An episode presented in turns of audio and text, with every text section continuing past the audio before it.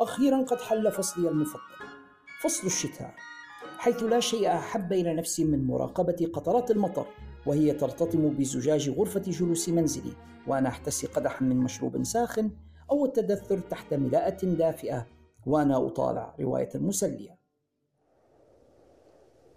ولكن بالنسبة للبعض فإن فصل الشتاء يكون قاسيا للغاية. لا سيما النازحين والمشردين الذين لا مأوى لهم يقيهم قرص الصقيع. وما أكثرهم للأسف هذه الأيام. لذلك إن كان بمقدورك التبرع بما لديك من ملابس شتوية زائدة عن حاجتك أو ببطانيات أو بأفرشة أو بنقود لشراء أجهزة تدفئة وكنتم داخل ليبيا فاتصلوا بجمعية عائشة أم المؤمنين رقم 092 607 33 40 أو 091 431 45 20 السيد فرج عمر. أو بالسيد يونس علي جودر. رقم 094 323 48 98 حيث سيقومون بإذن الله بإيصال تلك الأشياء إلى محتاجيها. ربما قد لا تكون بحاجة إليها وتملأ عليك فقط خزانتك. إلا أنها قد تسهم في إنقاذ حياة طفل فقير. تبرع ولا تتردد. ولنتشارك معا في نشر الدفء على الجميع. يقول رسول الله صلى الله عليه وسلم الله في عون العبد ما دام العبد في عون أخيه. كلنا لديه ذلك الصديق. وفي حالة أصدقائي الشخصيين فأنا هو. الذي ما أن نخبره عن حماستنا لمشاهدة فيلم أو مسلسل ما حتى يبتسم باستهزاء. ليخبرنا بأن الكتاب الذي استوحي منه الفيلم أو المسلسل أكثر تسلية وبه تفاصيل وأحداث أكثر. ليتركنا نتساءل أين يمكننا الحصول على ذلك الكتاب؟ رعاتنا الرسميون مكتبة الرسالة العالمية لديهم الجواب. لدى مكتبة الرسالة العالمية سوف تجدون جميع تلك الروايات التي تقتبس عنها الأفلام. Harry Potter The Witcher Jack Reacher Sherlock Holmes Lord of the Rings Game of Thrones الذي تستمعون إلى لحنها هنا. جميعها بطبعات أصلية ومقابل أسعار مناسبة. وإذا كان كتابك المفضل غير موجود لديهم فلا تقلق. بإمكانهم جلبه لكم بأسرع وأقل تكلفة مما يتطلبه شراؤه عبر الإنترنت. مكتبة الرسالة لا تبيع الروايات فقط حيث لديهم الكتب الدراسية والقواميس والمراجع في كافة المجالات العلمية. وإذا لم يكن بمقدورك الذهاب بنفسك إلى المكتبة أيضا لا تقلق فلديهم خدمة التوصيل كذلك. فماذا تنتظرون؟ عالم من المعرفة ينتظركم بمكتبة الرسالة العالمية. زوروا صفحتهم في وصف هذه الحلقة واتصلوا بهم للحصول على ما تريدون من الكتب. فقط اخبروهم أنكم من مستمعي البودكاست وبأن البروف هو من أرسلكم. مكتبة الرسالة العالمية جسركم. إلى المعرفة العالمية.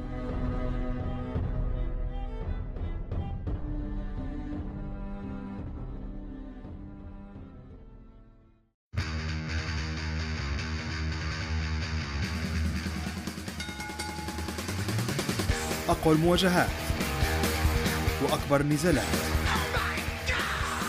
كلها تجري في مكان واحد في الحلبة. البرنامج الإذاعي الأول في ليبيا والوطن العربي لمصارعة المحترفين وفنون القتال المختلطة. في الحلبة.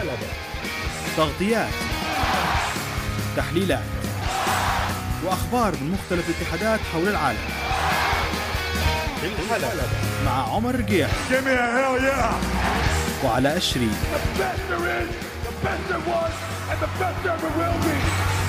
And that's the bottom line, the Stone Cold Sepsis.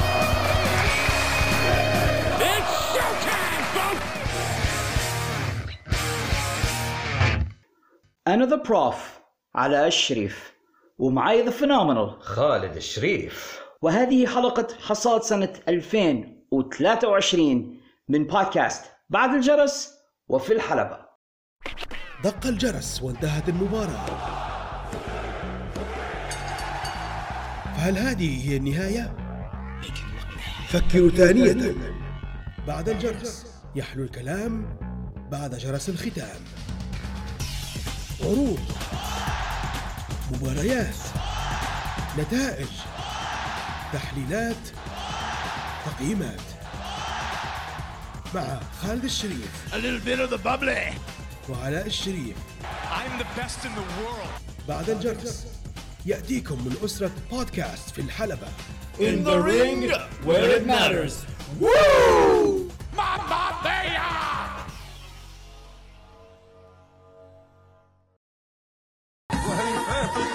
12 شهر عدوا بالحلو بالمر.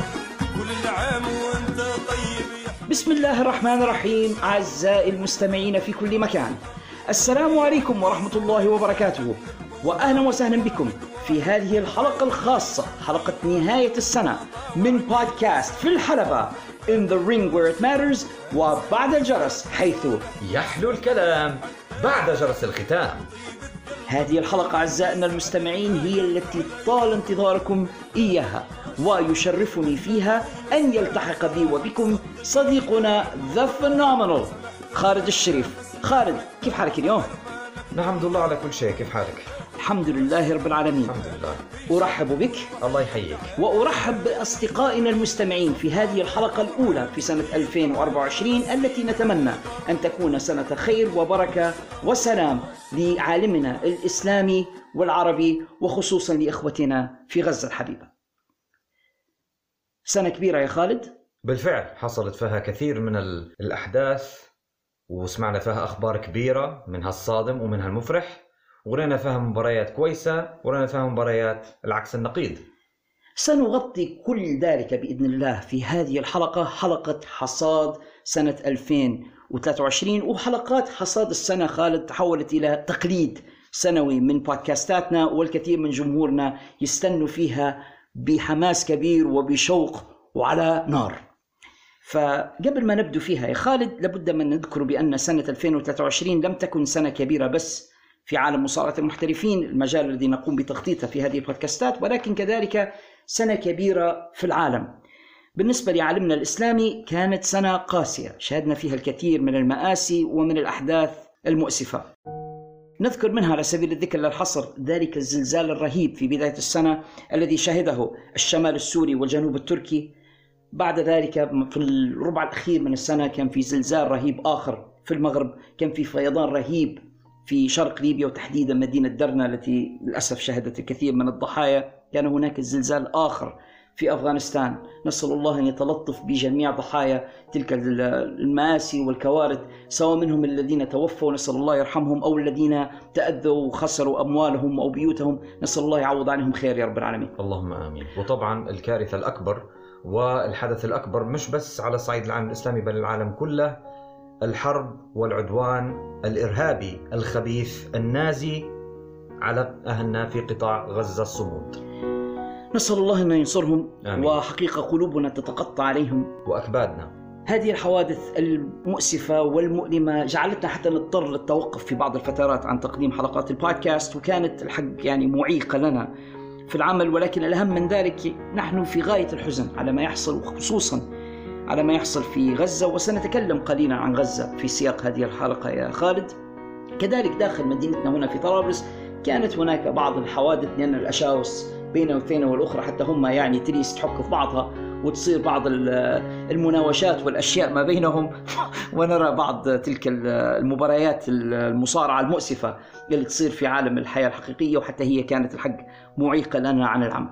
ولكن برغم هذا نحن ما زلنا هنا وبإذن الله سنبقى صامدين. وأصواتنا من هذه البودكاستات هي لدعم إخوتنا في غزة والحق يعني واحد من الأسباب اللي خلتني نرجع لتقديم الحلقات هو أنني أريد أن أحاول أن أعير صوتي لدعم هؤلاء. أن من خلال هذه المنابر البسيطة التي نمتلكها نتكلم حتى عن مآسيهم هم ونحاول أن نجمع لهم التبرعات وأن نساعدهم. هذا من جهة.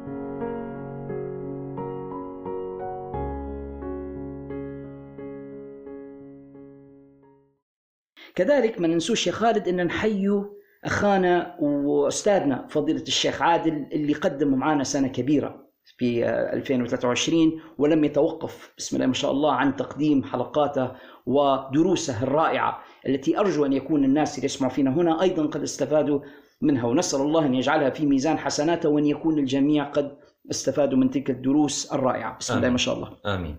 وفق الله الشيخ وكثر من أمثاله.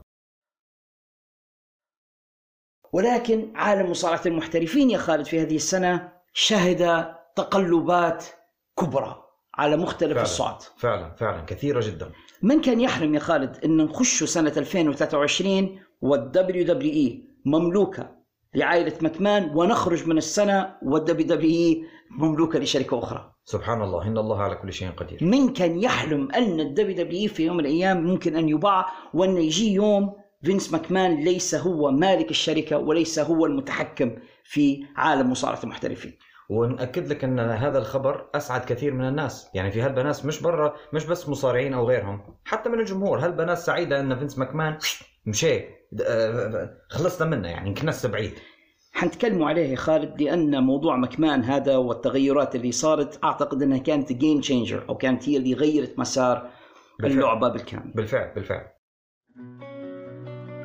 كذلك خالد سنة 2023 شهدت وفاة العديد من المصارعين بعضهم ممن كنا نحن حتى نعرفهم بشكل شخصي. وسنذكر في الدقائق التالية بعض أسماء هؤلاء.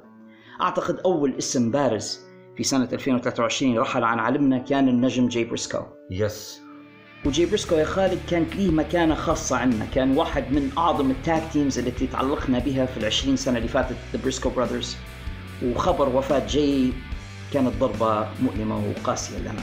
مش بس as tag team wrestler كان مصارع كويس وممتاز وأسطورة لا حتى كمصارع فردي singles أثبت بأنه كان أسطورة. كان عنده مباراة موجودة على اليوتيوب for free بالمجان والمباراة هذه كانت هو ضد سمو جو وكان هو البطل مش حنفسد النتيجة وجو هو المتحدي. يا جماعة المباراة هذه مستواها زي مستوى مباريات جو مع سي أم بانك. بروا اتفرجوا عليها وحتفهموا علاش إحنا نعتبره في الراجل هذا تو هو رحل يعني عن عالمنا. الراجل هذا ليش نعتبر فيه واحد من أعظم المصارعين؟ مش بس في جيله على الإطلاق. ولم يكن يا خالد جي بريسكو مجرد مصارع كويس ولكنه أيضا كان إنسانا جيدا. والناس اللي يعرفوه عن قرب كلهم أثنوا عليه وعلى دماثة أخلاقه والحقيقة he was family man أو كان رجل عائلي. ويعني حزنا كثيرا في خبر رحيله وترك مكانه الحقيقة في عالم مصارعة المحترفين. البقاء لله وحده. بعد جي بريسكو بفترة بسيطة كان رحيل النجم الأسطورة لاني بافو. ولاني بافو بالنسبة لي أنا شخصيا كان صديقا. شخص تعرفت عليه بعد أن أجريت معه لقاء السنة اللي قبلها في سنة 22 كنت أجريت معه لقاء. ولقائي يا خالد مع لاني بافو كان آخر لقاء يجريه مع بودكاست. فهذا يعني حتى شرف أعتبره يعني لنفسي إني كنت آخر واحد أجرى معاه لقاء إعلامي. وكان حملني رسالة في ذلك اللقاء قال لي لو أنا رحلت عن الدنيا لو أنا مت تقول للناس إن لاني حاول أن يعيش وباين إنه كان يشعر بدنو أجله هو كان مريض. يا سبحان الله. أجريت معه ذلك اللقاء وبعدها جرت ما بيني وبينه بعض ال conversations أو بعض المحادثات عن طريق الماسنجر بعضها كان بالصوت بعضها كان بالشات والحق الرجل كان لطيف. وربما أكثر شيء يا خالد أحزنني في رحيل لاني إن لاني كان محبا لليبيا ومحبا لطرابلس. وكان يحلم بزيارة طرابلس. ولاني زاد حببني في طرابلس. كلام عن طرابلس لما بديت نشوف في مدينتي طرابلس من خلال عيني رجل ليس منها ولكن يمدح فيها ويتغنى بها ويتمنى أن يزورها زاد حببني فيها زاد خلاني حسيت بقيمة مدينتي أكثر. سبحان الله. فلما بلغني خبر وفاته كنت في غاية الحزن عليه الحقيقة وترك الرجل هذا مكانه في عالم المصارعة. ولاني خالد هو واحد من الجنتلمان القلائل في المجال. yes النادرين زيه زي بريت وزي ميك فولي وراهم في جيله بالذات كانوا معدودين على اصابع اليد واحد من القلائل اللي ما كانش يتعاطى ما كانش يشرب ما كانش يستخدم في ال steroids. كان دمث الخلق طيب جنتلمان. وربما لهذا السبب ما قدرش إنه هو يذهب بعيدا في المجال. وأيضا كان family man مش زي هلبة مصارعين بسبب اللي يتعاطوا فيه هبلوا وكانوا يعتدوا على على زوجاتهم وأبنائهم وبناتهم يعني. لا هو كان فعلا فريد من نوعه خاصة من أبناء جيله زي ما قلت لك من شوية. رجل طيب في مجال سيء. yes indeed لم يكن لاني الراحل الوحيد بعد ذلك بفترة سمعنا بجيري جاريت والد الأسطورة جيف جاريت حتى هو توفى في هذه السنة. توفى مصارع يقولوا له مونتار. مونتار البعض قد يتذكره كان ضخم ويدير في face paint على وجهه. يعني من الناس اللي حتى هو توفي في سن تعتبر صغيرة نسبيا 55 سنة. بعد ذلك رحل الشيك الإيراني آه، خسرو الوزيري. خسرو الوزيري. وتكلمت عنه مطولا في إحدى حلقات البودكاست. سوبر ستار بيلي جراهام واحد من أكثر الناس الذين أثروا في مجال مصارعة المحترفين وألهم الكثير ممن جاءوا بعده. هولك هوجن سكوت ستاينر ماتشو مان جيسي فنتورا كل هؤلاء تأثروا بسوبر ستار بيلي جراهام. سوبر ستار هو الآخر رحل عن دنيانا في هذه السنة تيري فانك. واحد من أعظم الأساطير في اللعبة توفي في هذه السنة وكانت فاجعة كبيرة رحيل النجم. براي وايت. بري وايت في سن صغيرة جدا. ووفاة بري وايت يا خالد تأكد للناس بأن الصحفيين اللي يتكلموا في مجال مصارعة المحترفين مش عارفين أي حاجة.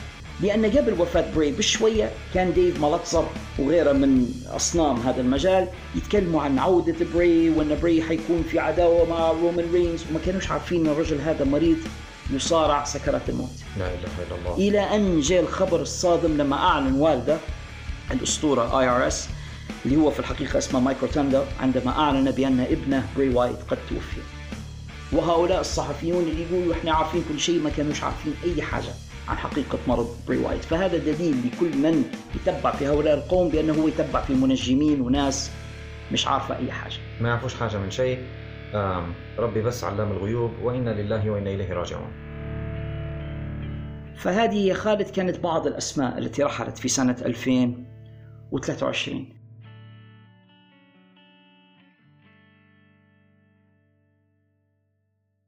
على صعيد الأخبار السنة بدأت بخبر صادم. عودة فينس ماكمان إلى المجال بعد أن كنا قد تخلصنا منه في نهاية سنة 2022 وتنفسنا الصعداء. عاد فينس بذلك الشنب الغريب وشكله المخيف وبدأ شكله زي أشرار أفلام الأربعينات بذلك الشنب الذي يفتله. وحقيقة يعني كان مخيف. عاد إلينا في مؤتمر صحفي وأعلن بأن خلاص آه، هو بصدد بيع الدبليو دبليو وقام بانقلاب أبيض داخل الدبليو دبليو قام بطرد الكثير من المسؤولين والناس اللي اشتغلوا معاه سابقا اللي هم حاولوا يتخلصوا منه هو تخلص منهم وأعلن سلطات إمبراطورية داخل الدبليو دبليو من أجل أن يبيع الشركة.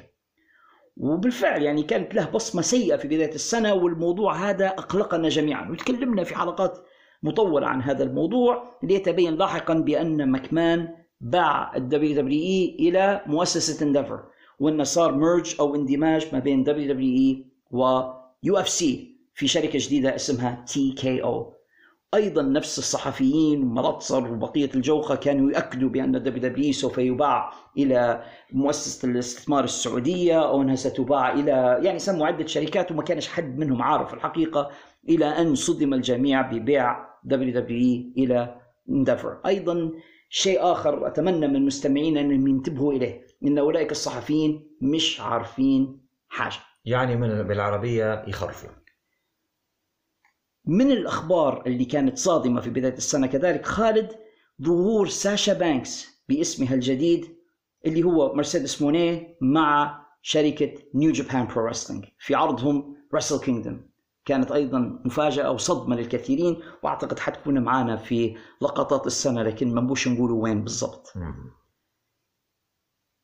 أحد الأخبار الكبيرة في السنة عودة سي ام بانك إلى شركة اي اي دبليو في النصف الثاني من السنة بعد الكثير من الأخذ والرد والشائعات والكلام وأين ستكون وجهة سي ام بانك؟ وبعدين في الأخير بعد تردد كثير اي اي دبليو أعلنوا بأن بانك عائد.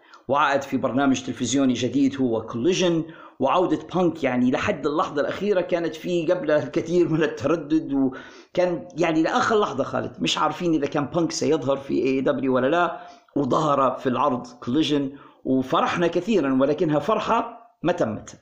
خاصة أن بالنسبة لموضوع الأخذ والرد يعني أن CM Punk هو نفسه هو أستاذ في هذه العاب بعقولنا لأنه هو دار شوية ظهورات في WWE ممكن حتى دار ظهورات مع Impact فهو خلبط الناس وحتى خزرة الجماعة في AEW يعني خوفهم. فهذا اللي خلى بعض الناس يحيروا انه وين بيمشي. لكن إحنا كنا عارفين إنه بيولي ل AEW سيورها يعني أو حسينا بهذا يعني. هو عاد إلى AEW وبعدين زي ما قلت لك يا فرحة ما تمت لم يدم معهم أكثر من شهرين بعض الشهر حتى كان قد طرد من الشركة. وسط الكثير من الأخبار المتضاربة أيضا عن السبب الحقيقي لهذا الطرد وبعد ذلك أعتقد أكبر خبر في سنة 2023 عودة CM Punk إلى ذا دبليو دبليو إي في عرض Survivor Series وأعتقد يا خالد أنها صدمة ما زال أثارها علينا أنا وأنت إلى حد الآن. وما زلنا نسمعه في الصياح في AEW ما زلنا نسمعه فيهم يندبوا ويعيطوا ويولولوا ويصرخوا. إن كيف هذا اللي كنا نقول عليه cancer و toxic وشني. في الحلقة الأخيرة يمشي ل WWE ويدير أكبر ظهور وعودة في تاريخ المصارعة كلها.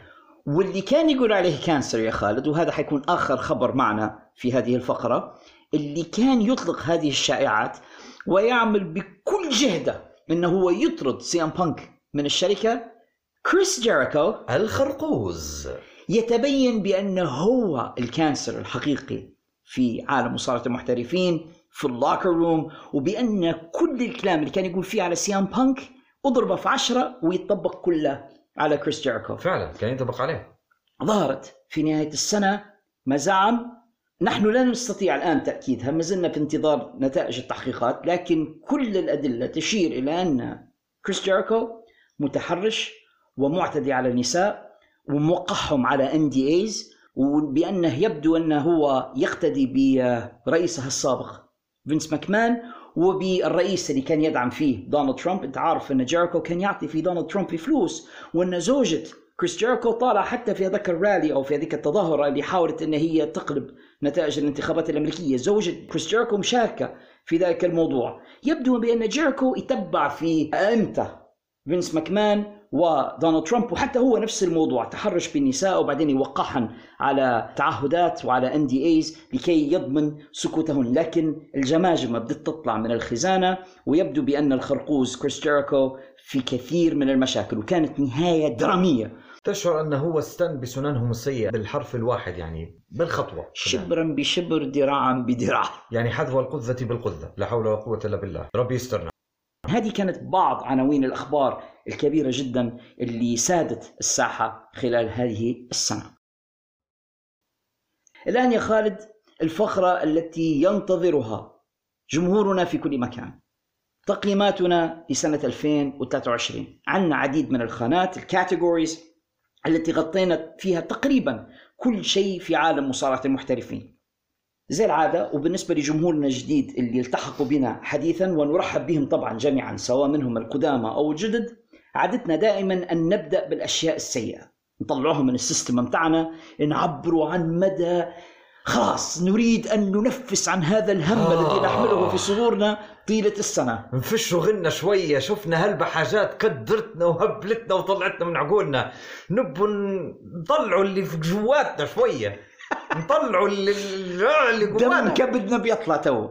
فأعزائنا المستمعين أنا وخالد سنحاول أن نفش غلنا وغلكم من الأشياء الخطأ اللي شفناها في مصارعة المحترفين طيلة هذه السنة. هذا سيكون معنا في الجزء الأول. بعد الفاصل نرجع بالجزء الثاني وختامها مسك مع أجمل الأشياء التي شفناها في سنة 2023 فخالد إذا كنت مستعد وإذا كان أعزائنا المستمعون جاهزين خلينا نذهب معا إلى أسوأ الأشياء التي حصلت في سنة 2023 Let's get it on. أول خانة معنا يا خالد في هذه الفقرة خانة أسوأ شركة لسنة 2023 وأعتقد بأن كلينا والكثير من مستمعينا كذلك متفقون جميعا على أسوأ شركة لهذه السنة فخلينا نقول الاسم مع بعضنا. Drum roll please.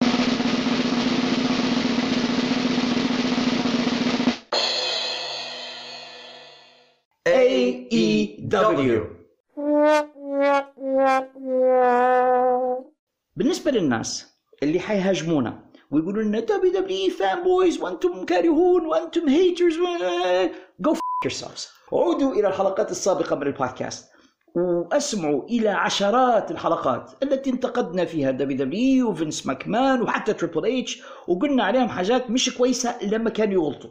وجت فترة خالد كنا نتعاطف مع AEW كنا نحاول تشجيعهم وكان عندنا أمل وكان عندنا نوع من ال good faith في هذه الشركة لكنهم خيبوا أملنا. المرة تلو المرة تلو المرة وصولا إلى الهراء اللي هم فيه الآن.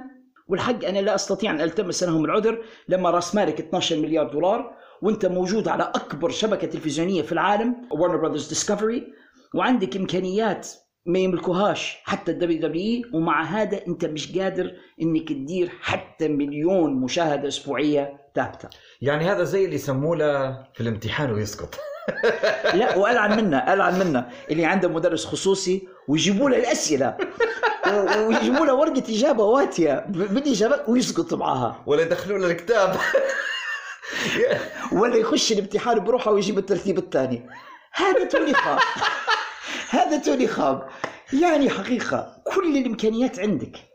أنا فكرت أن نسمي شركات أخرى فكرت أن MLW قد يكون أسوأ شركة في العالم هم بالفعل في غاية السوء فكرت أني نقول NWA فكرت أني نقول حتى Impact Wrestling لكن جميع هؤلاء عندهم أعذارهم يا خالد الفقر وقلة الإمكانيات وأنهم مش عن تلفزيون البعض منهم والنجوم الكبار ما يقعدوش عندهم فكل واحد منهم يقدر يتحجج لكن أنت شنو حجتك يا توني خان؟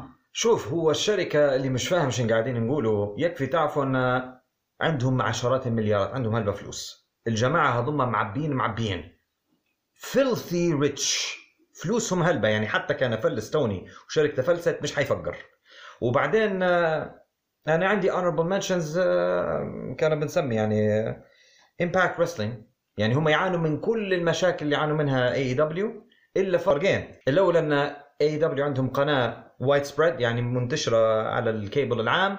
و Impact Wrestling لا قناتهم خاصة جدا. والثاني أن AEW عندهم فلوس وإمكانيات. فلوس! فلوس! والثاني أن Impact مش ما عندهمش فلوس لكن إدارتهم بخيلة هلبة قبضة أو جلدة بالمصري. فايه لكن هم honorable mention بالنسبة لي Impact Wrestling أما الباقي كله موافقك فيه. Impact Wrestling شركة انحدرت بشكل كبير خلال أوه. سنة 2023 بعد ما. كانوا يقدموا في أشياء جيدة في الماضي.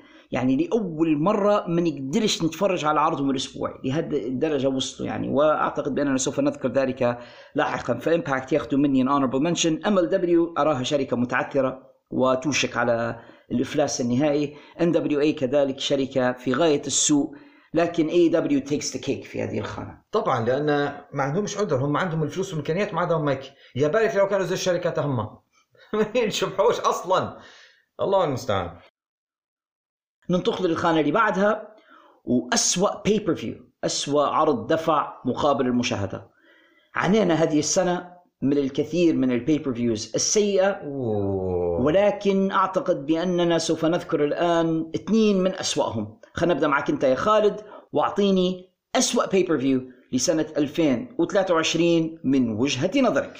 يا للهول هي قائمة كبيرة وفي هلبة pay-per-view ات بشعة السنة هذه لكن أسوأ pay-per-view من وجهة نظري أنا كان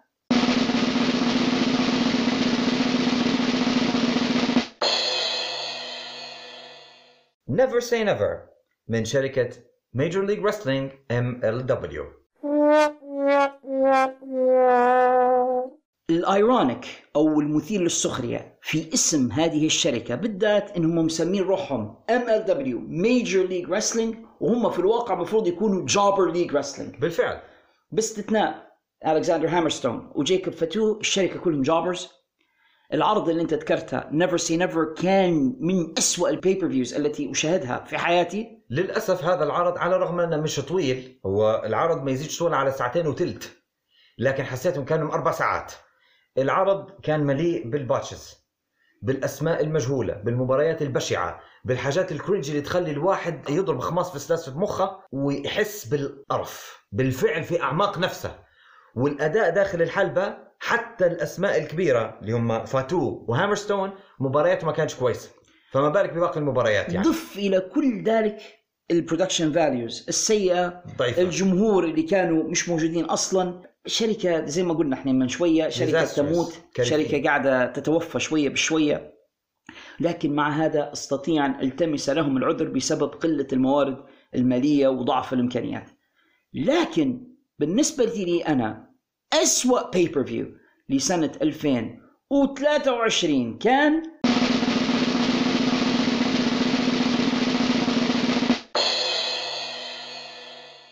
Worlds End من ترويجية All Elite Wrestling مصارعة كل بين قوسين النخبة. بالنسبة لي أنا هذوما my number 1 honorable mention. شنو عذركم يا AEW فلوس وعندك قناة وعندك نجوم كبار وعندك. يعني ما فيش أي عذر للهبل اللي أنتم قاعدين تديروا فيه.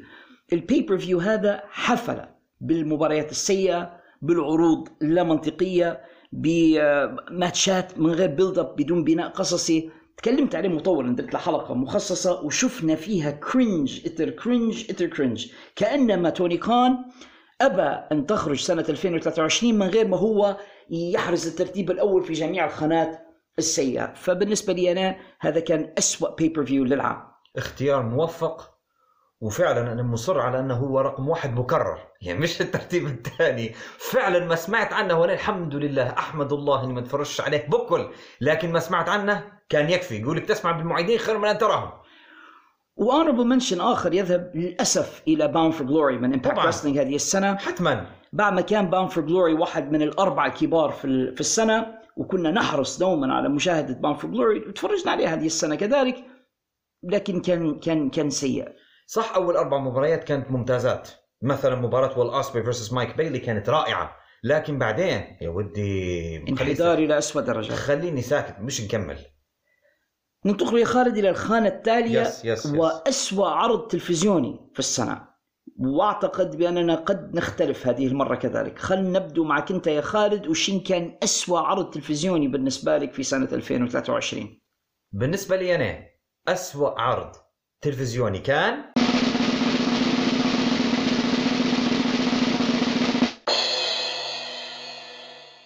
Wednesday Night Dynamite من اتحاد All Elite Wrestling.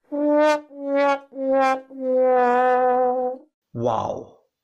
لا أنا مش متفق معك تماما لكن نبي نسمع أسبابك.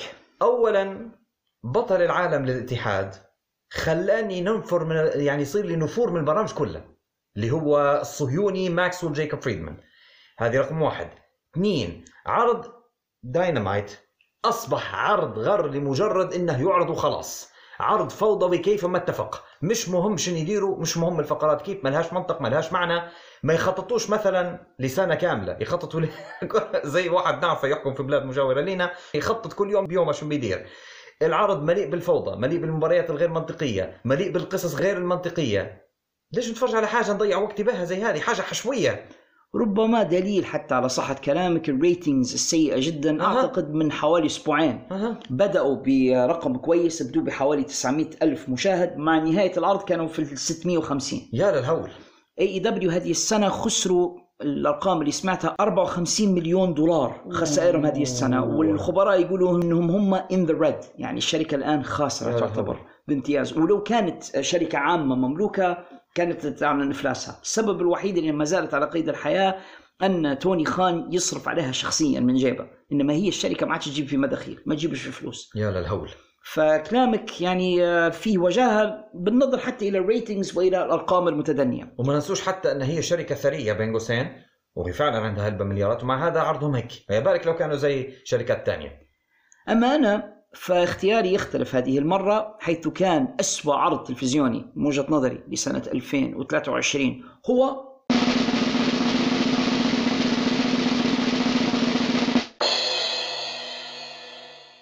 إمباكت من شركة إمباكت رسلينج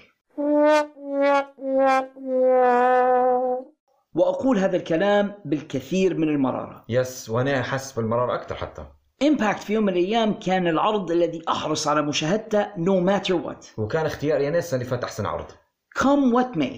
يعني مهما حصل إمباكت لازم أن يتحصل على حلقتهم ونتفرج عليها لأن كان في يوم من الأيامات برنامجي المفضل.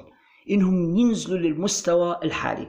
العرض unwatchable حتى من الناحية التقنية. الحلبات مظلمة الصوت مش واضح العروض باتشي سيئة. واضح انها قصوا تلصيق من عروض سابقة يحطوا فيها على بعضها وخلاص.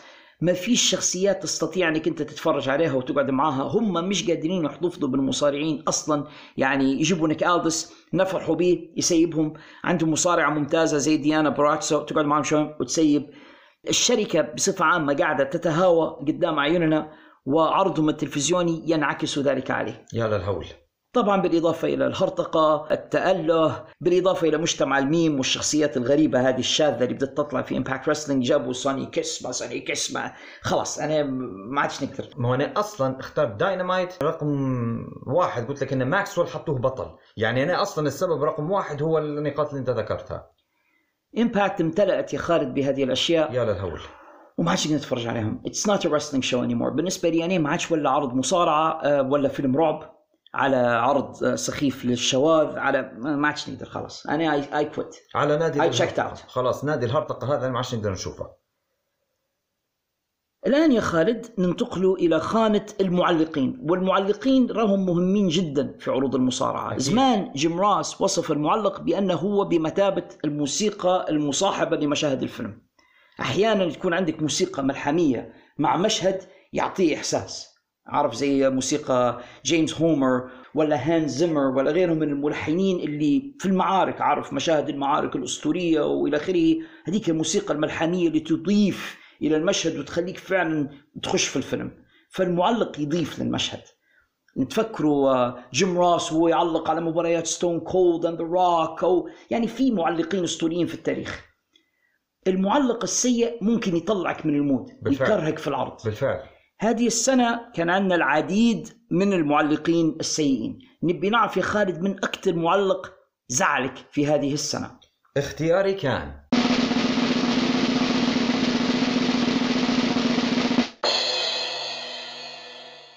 مات ريوالد the drama king من اتحاد امباكت رسلينج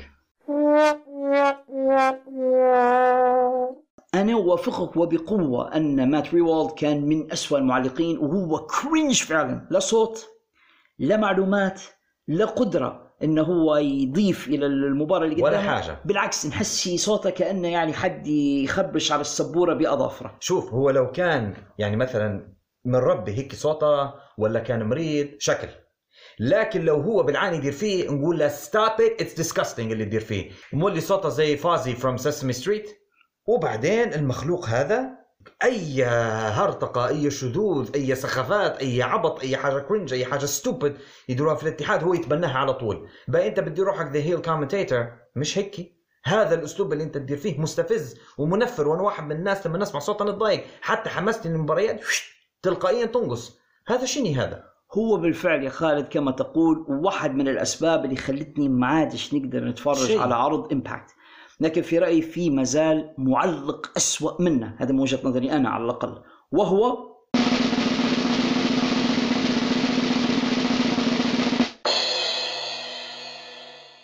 اكسكاليبر في All Elite Wrestling. اكسكاليبر يا جماعة أنا ما فهمتش بالضبط شنو قاعد يدير. أولا أنت لابس قناع والناس مش قاعدة تشوف فيك. يعني ما فهمتهاش. تو لو أنت طالع في الكاميرا وتبي تلبس قناع تبي تخفي جمالك شكل. لكن أنت أساسا صوت بس فليش لابس القناع؟ هذا في حد ذاته غباء. بالك متحشم حضرته. بعدين يتكلم بسرعة فأنت ما تقدرش تسمع. ما يضيفش معلومات إلى المستمع الكريم. مجرد إنه هو دد- مش بسرعة. مش كثير فعلا. ومعتمد على أن جميع الناس اللي يسمعوا فيه جيك زي هو. يعني كلهم يتفرجوا على نيو جابان واول جابان وعارفين كل شيء صاير في التاريخ فهو ما يكلفش نفسه حتى إنه يشرح للمشاهد شو قاعد يصير في الحلبة. و AEW عندهم الكثير من هال crossovers مع اليابان أو مع المكسيك ويبدو الناس مش فاهمين شنو هذا اللي قاعد يصير. فالمعلق دوره إنه يعبي الفراغات وإنه يشرح للناس ما الذي يجري. لكن لما المعلق ما يكلفش نفسه أصلا إنه يقول لك بسرعة وخلاص. آه، صراخ كلام بسرعة استعراض لذكائه واصل بيه أن أسماء الحركات وال finishers ينطق فيها بالياباني ما يبيش يقول لك اسمها الإنجليزي. فخلاص يعني يعني شوف فيه عبارة عن واحد دكي آه، زايد عن الحاجة ومش عارف أصلا ليش حاطينه كمعلق. أنا موافق في كل شيء قلته. كل حاجة قلتها مش مختلف معك فيها والمصيبة أن خذاتها وممكن ثالث سنة على بعض في برنامجنا هذا. في honorable mention لمعلق آخر هو بوكر تي. بوكر تي لا يستطيع إخفاء تعصبه ونفاقه وتزلفه للشركة وعنده ال catchphrases بتاعته ducky ducky shucky وفوق هذا كلها يا راجل creepy يقعد يتغزل بالبنات بطريقة يا ريتها زي جيري لالر جيري لالر كان يدير فيها بطريقة مضحكة. لا هو بوكر تي اللي تسمع كويس يعني الناس بوكر تي يدير في روحها إنه هو يمدح في أداء المصارعة في الحلبة بس يقعد يسهب ويعاود ويقول خلاص فهمنا. أنت عندك crush على البنت. فمزعج بوكر تي بصراحة و cringe إلى درجة كبيرة ولولا ان اكسكالبر أخذ عندي الترتيب الأول كنت حنقول بوكر تي على طول. أنا موافقك أيضا في كل حاجة قلتها وهم عندي زوزة هم الاوغاد اللي سميتهم honorable mentions.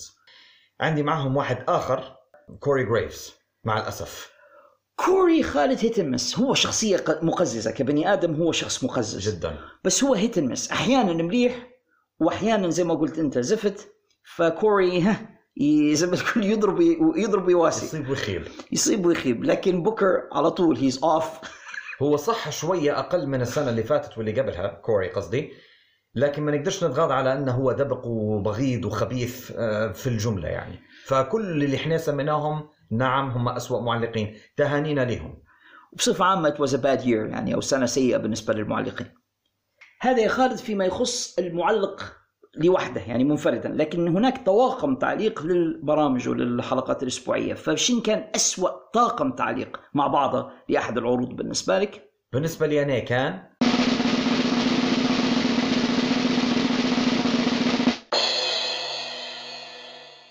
AEW الطاقم بصفة عامة.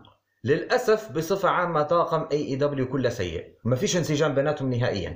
هم ثلاثة مدارس مختلفة. يعني توني جيفاني هو كان ممتاز ما في دبليو سي دبليو ما تخيلوا ثاندر أو نايترو بدونه أو pay-per-view ات دبليو سي دبليو تاز حتى هو كان باهي ومتعودين عليه من سماك داون مع مايكل كول.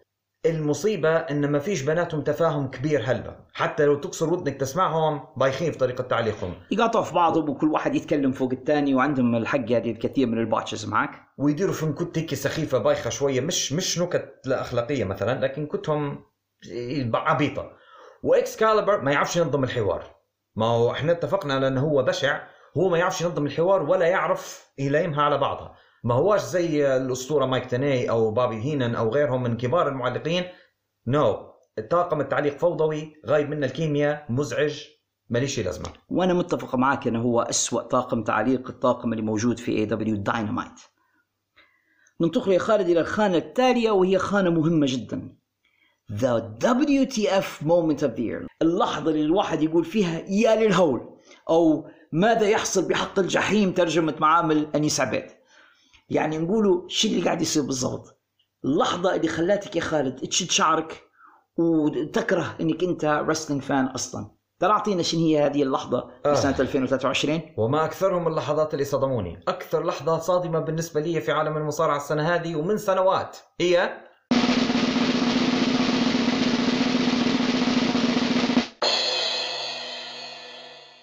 حفلة ان دبليو اي الشيطانية في عرضهم ساون بالنسبة للجمهور اللي ما تابعوش في ان دبليو اي وأنا كنت تكلمت عن اللقطة هذه في واحدة من الحلقات الان دبليو اي قاموا pay-per-view في شهر 10 اللي فات بمناسبة الهالوين واطلقوا عليه اسم ساون ساون اللي هو هالوين في أوروبا في ايرلندا واسكتلندا والبلادات هذه. والمفروض إن الثيم بتاع ال pay-per-view theme الرعب ومفروض إنه أشباح وغولة وحاجات زي هيك وبعدين اختاروا لهم إنهم يديروا مشهد لا علاقة له بال pay-per-view أصلا لما جاي فاذر جيمس ميتشل ومعاه مجموعة من العاهرات ويرقصوا وبعدين حطوا هيك آه، مائدة وكان عليها البودرة المفضلة لتوني خان. أها. وإذ بهم يستنشقون من تلك البودرة on camera قدام الجمهور لدرجة أن المعلق تيم ستورم و- وجيم جالي اسمه أعتقد. جو قالي جو جالي خشوا في حالة نفسية. بتاع هذا الشيء اللي قاعدين يعلقوا عليه. المسكين تيم ستورم حتى وهو كان هيك يتبسم ويحاول أنه يجمل المصيبة اللي صايرة هو كان مرعوب مسكين وأيضا آه، جو حتى هو كان مرعوب. إحنا ماناش متأكدين حقيقة إذا كان هذا الشيء اللي كانوا يتعاطوا فيه وحطوه على الطاولة بصعوه يعني على الطاولة كان كوكين حقيقي ولا حقيقي ولا لا لكن اللقطة ما زالت تخوف صادمة يعني. أنا ما أعتقدش إنه كان كوكين حقيقي يعني لكن المشهد كان لا داعي له أصلا. لا. واللي يزيد الأمر سوءا إن هذا المشهد الغبي والمقحم في العرض واللي أصر بيلي كورجن الغبي إنه هو يحطه في ال pay-per-view كلفهم عقد تلفزيوني. هم كانوا قاب قوسين وأدنى من التوقيع مع the CW network يعني كان حيعطوهم عرض تلفزيوني وكانوا حيتحصلوا على ملايين الدولارات. وبسبب هذا المشهد the CW network اللي كانوا موجودين مسؤولين منهم كانوا موجودين في ال pay-per-view يتفرجوا على الشركة الجديدة اللي حيوقعوا معاها لما شافوا هذا المشهد قالوا nope مش حنوقعوا مع الناس هذه. وانتقلوا آه، بعرضهم إلى NXT عارف شو اللي يزيد الأمر؟ سوءا ممكن بعض الناس ما يعرفوش. إن هذا المشهد كان بأوامر من بيلي كورجن نفسه مدير الاتحاد. مش إن هذا تصرف شخصي من جيمس من جيمس ميتشل. لا. لو كان تصرف شخصي من جيمس ميتشل كان ممكن يلزوه انتهت القصة ويغطوا عليها. لا لا لا. مدير الاتحاد هو اللي قال لهم ديروا هيك. ممكن حتى جيمس ميتشل نفسه ما كانش بيدير هيك. في رأيي كان أكبر unforced error أكبر خطأ لم يجبرهم عليه أحد في تاريخ مصارعة المحترفين. يا وكلفهم ملايين الدولارات. فعلا it is a WTF moment of the year. لكن بالنسبة لي أنا the WTF moment of the year كان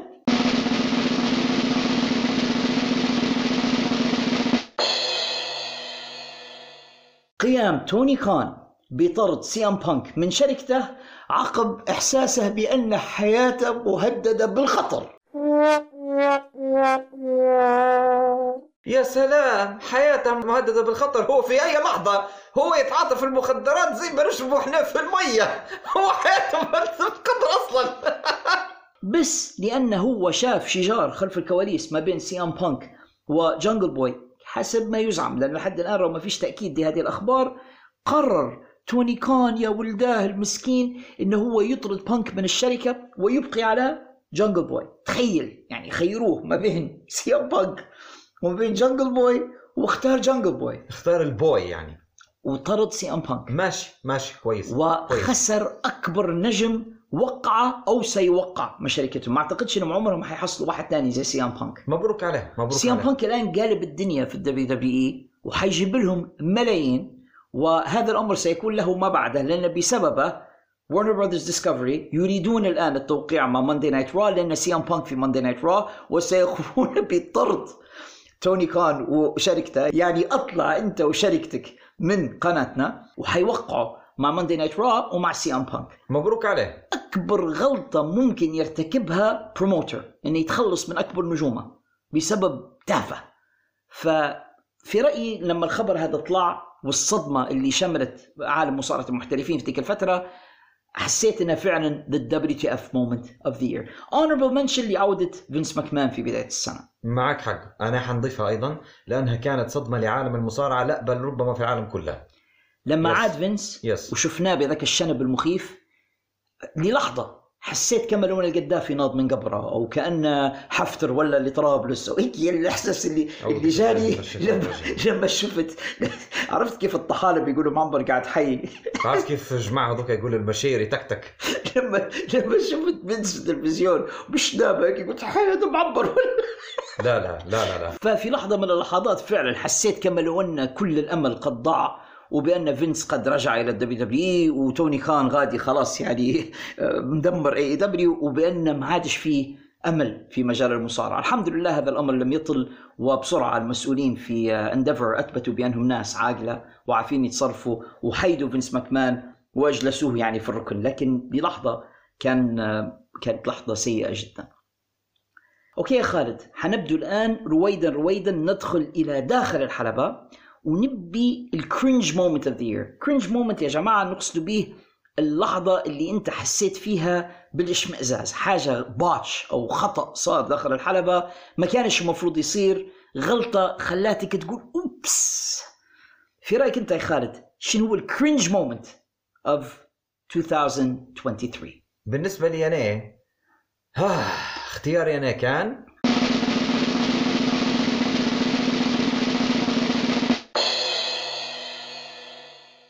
الفقرة الغنائية اللي كانت في عرض Never Say Never من اتحاد MLW أنا متأكد أن الكثير من المستمعين ما شافوش العرض هذا وصف لنا خالد شوية المشهد الرائع هذا اللي أوه. أنا أتذكره بكثير من ال إشمئزاز والقرف. آه. شوفوا معي. تخيلوا معي ما يلي. جابوا لنا مطربة شقرة مفعوصة أو مصارعة متى الله أعلم. ما نعرف هي المفروض رسلر ما نعرفش هي ما ما عرفت لهاش آه، وظيفة محددة. جابوا معاها أربع شباب مشبوهين. واحد ممكن واحد أو اثنين أمريكان وواحد مكسيكي وواحد أسمراني. وكلهم شكلهم مشبوه. كلهم شكلهم غلمان ها؟ يبدو لا هو بعضهم أمرد بعضهم لا لكن شكلهم كأنهم من جماعة المين أو واحد منهم على الأقل. باهي okay. وبعدين قاعد تقول في كلام عبيط مش حافظ منه شيء لكن معناه إن هي سعيدة إن هي هنا وتبي تقدم لهم حاجة تسعد الناس. ال gimmick بتاعها إن هي pop star واضح. هو الشباني المسكين اللي كان ينادي على المباريات ماله كل شوي يجيبوا له ما نعرفش ربما تكون حتى هي تمثيل. لكن وربما لا أيضا. كل مرة يجيبوا له ورقة كل مرة يجيبوا له ف... أساس إنه هو مسكين مش عارف أسماء الناس هذه. Ladies and gentlemen ورقة ثانية فاهمة؟ uh, this uh, we're going to tell you that this is going to be the biggest show إلى آخره.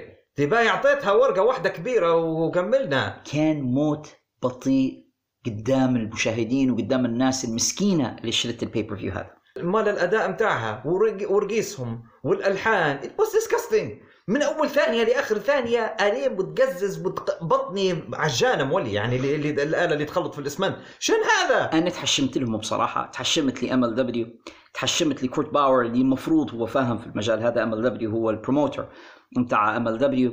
المشهد زي ما وصفتها أنت cringe بمعنى الكلمة ربما أسوأ فقرة مصاحبة لأي عرض مصارعة في سنة 2023 لا بل في التاريخ ربما.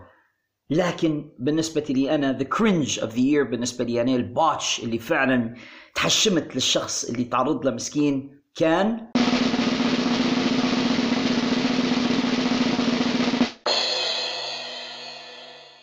أول ظهور لساشا بانكس أو مرسيدس موني في اتحاد New Japan Pro Wrestling وتلك السقطة المؤسفة اللي تعرضت لها في أول ظهور لها على شاشتهم. المفروض أن ساشا كانت بتنفذ حركة مفاجئة على كايري ساين. والمفروض أن كايري تتعاون مع ساشا أو مرسيدس موني في الحركة. والباين إنه ما كانش في بيناتهم اي انسجام أو ربما كايري ما كانتش تبي تساعد ساشا بانكس. المهم ساشا سقطت على مؤخرتها قدام عشرات آلاف المشاهدين اللي كانوا موجودين وحاولت هي تداري خجلها لكن ذلك الصمت الرهيب اللي يخيم على المكان وهم يشوفوا فيها واصلا ما كانوش عارفين هي منه. يعني جاية واحدة مدايرة شعرها بألوان الطيف كلها ومدايرة ذاك ال entrance وفي النهاية ما كانش في أي تفاعل من الجمهور. تحشمت لها بصراحة. كان ممكن أسوأ debut لمصارع في اتحاد جديد في التاريخ وما كانتش تستاهل ساشا بانكس يصير فيها هيك. لكن من خرج من داره. قل مقداره. ويحتمل أن هذا اللي حصل من آه، كايري سين وساشا أو مرسيدس كان لأن ما كانش في تنسيق مسبق. يعني ربما كايري تفاجأت بها وحصل اللي حصل. يعني أنا أتفكر فيها فعلا كانت لقطة مريرة مشاهدتها. صعبة يعني. حتى لما ناضت ساشا أو مرسيدس منها كانت تحاول تخفيها بنيفل سمارك أو ضحكة شريرة. ما فيش فايدة. ما حدث قد حدث. بصوت السراج. يعني مصيبة مصيبة. خلينا نتجاوز النقطة دي. زي لو واحد يعني خرج منه صوت أثناء محاضرة أو تخيل أنت واحد يلقي في خطاب وفجأة يعني يا للهول هذا ما حصل. كانت بصراحة cringe of the year بالنسبة لي أنا. okay خالد. المصارعة جزء كبير منها storylines وقصص. شفنا قصص حلوة في سنة 2023 لكن كذلك شفنا الكثير من القصص الغبية والتي لا تمت إلى الواقع بصلة. أنا نبي شنو كان أغبى storyline من وجهة نظرك أو أغبى قصة لها علاقة بالمصارعة في سنة 2023 من وجهة نظرك أنت؟ لا تقلق لأن عندي اختيار واتي واختياري كان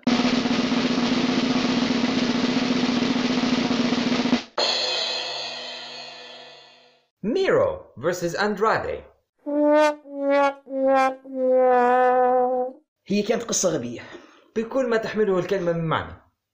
المؤسف أن زوزة مسطوية يعني في داخل الحلبة أندرادي وميرو سفاحين اسطوية استدية مصارعة. وهذا هو المخيف في الموضوع إن حطوهم اولا في جيمكس واحد باهي والثاني بشع. وجاي لقدام شوية لما تكلموا على الجيمكس إن ميرو أصلا الجيمك بتاعه أنا أحقد عليها من أعماق قلبي. وبعدين حطوه في قصة مع أندرادي وأن أندرادي مديرة أعماله none other مش أي حد تاني than زوجة ميرو. وأن هي ت... ما نعرفش تدير في أعمال خصم زوجها وزوجها غاضب من خصمه اللي هو اندرادي لأن هي مديرة اعماله شو هالخلطبيط هذه؟ شنو الفوضى هذه؟ Ass backwards. تخيل واحد مؤخرته من القدام. هذا هذا هو وصف هذه القصة بالفعل. من أغبى القصص اللي ممكنة. وأتفهى. بس مع هذا في قصة في رأيي كانت أسوأ حتى من ذلك. يا للهول. وهي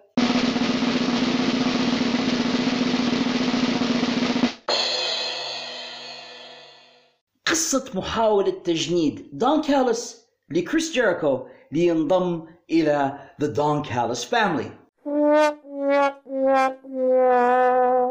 يعني الدم المتعوس على خايب الرقاب. هو دون كالس عبارة عن القرف تجسد في هيئة رجل. وما فيش واحد أشد منا قرفا في مجال المصارعة إلا كريس جيريكو. يا سلام. فأنت جبت الكلوط واللي أكلط منه. يعني عارف بحر- دم اند دمر ما اعرف بتم للكرات. كلوط وكلوطة جبتهم وحطيتهم مع بعضهم في قصة واحدة ودرتهم على أساس انه واحد منهم قاعد يحاول يخطب ضد الثاني وبعدين مش ينضم له لا يولي ضده.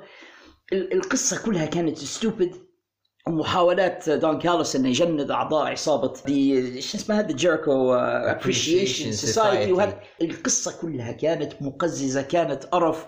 ولما AEW وتوني كان يشوفوا ال ratings يلقوا وهذا مش كلامي هذه الأرقام اللي الخبراء يحللوا فيها تنخفض المشاهدات عندهم بمجرد ما يطلع دون كالوس على الشاشة. يا سبحان الله. هي اللحظة اللي الناس يغيروا فيها في القناة. لما عندك واحد مرة واثنين وثلاثة هو اللي تنزل المشاهدات سبحان الله مع. ظهوره انت ما عادش تطلع في التلفزيون. مش تعطيه فقرة وتعطيه faction وتعطيه عصابة وتحطها في major storyline الموضوع هذا كان كله غباء في غباء وفي رأيي أنا the worst story line لسنة 2023 ال storylines يا خالد تقود إلى عداوات إلى feuds أحيانا ال storyline هو نفسه ال feud أحيانا ال storyline يقود إلى feud إحنا في التقييمات اللي درناها من أجل أن نوسع شوية في الاختيارات خصصنا ال feuds أو العداوات بروحها. هناك عداوات جميلة جدا في عالم المصارعة وفي عداوات تانية زي الزفت والقطران حاشا ودانك ودان مستمعينا الأعزاء. في هذه الفقرة The worst of أو أسوأ ما في السنة نبي نعرف في رأيك أنت شن كانت أسوأ عداوة في سنة 2023 أما أنا في اختياري كان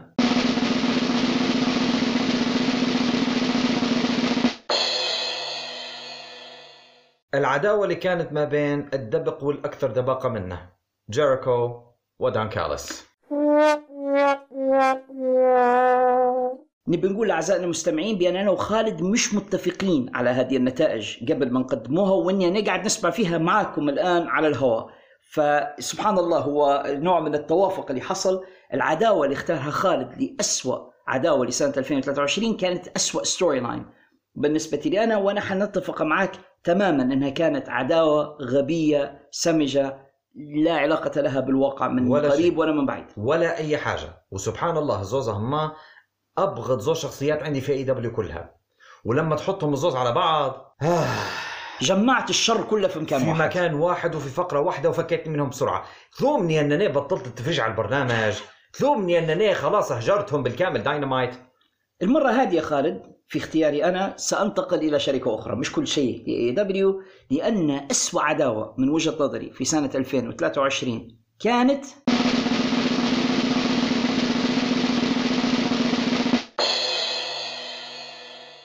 العداوة ما بين بري وايت وبابي لاشلي قبل رسلمانيا الماضية. المشكلة في هذه العداوة يا خالد بأنها كانت لا منطقية على الإطلاق. في الأساس كانت الخطة أن بري وايت حيدير feud مع براك لازنر وبراك لازنر رفض أنه هو يدير أي حاجة مع بري وايت. فانتقلوا بالعداوة إلى بابي لاشلي وبدت نوع من ال storyline و feud ما بين بابي لاشلي وبري وايت إلا أن الأمر لم يؤدي في النهاية حتى إلى نزال وكل من الرجلين لم يشارك في رسلمانيا ذلك. فمجرد أنهم هم أساءوا إلى بابي لاشلي المسكين اللي بالفعل كان يستحق أنه يتحصل على عداوة كويسة ومباراة في رسلمانيا. ما تحصلش عليها للأسف. وحرمنا من نزال ما بين بابي لاشلي وبروك ليسنر. وفي النهاية ال feud هذا أو هذه العداوة لم تقد حتى إلى نزال ما بين بابي لاشلي وبراي وايت. أعتقد أنها كانت غبية وهذه واحدة من إبداعات فينس ماكمان الأخيرة على رسلمانيا الماضية. بالفعل اختيار موفق اختيار جدا كويس وهذا يدل على أن خبر إزالته وإزاحته من WWE كان خبر سعيد علينا كلنا. وما زلنا يا خالد مع فقراتنا والآن سنتكلم عن أسوأ قادم جديد. هم بالعادة يتكلموا على rookie of the year أفضل قادم جديد لكن في المقابل عندنا أسوأ قادم جديد. حد خش ولكن يبوه يكون مصارع جديد. ويحاولوا يعظموا من شأنه ويقنعونا بأن هذا حيكون أمل المستقبل في المصارعة. يعني طبلوا له بعبارة أخرى؟ أعتقد في حد أنا وأنت اتفقنا أنه هو أسوأ قادم جديد لهذه السنة. خلينا نقوله مع بعضنا.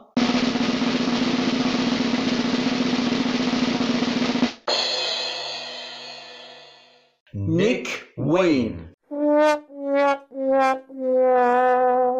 نيك وين على أم نيك وين على الشركة اللي يخدم فيها نيك وين الموضوع كله مقزز cringe ماليش أي علاقة بال... بالواقع. قديش عمره نيك وين يا خالد؟ على ما أعتقد ما بين 21 ل 25 سنة. يعني شاب صغير. لو زدناه قليل من الخبرة وقليل من الحنكة ولو حصل بيئة عمل كويسة زي مثلا NXT يتدرب فيها أو يمشي لليابان ويدربوه غادي نظامهم القاسي جدا على الشبان. ربما يصير منه ويولي مصارع كويس. أما في هذه البيئة الموبوءة الحين كليشيه هذه. اللي موجود فيها غادي في AEW وقصته هو وأمه وكريستيان و... الموضوع كله cringe ومقزز وحقيقة تجيني خواطر سيئة جدا لما نشوف فيه. والكلام هذا اللي نقوله فيه بتاع الغلام الامرد والخصي كله ينطبق عليه هو نيك وين بصراحة يعني. يكفي تعرف أنه جاي من GCW. يعني أحقر اتحاد مصارعة فيك يا دنيا. أسوأ قادم جديد. وبصراحة إذا كان هذا هو أمل أو مستقبل مصارعة المحترفين معناها على عالم مصارعة المحترفين. السلام. وطز في هكذا مستقبل. ننتقل للخانة التالية يا خالد وأكثر مصارع نقدر نقوله أنه سقط من على المنحدر وتدهور مستواه بعد ما كان كويس ربما في السنة الماضية. إحنا ما اتفقناش في الاسم هذه المرة فيما يبدو لي. فنبي نسمع منك انت من هو أكثر مصارع انت شايفه متراجع في مستواه هذه السنة. اختياري أنا كان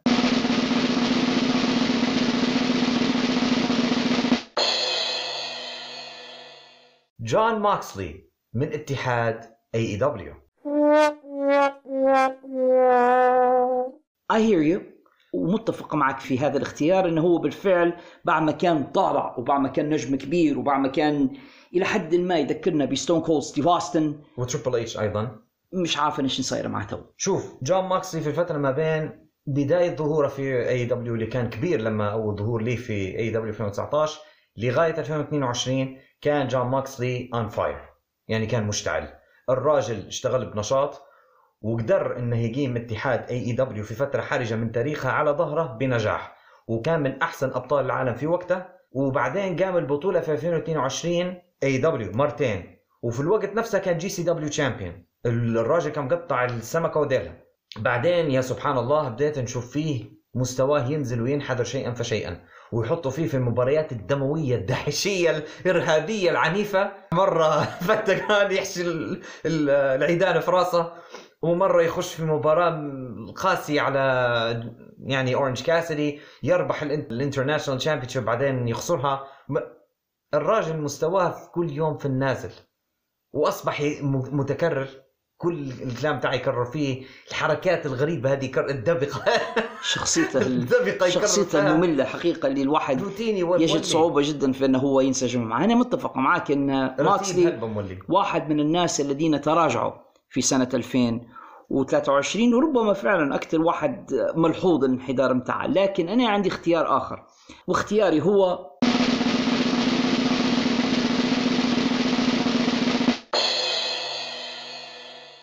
ويلر يوتا اوه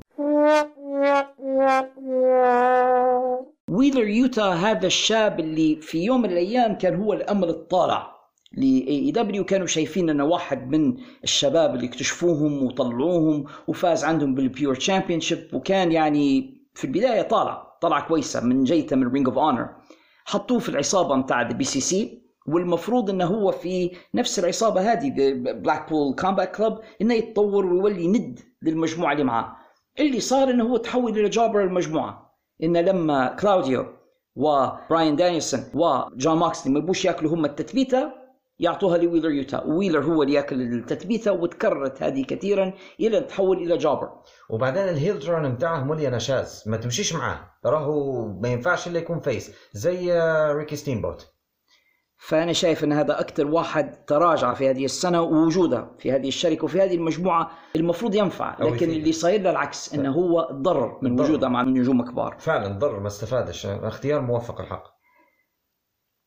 زي ما تكلمنا يا خالد عن شبان جدد في مجال المصارعة كذلك هناك عدد من المخضرمين من القدامى اللي ما زالوا يبدعون داخل الحلبات والبعض منا ما زال يفاجأنا بمستواه.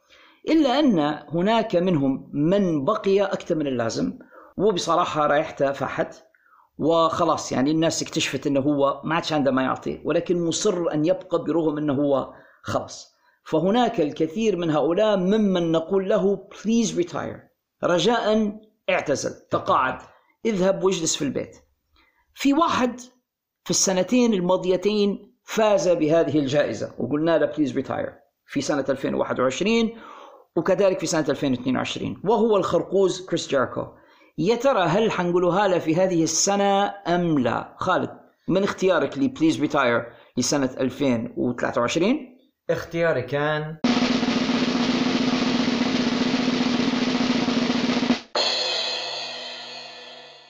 ريك فلير من اتحاد AEW مجرد إني قلت ريك فلير في AEW هذه في حد ذاتها تخلي الواحد يفتح عيونه. وفعلا ريك فلير وتوقيعه مع AEW كان من مفاجآت السنة. الشركة اللي المفروض إنها هي شركة الشبان واللي اندارت من أجل الثورة في عالم المصارعة وبيعطوا فرصة للصغار في السن اللي مش محصلين فرصة مشوا وقعوا مع شاب عمره 75 سنة واعطينا المجال على حساب الشبان اللي عندهم بالفعل. مع إنه من 3000 سنة. يعني من عدة أعوام يعني. يقولوا Ric Flair's last match تقاعد ريك فلير خلاص ريك فلير ما عادش بيبين. في WWE حصل last match مع شون مايكلز وكان كويس. في السنة الماضية حصل مباراة last match مع اندرادي وجاي ليثل وجيف جاريت ما يبيش يهني روحه. ما زال يبي last match أخيرة. يولي ويقول أنا نبي last match أخيرة. يا ودي برا برا فكنا من خليقتك واحد يقول له. ريك فلير يبي لاست ماتش ريك فلير يبيع في مشروب طاقة. ريك فلير يبيع في مشروب طاقة تخيل. يا سلام. ريك فلير أطلق عملة رقمية سماها Woo. Woo woo woo أنا مش فاهم المخلوق هذا شو نسوي له بالضبط. ما نعرفش. هل هو مصر يبي يموت داخل الحلبة؟ وهذا ما نقصهم AEW بصراحة انهم يجيبوا ريك فلير ويموت وسط الحلبة باش تختم. وحيطلع توني خان ويقول إن هذه أعظم مباراة في التاريخ. أنا أتمنى انها تصير هذه الحلقة أنا اوافقك إن ريك فلير لازم نقول له please retire وهو honorable mention عندي وهو واحد من الناس اللي نبي نقول لهم please retire هذه السنة لكن بالنسبة لي أنا clean sweep وللسنة الثالثة على التوالي.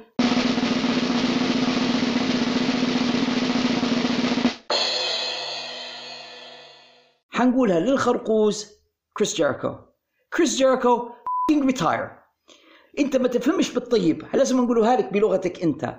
قعمز في حوشكم ياسر خلاص عرفتنا. ورائحتك طلعت وعمايلك طلعت والجماجم اللي في الخزانة طلعت والناس بدوا يتكلموا. ياسرك خلاص. فاحت ريحتكم من الآخر هيك باللبناني يقولها. please أو مش please retire وخلاص. وما زلنا في الأسوأ لهذه السنة. والكلام يا خالد جزء كبير من مجال مصارعة المحترفين وواحدة من أهم العناصر اللي يمتلكها المصارع أن يكون عنده المقدرة أنه يمسك بالميكروفون ويتكلم ويقنع الجمهور بقضيته العادلة أنه يقول للناس أنه هو مصارع عظيم وإلى آخره ويبيع القصة اللي هو جزء منها. وبعض المصارعين للأسف سيء جدا في المجال هذا قد يكون مصارع ممتاز داخل الحلبة لكن الكلام مش موهبته. هناك الكثير من المصارعين السيئين في هذا المضمار لكن في واحد هذه السنة تفوق على الجميع في عدم قدرته على الكلام وفي إنه هو فعلا يخليك تبي تنقص صوت التلفزيون أو تغير القناة لما تشوف وجهه على التلفزيون وهو ماسك ميكروفون. خالد من هو اللي اخترناه لهذه السنة كورست توكر أو أسوأ متكلم في سنة 2023 اختيارنا كان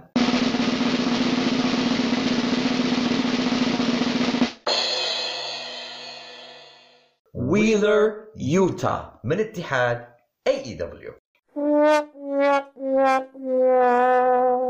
المفروض إن لما مصارع شاب يختلط ب veterans ويركبوا معاهم في السيارة ويسافر معاهم من مكان إلى مكان إنه يتعلم منهم ال mannerisms وطريقتهم في الكلام وطريقتهم في إلقاء ال promos وإنه يسمع ل promos لمصارعين مخضرمين يتعلم منهم هذه الموهبة وهذه المقدرة. الباين أن الولد هذا حاط ال earphones متاعته ويسمع في موسيقى أو في حاجة تانية أو يلعب في video games ومش مركز في اللي قاعد يدير فيه.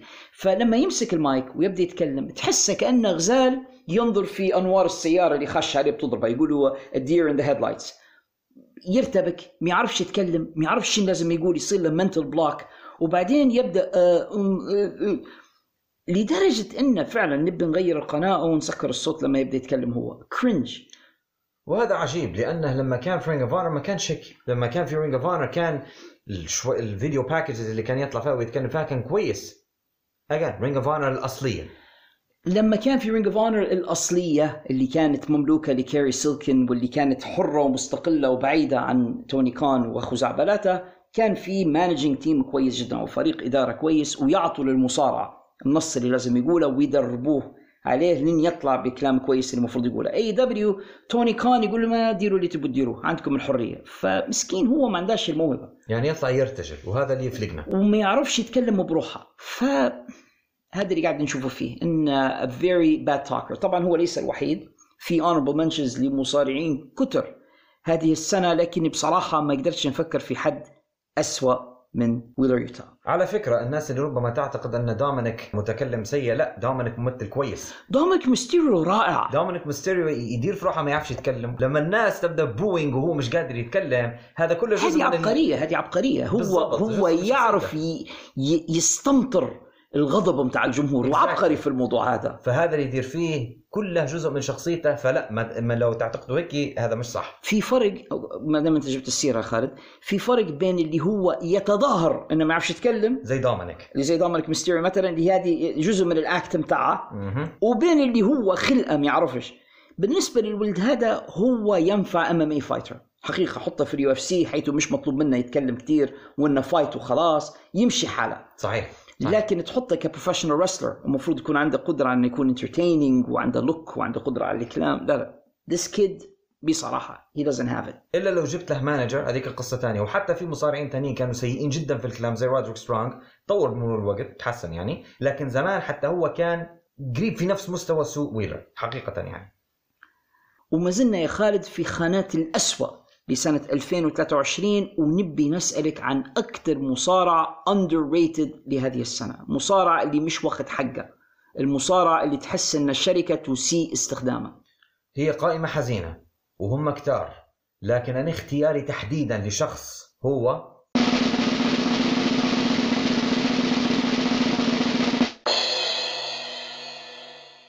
كيث لي من اتحاد All Elite Wrestling. لا أستطيع أن أخالفك كيث لي يا جماعة هو عبارة عن مصارع حنختصر لكم الجزئية هذه بحاجة بسيطة. كيث لي؟ والله تقدر تبني على اتحاد كامل. الإمكانيات اللي عنده سواء مقدرة كلامية أو مهارات في الحلبة أو ال look متاعه أو ال presentation متاعه الرجل هو فعلا ينفع يكون بطل زي ما هو. زي ما هو. لما جابوه ل AEW حصل زخم وحطوه مع سويرف شوية thrown together لكن بعدين داروا tag team مع بعضهم جابوا البطولة وكانوا tag team مسيطر على الفئة بتاعتهم وداروا شغل حلو. لين خسروا قدام The Acclaimed وهذا منطحت به. وبعدها الراجل مسكين ضاع في الزحمة. ومعاش ندروا على دياره وينها قريب. يعني هو موجود بس مش موجود تحسه بي يتضح إنه مصاب. وإحنا ما ندروش عليه. أنا متفق معك أن كيت لي واحد من الناس اللي فعلا AEW ball with them أو أنهم هم فعلا أسقطوا الكرة من أيديهم مع هذا المصارع اللي هو زي ما قلت أنت تقدر تبني عليه شركة وتحس أنه هو نفسه فقد الإلهام وفقد الرغبة في أنه هو يعطي أي شيء مع هذه الشركة. ملوماش واكتشف أنه هو انبهر بالشعارات الوهمية اللي كان رفعها توني خان ولما ذهب إلى هناك أعتقد بأن ندم ندما شديدا وأعتقد أن لو هو بإيده إنه يرجع إلى ال WWE حيرجع ولكن للأسف هو مقيد بعقد يربط بهذا ال- المدمن لعدة سنوات أخرى للأسف الشديد. لكن أنا عندي اختيار آخر لمصارع آخر. أنا شايفه يا خالد ويا مستمعينا الكرام مصارع يمتلك كل المقومات هو الآخر تقدر تبني عليه شركة. هو الآخر لو تحطه في Impact Wrestling مثلا وكان في Impact Wrestling في يوم من الأيامات أو لو تحطه في MLW أو حتى في ال WWE الرجل هذا تقدر تدير بيه شغل كبير لكن موجود عند توني خان. عرفتك عم تحكي. هذا المصارع هو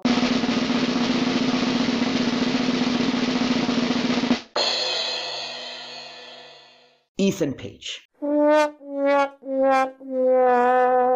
يا جماعة ايثن بيج عنده اللوك عنده ال mic skills عنده القدرة على الأداء داخل الحلبة ورجل محترم رجل كويس يعني straight edge لا يشرب لا يتعاطى لا يدخن دمث الأخلاق رجل عائلة. رجل عائلة family man رجل كويس رجل محترم. وتقدر تبني على اتحاد a good wrestler يا رجل he's a very good wrestler. هو ال honorable mention عندي رقم واحد. لما تتفرج عليه في AEW تقول ماذا دهاكم؟ معقول عندك مصارع زي هذا وما تحطش في الحلبة وما تستخدماش وتستخدم لي في سامي جيفارا وفي دانيال غارسيا وجانجل بوي. نيك وين. يعني wack wack. طبعا هناك ما لكم كيف تحكمون؟ في honorable mentions يا خالد بالهبل. منها ثاندر روسا ثاندر روسا واحدة منهم. ووردلو يا. جماعة ووردلو هذا لو في ال WWE راهو main eventer راهو عبارة عن مصارع في الأحداث الرئيسية. yes لانس ارشر هذا لوتشاسورس ولا تو يسموه فيه كيلر كيل سويتش أعتقد تو سماه كريستيان كل هالمصارعين المواهب عندهم الحجم عندهم الأجسام. كيف ننسى براين كيج يا الله. عندك ناس رائعة في All Elite Wrestling ومش مستفيد منهم بحاجة مقعمزهم؟ أنا مش عارف لو كان ياخذوا في مرتبات ولا لا أو إذا كانت مرتباتهم تكفي أو تحط فيهم في العروض اللي ما يشوف فيها حد هذه Rampage وما Rampage حتى Collision للأسف طاحت بها طاحة واحدة. ودفع لي بالغلمان المرد اللي عندك اللي ما حدش يبي يتفرج عليهم. والخصيان. ف I don't know خالد. I don't know شو اللي قاعد يصير لكن بصراحة أكثر واحد أنا شايفه underutilized أو غير مستخدم في هذه الشركة هو ايثن بيج ومتفق معك في كثير وأنا أيضا متفق معك في كل ما قلته. وخاصة في اختيار ايثن بيج إنه كان اختياري رقم واحد مكرر أو رقم واحد في ال honorable mentions بالنسبة لكيث لي كان في Ring of Honor قلبها على رأسه. وفي NXT كان من أحسن ثلاثة مصارعين أو أربعة. يعني خسارة طاحت بيه طيحة واحدة again توني خان و AEW الآن يا خالد حنخشوا إلى داخل الحلبة ونبدو نتكلموا على المباريات. وعندنا الكثير منها. فخلينا نبدو بأسوأ tag team match أسوأ مباراة للفرق الثنائية لهذه السنة لسنة 2023 شن كان اختيارك يا خالد لهذه السنة؟ يا له من اختيار. لقد كان اختياري.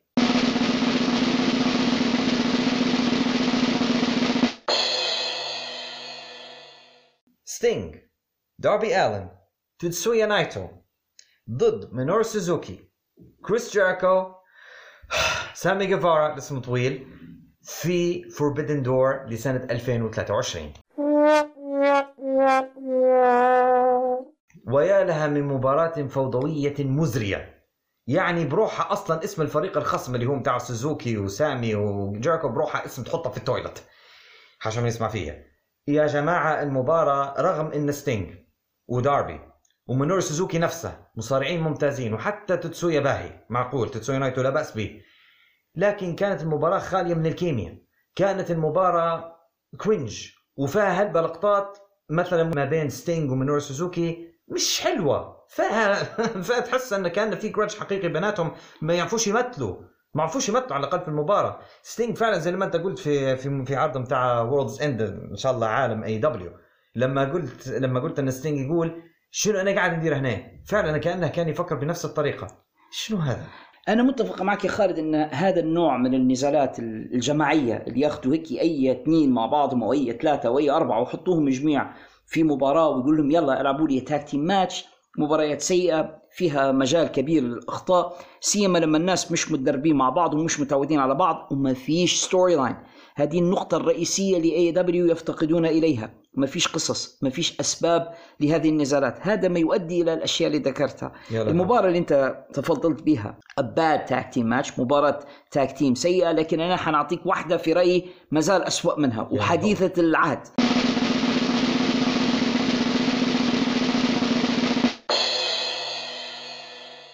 المباراة اللي كانت في وورلدز اند والتي جمعت ما بين تقريبا نفس الناس سامي جيفارا كريس جيريكو داربي and ستينج هذه المرة كانوا ضد فريق آخر مؤلف من ويل هوبز تاكيشيتا ريكي ستاركس and بيج بيل ومع أن الأسماء في غالبها مصارعين كويسين لكن مرة أخرى ما فيش كيمياء ما فيش انسجام ما فيش قصة ما فيش سبب ووجود كريس جيريكو في هذه المباراة كالعادة. زي لما تكون عندك قطعة في حوض السباحة. الناس كلها قاعدة تهرب من هذيك الحتة وتك العفانة والوساخة قاعدة تحيط بهذيك الكتلة وشوي بشوي قاعدة تدش داخل الحوض. كريس جيريكو ينجس أي شيء يقترب منه في مجال المصارعة الآن.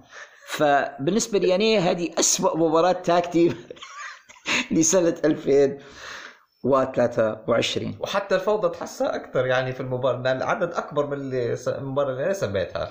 يقولوا بالإنجليزي the more the merrier. يعني الأكثر مراحل كل ما كان أكثر كل ما. كان أكثر كل ما في مرح أكثر لكن مش في ال tag team matches خاصة مع جيريكو الزحمة ما لا تؤدي إلى مباريات جيدة. هي كويسة في حالة واحدة بس لما يكون عندك حد مصاب فتبي تريحه فتبي تقلل من مدة وجودها في الحلبة فلما تدير هلبة مصارعين ممكن إن هذا المصارع كبير في السن أو المصاب تقدر تدسه في الزحمة. قد تكون جيدة في تلك الحالة. لكن عمال على بطال كل مرة كل مرة أربعة ضد أربعة ثمانية ضد ثمانية. خلاص توصل لمرحلة إن هذا ياسر عاد هيك بعد هيك باع. يعني حتى ضجيج بصري. صعب إن الإنسان يقدر يفهم اللي قاعد يصير قدامه في الحلبة. فعلا فعلا تلوث بصري. ننتقل الآن يا خالد إلى خانة أخرى وأسوأ مباراة نسائية لسنة 2023 ونبي نعرف من هي المباراة التي وقع عليها اختيارك. وقع اختياري على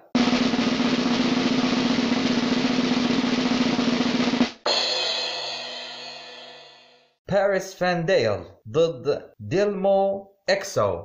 ما حدش عارف الناس هذا من اتحاد MLW وهذه كانت المباراة النسائية من عرض نيفر سي نيفر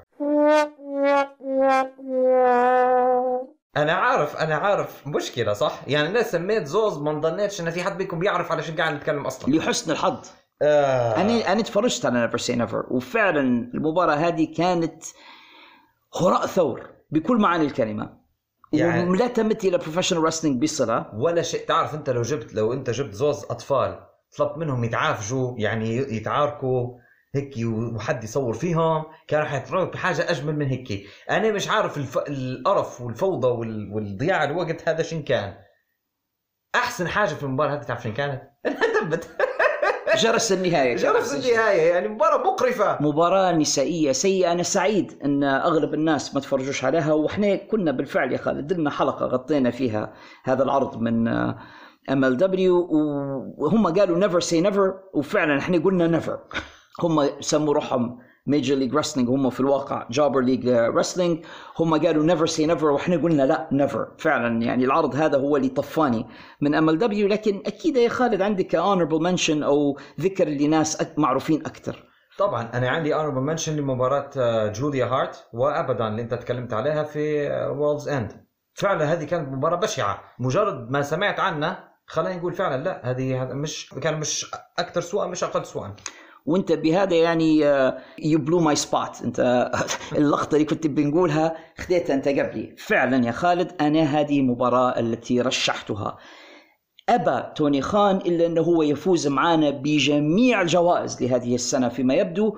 وبالفعل أسوأ مباراة نسائية في تقييمي أنا لسنة 2023 كانت المباراة إن صح حتى تسميتها المباراة التي عقدها ما بين جوليا هارت هذه الشابة الصغيرة في السن اللي ما عندهاش أي خبرة حط على حزام أنا مش عارف علاش وما نبيش ندير speculation ما نبيش نحاول هيك إني أفترض الأسباب.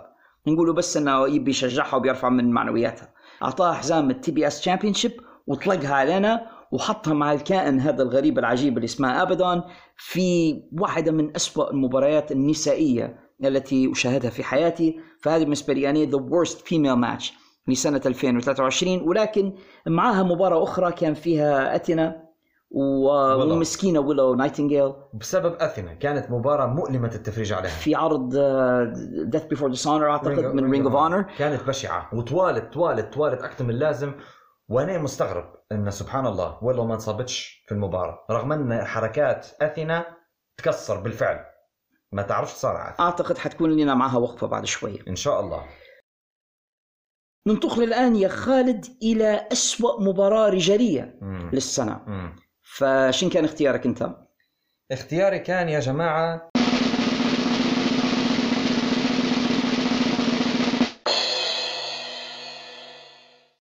هيروشي تاناهاشي واللي كان مرشح عندي يكون please retire لو كان استمر في المصارعة هيروشي تاناهاشي ضد سويرف ستريكلاند المباراة هذه كانت في حلقة من داينامايت إذا ما كنتش أنا مخطئ. مش أي حلقة من داينامايت هذه كانت حلقة ال go home show بتاعهم اللي قبل Forbidden Door. هيروشي باين كيف واصل من من طوكيو إلى أمريكا وخش في المباراة هذه طول مع سويرف والحق يا جماعة لو في حاجة إيجابية واحدة بس في المباراة هذه فهي سويرف وأداء. أنا نح- نحيي سورف على إنه قدر يدير حاجة في المباراة هذه. راهو احترافية المصارعين تطلع في مواقف زي هي. ان يجيبوا لك مثلا مصارع كان كويس زي هيروشي كان ممتاز وبعدين بدأ خرقوز لين خلاص هو تقاعد بالفعل عرف إنه هو عرف قدر نفسه وقال أنا بنتقاعد يا إما تصارع واحد ما هو شخصية مصارعة زي ما دار كريستوفر دانيلز زمان مع النجم الممثل من مسلسل هيلز اللي هو ستيفن أمال بالضبط إنك أنت تجيب مصارع يطلع من من ش... من ناس ما يعرفوش يصارعوا يطلعوا منهم مباراة. هذوك هم الأسطورية في المصارعة. سويرف واحد منهم رغم إن هيروشي أداءه كان trash cringe من بداية المباراة لنهاية المباراة. وهذا مؤسف لأن في 2022 كان رائع هيروشي. بعدين طاحت به مرة واحدة. هذه كانت عندي أسوأ مباراة والحمد لله اللي تمت. هي كانت مباراة سيئة وأنا اوافقك لكن عندي واحدة ربما أسوأ منها مازال معقولة؟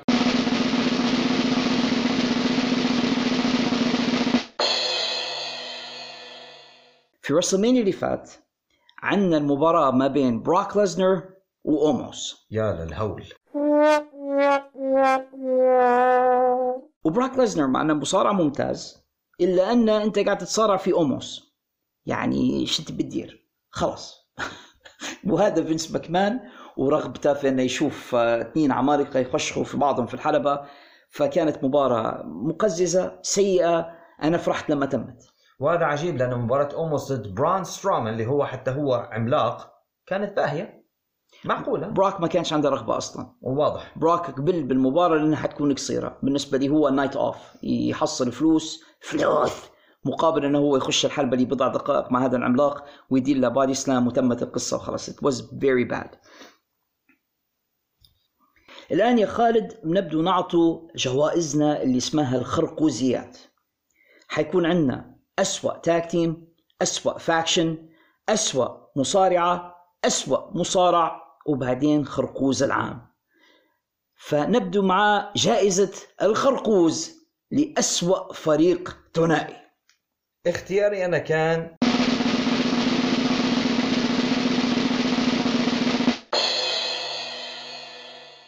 The most professional wrestling losers من اتحاد Impact Wrestling. طبعا هم ما يسموش في روحهم losers هم يسموا في روحهم لا إله إلا الله يسموا في روحهم the most professional wrestling gods.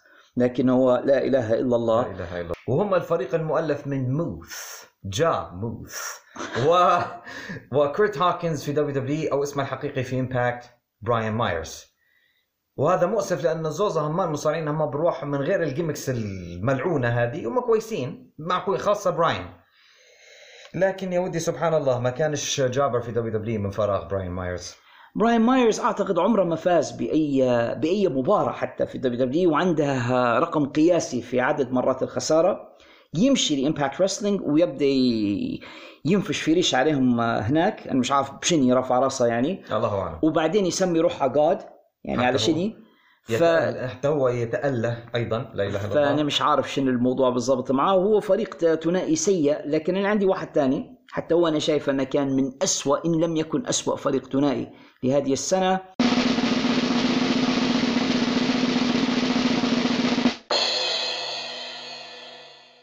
الفريق المؤلف من كريس جيريكو وسامي جافارا اللي يسموا في روحهم ما نقدرش حتى نقول الاسم الاسم خاطئ يعني لكن يقولوا يسموا في روحهم Le Sex Gods. لا إله إلا الله. آه آه آه أي حاجة فيها جيريكو زي ما وصفتها من شوية يعني عبارة عن نجاسة وأي حاجة يقربها تتنجس معاه أسوأ tag team لهذه السنة. وسبحان الله كلها فرق ملحدة. كانك لاحظت يعني كلهم ملاحدة. شنو. شنو ال atheism كلب هذا؟ الآن يا خالد أسوأ faction. أسوأ عصابة أو مجموعة من المصارعين. ال faction آه، ما يزاد عن اثنين في المصارعة. يعني نقولوا tag team اثنين ال faction أكثر من اثنين ثلاثة فما فوق. فما هي العصابة التي وقع عليها اختيارنا أنا وأنت يا خالد لكي تكون أسوأ عصابة لسنة 2023 أعتقد أنها مش حتكون مفاجأة بالنسبة لجمهورنا اللي يسمعوا في الحلقة هذه وشايفين الحفلة اللي قاعد نحفل فيها على شخص معين. هذه السنة أسوأ faction هو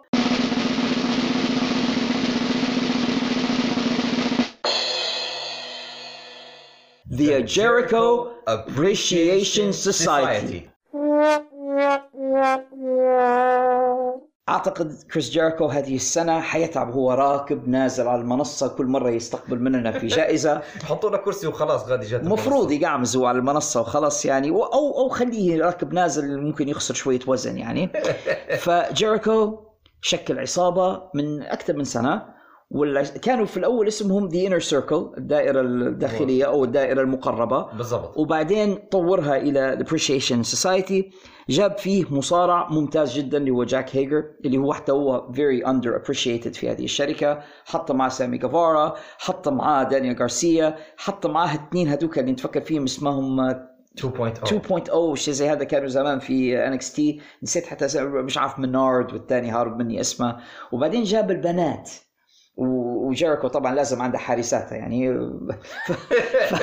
فعنده فعنده آه، أنا جاي وعنده تاي ميلو وحقيقة أنا الآن cringe لو اتخيل إنه هو يعني ما فيش حد يتكلم في الموضوع.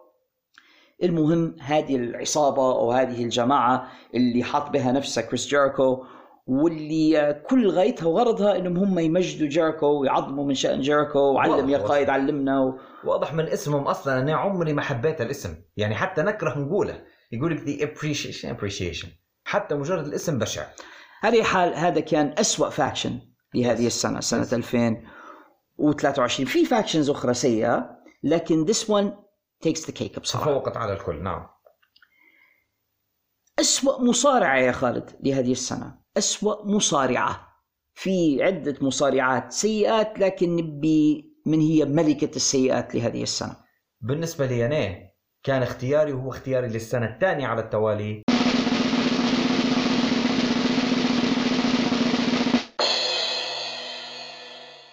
أثينا من اتحاد Honor AEW يا جماعة المصارعة هذه زمان كانت عقاب جابر في WWE ومش من فراغ أيضا هي كانت فاشلة. لكن كانت تقول إن هي كانت مضطهدة بسبب إنها سمراء البشرة وإن إنها قصيرة وإنها مش مش رشيقة. بعدين هي مشت ل AEW فإذ بيها تعطينا جيمك هرطوقي إلحادي حتى هي. هذه رقم واحد علشان أعطيتها أصلا اسوء مصارعة. نجو إلى أسباب فنية. ما تعرفش تصارع ومعروف عليها إنها لما تخش الحلبة مع خصماتها تصيبهم. لدرجة إن هذا من كثر ما الح- الموضوع هذا ولا هو الجيمك متاعها إن هي تصيب خصماتها. لا. هذا دليل عنها مصارعة فاشلة. المفروض يقول لها بري hit the road ما عادش تجينا بكل. يعني بري آه، أرجعي من حيث أتيتي أنت مصارعة فاشلة ما تنفعيش في الرياضة هي. ولا بري يا ولي MMA fighter وخلاص كان كنت بتأذي خصومك بالفعل. لا المصارعة ما تخدمش هيك doesn't work like that things. فبالنسبة لي أنا الإنسانة هذه المخلوقة هذه الشيء هذا عندي أنا هي أسوأ مصارعة على الإطلاق لسنة 2023 أنا متفق معك يا خالد إنها مصارعة سيئة أثينا لكن نبي ننوع هذه السنة والحق عنا كم من الكراهية ومن البغض تكفي للجميع. ولهذه السنة طلعت شوية من Elite Wrestling وقلت خلينا نوزع ال- ال- الطاقة السلبية هذه على الاتحادات الثانية. وشفت مصارعة زي الزفت الإطران حشاكم في Impact Wrestling. هذه المصارعة اسمها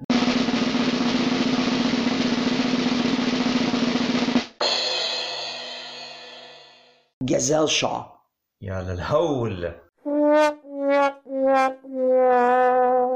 أول مرة يا خالد نقول على بنت أن عندها punchable face.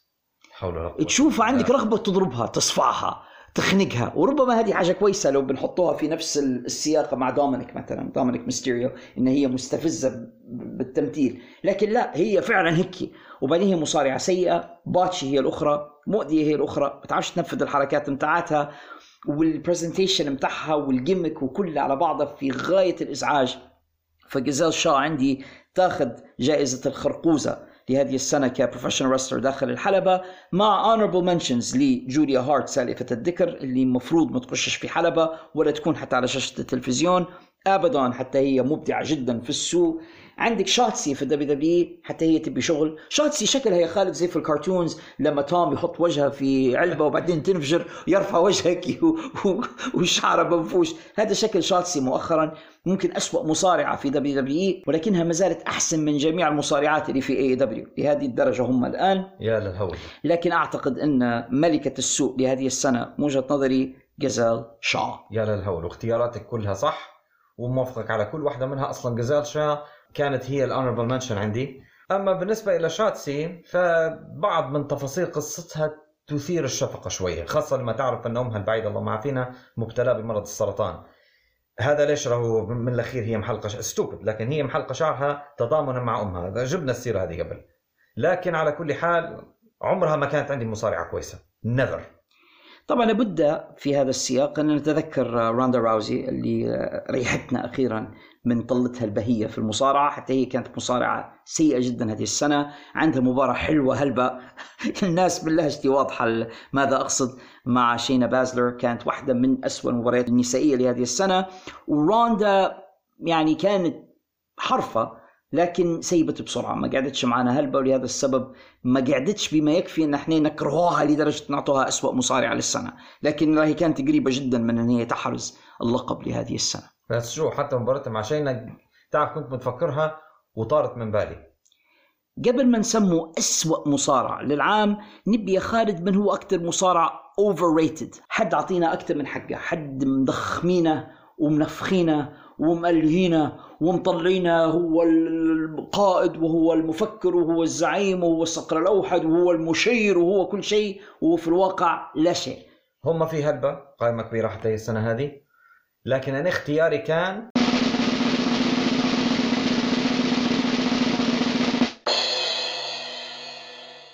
كازوشيكا أو كازوشكا أوكادا من اتحاد New Japan سابقا. Wow. Yes علل.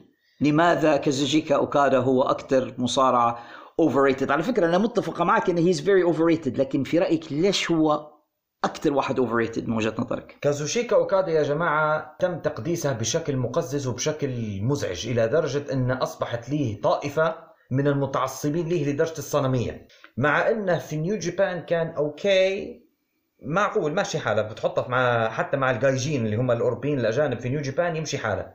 طلع من New Japan يبان على حقيقته. يا جماعة مشى ل AEW مرتين أو ثلاث مرات كل مرة يمشي فيها يعوه مصارع. كل مرة يمشي فيها يكسر مصارع. لما لعب مباراة لأول مرة في نيو في اي دبليو تسبب في concussion أو ارتجاج لآدم كول أكثر من سنة. ما عادش قدر يصارع. لعب مع براين دانيلسون في Forbidden Door كسر له دراعه. لعب معاه آه، لعب ضده في مباراة tag team كسر له قريب من عينه. العظمة محجر العين. عظمة محجر العين. يعني قريب طير لعينه. شنو هذا؟ وبعدين يطلع لك ملطزر تقول تقول أنا نسمي في ماركت جيلاتي. ملطزر يقول إن هذا أحسن حاجة في العالم وأحسن مصارع في الدنيا. وما فيش مباراة إلا ويعطيه ستة نجمات. ليش؟ باهي أوكي هو سلسلة مبارياته مع كيني اوميجا أسطورية ما قلناش حاجة. لكن بعدين ما عادش ولا صار ما عادش صار منها زي قبل. طاحت بيه طاحت بيه. بعد 2020 بالذات سبحان الله ما عادش ولا زي قبل. طبعا عندي honorable mentions عندي رومان overrated هلبة ما زال. MJF أو ماكسويل فريدمان منفوخ جدا وعنده cult كبيرة في العالم على لا شيء هو ولا يسوي شيء. صهيوني هذا. فقائمة كبيرة هي الحق. القائمة تطول بس هذول أبرز ثلاثة عندي. أنا متفق معك إن أوكادا بالفعل واخذ تضخيم وتعظيم أكبر من حجمه بكثير وإن التطبيل ليه على وسائل التواصل وفي الإنترنت أكثر مما يستحق هو مش هذاك المصارع. no. وما زلت أتذكر لما كان جابر في TNA والآن مصيره انه حيرجع ل TNA في كلام عن إنه هو سيترك New Japan Pro Wrestling ويبي يجرب في أمريكا وأقرب أقرب الاحتمالات إنه هو ماشي ل TNA Wrestling وهذا يقول لي كل شيء عن اوكادا إنه لو هو آل به الأمر إنه ينتهي في TNA لكن بالنسبة لي خالد أنا شايف إنه أكثر واحد overrated أو واخذ تضخيم أكبر من حجمه لهذه السنة ولي سنوات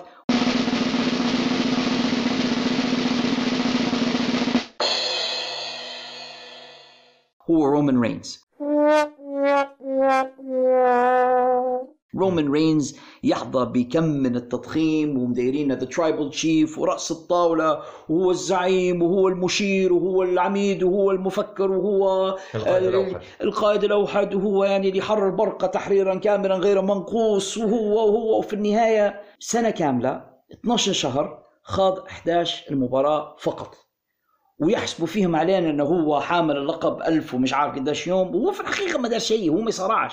وحتى لما يصارع أغلب مبارياته tag team matches وجماعته هم اللي شايلينها سواء كان سولو سيكوا ولا آه، جيمي أوسو هم اللي حاملين الحمل عنه هو ما يقدمش داخل الحلبة. ومع هذا كل هالتضخيم وكل هالتعظيم والعرب اللي يصفقوا له في وسائل التواصل ومدايرين إنه هو أعظم حاجة في التاريخ وهو في رأيي حقيقة مصارع متواضع جدا. ومحمي بشكل كبير من WWE. ولو WWE يحطوه فعلا في مباريات مع مصارعين يعرفوا يلعبوا حيعروه وانت عارف لأي درجة هو بروتكتد ولأي درجة هو كسول ولأي درجة هو يعتمد على المحيطين به حتى من مردخاي قصدي بول هيمن ينوب عنا في الكلام في مرات خاصة لما يغيب هو طبعا يدير في كل الشغل بالنيابة عنا ويعبي في فراغه مش لأن سمين بول هيمن قصدي يعبي في فراغه حكم غياب رومان فحق يعني هو تم تضخيمها بشكل كبير رغم انه كلام كتير وفعل ما فيش في أكثر الأحيان. وبما انك يا خالد أتيت على ذكر مردخاي آه على بول هيمن المستشار الصهيوني لرومان رينز أو the Wise Man زي ما يسموه فيه. بول هيمن هو شخصية ما تصارعش يعني ال non wrestling character لكنه موجود على الشاشة ويبدع بصراحة يعني رغم كل شيء هو مسلي جدا. لكن في شخصيات أخرى non wrestling characters موجودين على الشاشة و cringe فقبل ما نقولوا على آخر خانتين نبي نعرف يا خالد من هو أسوأ شخصية على الشاشة مش مصارع من وجهة نظرك. من وجهة نظري هو للسنة الثانية على التوالي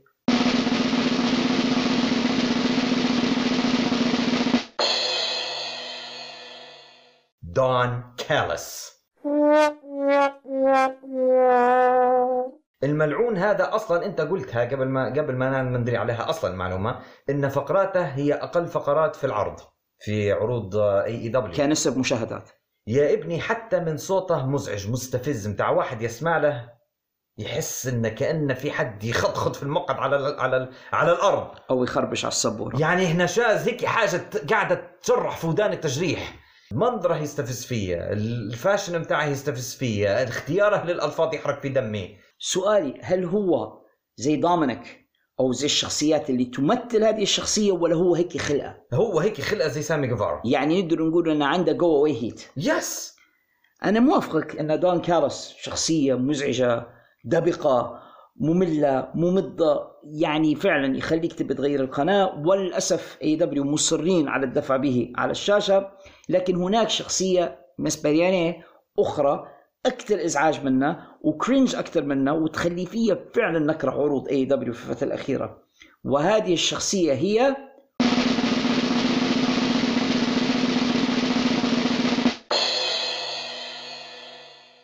أم نيك وين.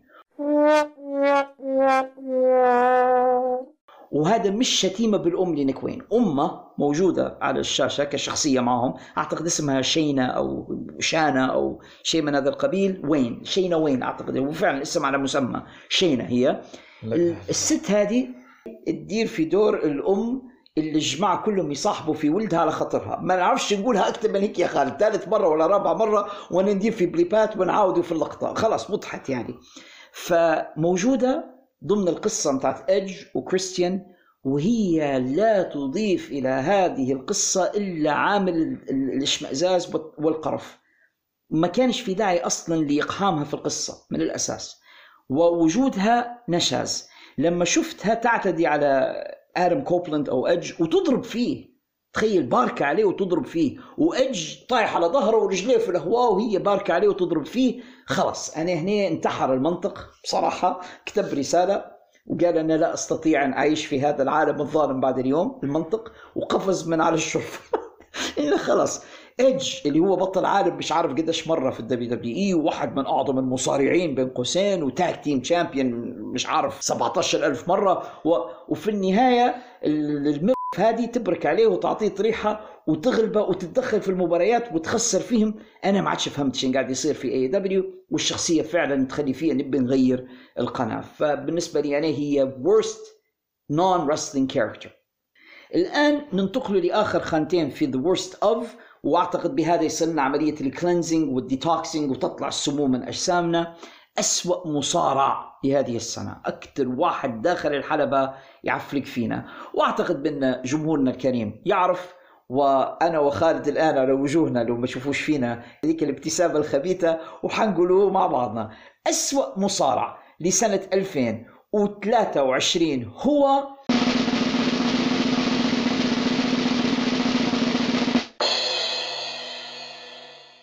كريس جيريكو وبامتياز وبدون منازع ما فيش حد يقدر يقترب منه لأنه هو نجس. جيريكو يخش الحلبة كاريزما تطلع منها. الرغبة في متابعة المباراة تخرج منها. يقدر إنه هو يقتل أي feud أي tag team أي حاجة يخش فيها يدمرها. حطوه مع كيني اوميجا واحد من أفضل المصارعين في العالم. جاه المرض diverticulitis ولا شيني وطلع. حطوه يعني ما نقدرش نعبر عن مدى اشمئزازي من هذا الكائن. كريس جيريكو داخل الحلبة أسوأ مصارع لسنة 2023 في مصارعين آخرين في غاية السوء يعني نقدر نذكره جونجل بوي مثلا. نقدر نتكلموا على سامي جافارا والبوتشات الكثيرة اللي يدير فيها بس سامي جافارا خالد لم يصارع كثيرا هذه السنة قضى فترة طويلة مصاب بارتجاج. جانجل بوي معاقب من شهر تسعة اللي فات وما شفناش شيء. لكن اللي عمال على بطال كل أسبوع قاعدين يعذبوا فينا به هو كريس جيريكو. أسوأ مصارع للسنة. لنصل إلى الخانة الأخيرة وخرقوز العام. خرقوز العام ممكن يكون wrestler ممكن يكون شخص مش wrestler يقدر يكون manager يقدر يكون صاحب آه، شركة يعني مش شرط يكون professional wrestler وعندنا مجموعة يا خالد من المرشحين لهذه الخانة. فينس ماكمان قد يكون خرقوز العام. توني خان قد يكون خرقوز العام. بيلي كورجن رئيس شركة NWA بالعملة اللي دارها بتاعت المخدرات هذيك قد يكون خرقوز العام. لكن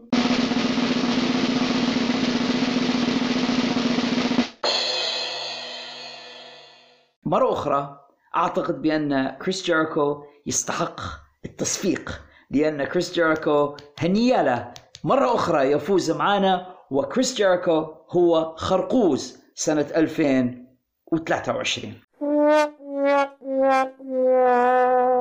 طبعا في honorable mentions أنت كل اللي سميتهم وزيد عليهم ماكسويل MJF مرة أخرى خرقوز السنة.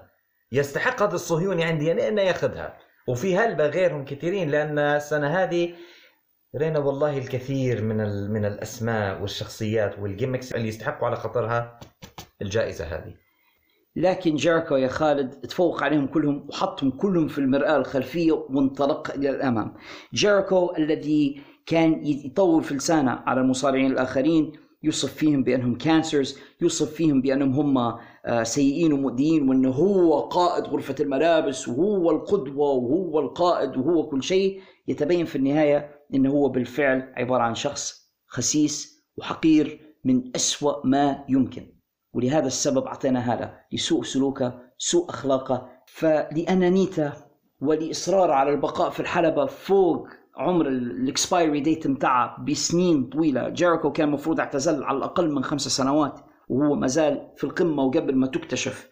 عمايلة ولكل هذه الأسباب جيريكو في رايي هو خرقوز سنة 2023 أعزائنا المستمعين ربما البعض يتفق معنا في هذه الاختيارات وربما تختلفون معنا. في النهاية هذه ارائنا وهي ليست يعني مدفوعة. ما فيش حد قاعد يقول لنا انزلوا في فلان أو سبوا فلان إحنا قاعدين نعبروا عما في نفوسنا وما نعتقد إنه في نفوس الكثير منكم ولكن في النهاية اللي مختلف معنا وعنده رأي آخر اترك لنا رأيك أنت المخالف في الأماكن المخصصة للتعليق وسنكون سعداء جدا بقراءتها في حلقات مقبلة بمشيئة الله.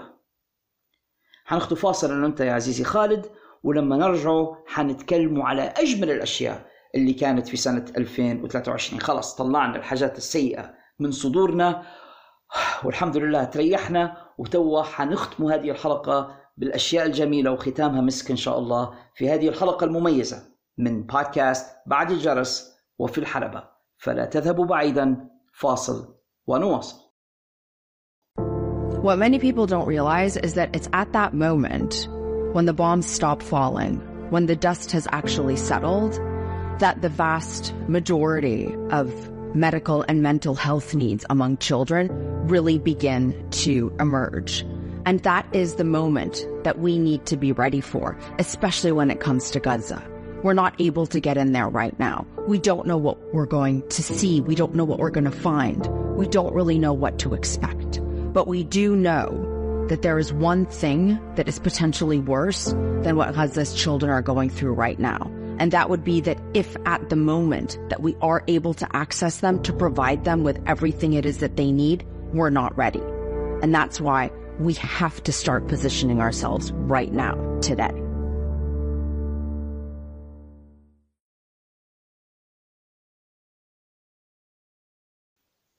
ورجعنا لكم أعزائنا المستمعين وحلقة هذه السنة الكبيرة من بودكاست بعد الجرس حيث يحلو الكلام بعد جرس الختام وفي الحلبة in the ring where it matters وأسوأ وأفضل مكان في سنة 2023 حصاد العام الكبير قبل الفاصل تكلمنا عن أسوأ الأشياء اللي كانت في السنة وسنبدأ بإذن الله الآن في الحديث عن الحاجات الحلوة. لكن قبل ذلك الصوت الذي استمعنا إليه في الإعلان الذي تم بثه آنفا هو صوت أروى ديمن من هي أروى ديمن؟ أروى ديمن كانت مراسلة سابقة لقناة سي إن إن وبعد أن تركتهم كانت قد تفرغت للعمل مع منظمة إنارة. إنارة اختصار International Network for Aid, Relief and Assistance الشبكة العالمية للإعانة والإغاثة الإنسانية. والحقيقة هذه الشبكة قامت بالكثير من الأعمال الجميلة في عدد من دول العالم اشتغلوا أثناء زلزال تركيا اشتغلوا كذلك في المغرب حاولوا يشتغلوا في ليبيا لكن للأسف الشديد المجرم اللي مسيطر على المنطقة الشرقية لم يسمح لهم بالدخول. والآن يحاولون مساعدة أهالينا في غزة الحبيبة. تمكنت منظمة إنارة بالفعل من إدخال أطباء ومعونات إنسانية وفرق إغاثة وطواقم إنسانية لمساعدة الناس هناك في قطاع غزة. وبالفعل دخلوا حتى طبيب مشهور يا خالد الدكتور غسان أبو ستة اللي شفناه على قناة الجزيرة واللي حكى قصص رعب عما يجري داخل غزة. والدكتور هذا بارك الله فيه أجرى العديد من العمليات الجراحية للأطفال وللناس المصابين هناك.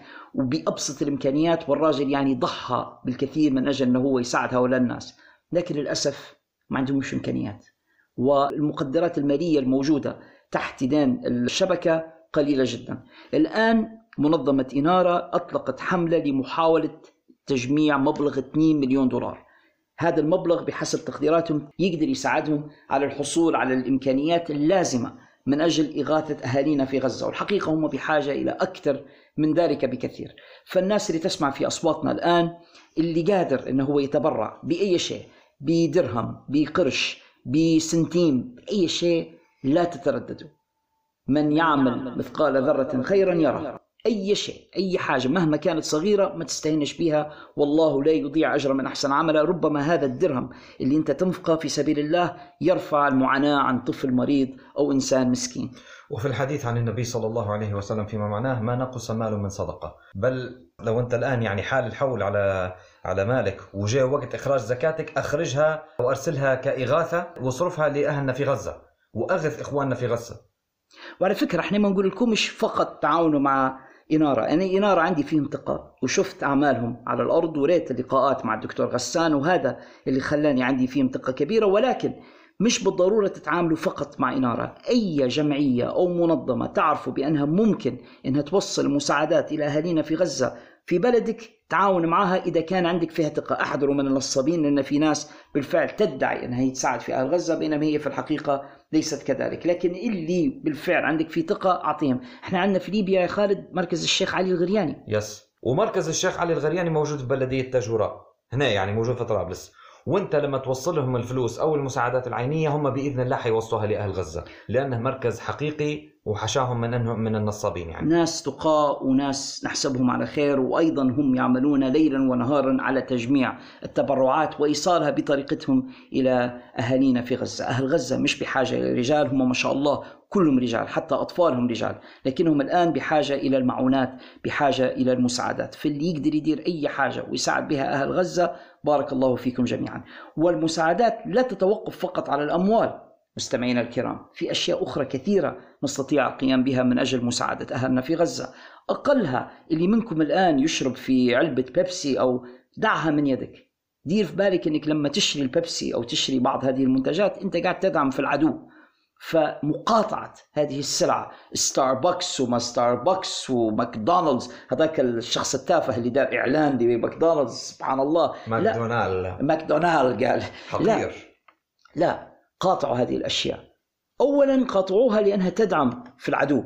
وسبب آخر لأنها ضارة حتى بالصحة. حتى ولو يعني في صفة عامة يعني تخيلوا هذه ال- ال- ال- ال fast food والحاجات هذه هي مش كويسة حتى لصحتكم. لا فاتركوها من أجل صحتكم واتركوها لله من أجل أنكم تساعدوا إخوانكم. وهذا أهم سبب هذا يساعد كثيرا مم. في الإضرار بالعدو ومساعدة إخواننا وما نقدرش نتخيل شعب غير قادر إنه يترك علبة البيبسي من إيده إنه في يوم من الأيام حيدير شيء من أجل الأمة إحنا الله غالب إحنا المعابر وكنا عارفين ليش معبر رفح مغلق الله غالب افعل أقل ما يمكن فعله. المقاطعة سلاح الدعاء. سلاح قوي جدا الدعاء من أجل إخواننا في غزة.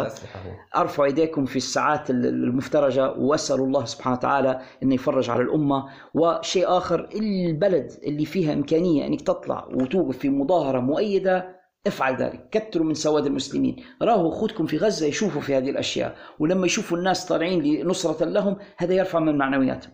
فهذه حاجات بسيطة. ما تكلفكش حاجة وقفة عشر دقائق أو ساعة في في يوم لا يكلفك شيئا ولكنه يساعد كثيرا. والناس تطلع يا خالد من أجل مباريات الكورة ومن أجل حاجات تافهة يعني وما يطلعوش من أجل هذه الأشياء المهمة جدا. فهذه يعني. رسالة إحنا حبينا نوصلها لمستمعينا ولهذا السبب يا خالد أو أحد الأسباب اللي رجعنا البودكاست على خاطرها من أجل أن نحاول أن نجعل بودكاستاتنا منصة أو منبر لإيصال صوت أهلنا في غزة. ونواصل خالد مع فقرات هذه الحلقة وعندنا The Best of 2023 أفضل الحاجات أفضل اللقطات اللي حصلت في سنة 2023 وحنبدو يا خالد مع أفضل شركة The Best Promotion أفضل شركة قدمت لنا مصارعة خلال هذه السنة. وأعتقد ولو أن بعض الناس حيتهمونا بأن إحنا فان بويز لكن أعتقد بأننا والمنطق نتفق على أنها أفضل شركة خلال سنة 2023 اللي قدمت مستوى ثابت قدمت عروض جميلة وقدمت لحظات تاريخية لا تنسى. كان شركة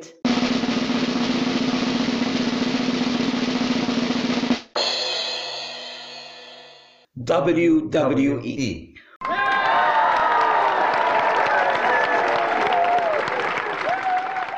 وخاصة بعد رحيل فينس ماكمان جدا. و WWE تحت قيادة تريبل اتش ومعاه شان مايكلز بالفعل أخذوا مقود القيادة وانطلقوا إلى الأمام وبأقصى قوة وما عادش حد قادر يلحق حتى على غبرتهم. ف WWE هذه السنة منطلقون وبقوة، أنا أعتقد بأنهم كانوا أفضل promotion لهذه السنة. يعني مثلا يكفي أن pay-per-view اتهم كانت سهلة الهضم. ما هياش 3000 مباراة. ما هياش ست ساعات. ما هياش حاجات مش منطقية. لا كل حاجة محطوطة في مكانها صح ما تحسش يا خالد إنك أنت عندك commitment لما AEW يديروا pay-per-view خلاص أنت انت تلغي الخروجات وتلغي أي مواعيد أخرى وتسكر تلفونك وخلاص أنت قاعد اليوم أنت بتجيب أكل وبتقامز وبتتفرج لأن ستة ساعات قدامك من المشاهد لا ال pay-per-view بتاع WWE كلها كلها كلها القصة مع بعضها بال kick off كلها كلها ثلاث ساعات. حاجة بسيطة يعني. عارف شك الدبوس؟ ويقدموا لك خمس ست مباريات في الموضوع سهلة الهضم زي ما قلت أنت سهلة الاستيعاب تستمتع you have fun تشوف بعض اللقطات الحلوة عندهم كوميديا عندهم حاجات مميزة وتمشي على حالك.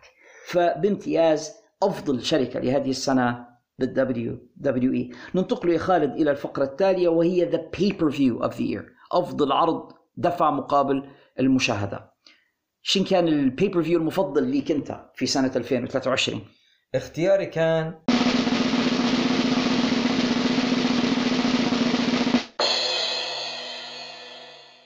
Elimination Chamber واللي كان في شهر 2 2023 من اتحاد WWE أيضا.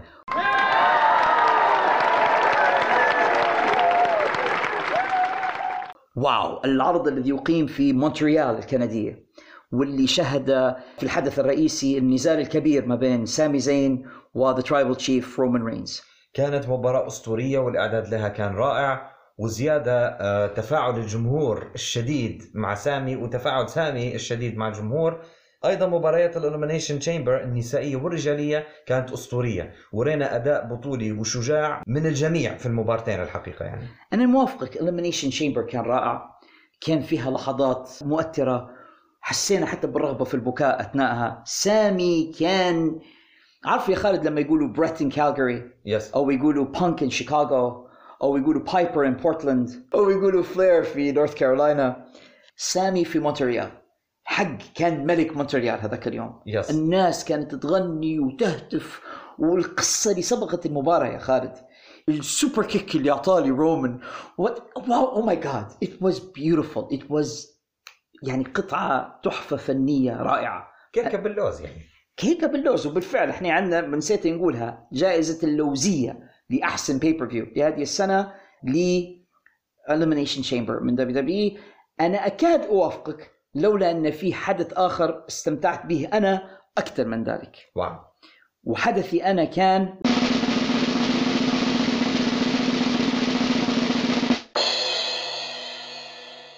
WrestleMania لهذه السنة وتحديدا night 1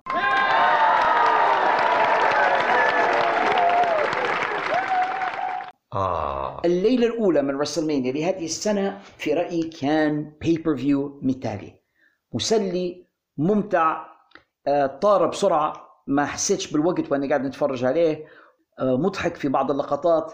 It was amazing. وكانت فيه المباراة الأسطورية متاع كيفن وسامي ضد أوسوس حتى هي مباراة من أحسن مباريات السنة. أنت قاعد تسبق في المراحل توا لكن بالفعل. night 1 WrestleMania 2023 في رأيي كان pay-per-view هذه السنة وبدون منازع. نجو ل the TV show of أو العرض الاسبوعي التلفزيوني الذي أعجبنا لهذه السنة سنة 2023 حنعطيك أنت يا خالد ال first first call كان اختياري السنة اللي فاتت وهو إن شاء الله اختياري السنة هي العرض التلفزيوني هو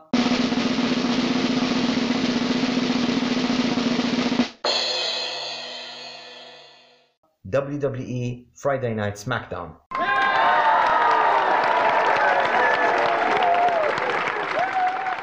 أنا موافق خالد وحتى أنا اخترت SmackDown لهذه السنة SmackDown عيبها الوحيد شوية التكرار إن أحيانا أنت تشوف حلقة وتشوف الحلقة اللي بعدها تحس ان في. تكرار لبعض المباريات لكن بصفة عامة يقدموا في عروض حلوة promos مزيج كويس ما بين storylines و matches داخل الحلبة build up باستمرار لل pay-per-views الجاية والعرض يفوت بسرعة ما تحسش بالملل وانت قاعد تتفرج عليه. أو هذه واحدة من النقاط اللي خلتني نقول أنه هو عندي عرض للسنة. طبعا مفيش حاجة بشرية مثالية يعني مفيش حاجة يديروها البشر مثالية. لكن سماك داون عرض ما يزيدش طوله على ساعتين. بالإضافة إلى أن كل شيء فيه واضح والتركيز فيه على المصارعة أكثر حتى من را هم من زمان هيك هم. و يعني كان بنتكلم على قيمة العرض يعني شئنا أم أبينا أكبر بطل في في ال WWE موجود عند SmackDown اللي هو رومان. فهذا يزيد من ال- الرصيد العرض ولو شوية. طبعا عندي honorable mentions. اولا Collision في أول شهرين لها لما كان CM Punk موجود وشوية Monday Night Raw أيضا لولا أنها ثلاث ساعات وهذا يدرها لي في كبد الحق. نبي نعلق معك شوي على موضوع Collision AEW Collision في حلقتها الأولى كان إبداع الثاني أعتقد طاحوا شوية من على العربة وبعدين عادوا من جديد. مش طاحوا شوية كانت كأنها داينامايت كانت أسوأ حاجة نشوفها. لكن بعدين ولوا ثاني ولا نفس لمستواهم النسق. فريق الإبداع في Collision راهو مكون من CM Punk نفسه من كريس هيرو براين دانيلسون كان يساعد سمو جو كان يساعد توني كان كان بعيد عن Collision في البداية فهذا العرض كان Ring of Honor show حقيقي. Ring of Honor guys هم اللي كانوا يشرفوا عليه. وفعلا شفنا في professional wrestling شفنا محاولة مد اليد لانتشار المصارعين المهمشين اللي تكلمنا عليهم من شوية في الجزء الأول من الحلقة. رأيناهم في Collision CM Punk منطلق في هذا العرض وحسينا it's the CM Punk show كان ملك العرض أو إمبراطوره. وكان Yes. حيكون أفضل عرض للسنة لولا أن CM Punk ترك AEW فيما بعد. وبعد ذلك Collision سقط إلى أسفل السافلين. ولا عرض. أي كلام. يس لكن في البداية كان كويس. إنما العرض الذي حافظ على مستواه من وجهة نظري وظل عرضا جميلا طيلة السنة كان سماك داون وأتفق معك تماما. الآن يا خالد نبغى نكرمه أفضل معلق تلفزيوني لهذه السنة. من هو المعلق التلفزيوني اللي صوته بالنسبة لك أنت موسيقى وتستمتع وأنت تسمع فيه ويزيد من متعة العروض لديك؟ وبعدين نبي نعرف فريق التعليق اللي استمتعت به أنت لهذه السنة. أما المعلق رغم أنه ما كانش ليه هلبا ظهور السنة هذه لكن اختياري كان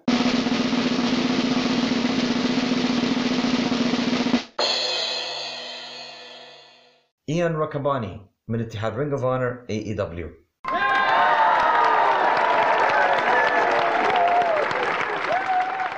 إيان معلق كويس. ومحترم صوته كويس عنده معلومات يحاول يشرح للجمهور الأشياء اللي قدامه في الحلبة. هو أصلا جاي من an athletic background كان معلق على رياضة قبل ما معلق مصارعة بالإضافة إنه is huge wrestling fan فيعلق على المصارعة بطريقة التعليق على الرياضات الحقيقية وهذا اللي يخليه معلق كويس جدا ويثقف في المستمع أثناء ما هو قاعد يعلق. مش مجرد إن عندك كلاشيهات وجمل يبي يقولها وخلاص. والجميل فيه انه أسلوبه كلاسيكي. يعني ذكرك بالمعلقين متاع ما بين فترة الأربعينات إلى ممكن الثمانينات. هذاك الأسلوب الأمريكي الكلاسيكي ال- الزمني الجديات. غير هيك شوية هيك خلاه متوافق شوية مع زماننا. لكن أنا عجبني فيه أنه هو حافظ على الأصالة مع وقتنا. ريترو يعني من الآخر مع لمسات زماننا. أنا متفق معك في أن اين ركباني معلق ممتاز لكن عندي واحد مازال مفضل فيه عليه.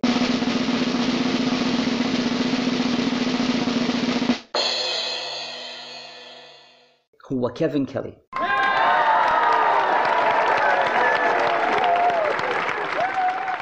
كيفن كيلي اللي كان المعلق الرئيسي على Collision في الفترة الأولى مم. لما كان بانك هناك وكان أيضا معلق في New Japan Pro Wrestling الرجل هذا يتفق مع إيان في كل الحاجات اللي قلناها نفس الصفات عنده الصوت الكويس المعلومات مهذب الراجل مش قاعد يقول في ألفاظ أو مجرد أنه هو يقرأ في الكلاشيهات اللي يقولوا له فيها. معلق ممتاز جدا كيفن كيلي وهو بصراحة معلقي المفضل في مصارعة المحترفين. honorable mention وحتستغرب لما نقولها لمايكل كول. مايكل كول تحسن ومايكل كول بعد ما فينس ماكمان طلع من الميكروفون اللي يعيط عليه في ودنه وأصبح مايكل كول اللي يقدر يكون نفسه بدون ما حد يعيط عليه معلق كويس هو underrated هو أنا موافقك فعلا هو مستواه تحسن معش ولا مزعج زي قبل ولا مقبول قوي يا أخي ولا قريب زي زمان لما كيف بدأ يخدم في WWE لما كان مع تاز. فإيه أنا معك هو اختيار كويس honorable mention هذا. طيب هذا كمعلق واحد. مم. كفريق تعليق منو اللي تستمتع بهم؟ اختياري كان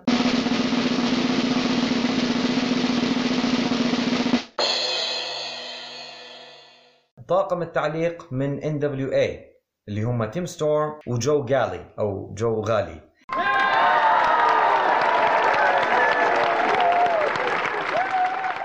الطاقم هذا اختيار غريب شوي. أعرف رغم أنه هو في اتحاد ماليش ذكر أصلا. يعني بالكاد حتى ممكن يعرضوا في شيء على على- كانت معهم فيلفت سكاي فترة ها؟ لا تو خلاص ما عادش معهم. هم تو تيم ستورم وجو جالي بس. مم. آه رغم إنهم في شركة نكرة. حتى ما ظنيتش يعرضوا في شيء على آه يوتيوب. مش ديما يحطوا فيها حلقات ممكن.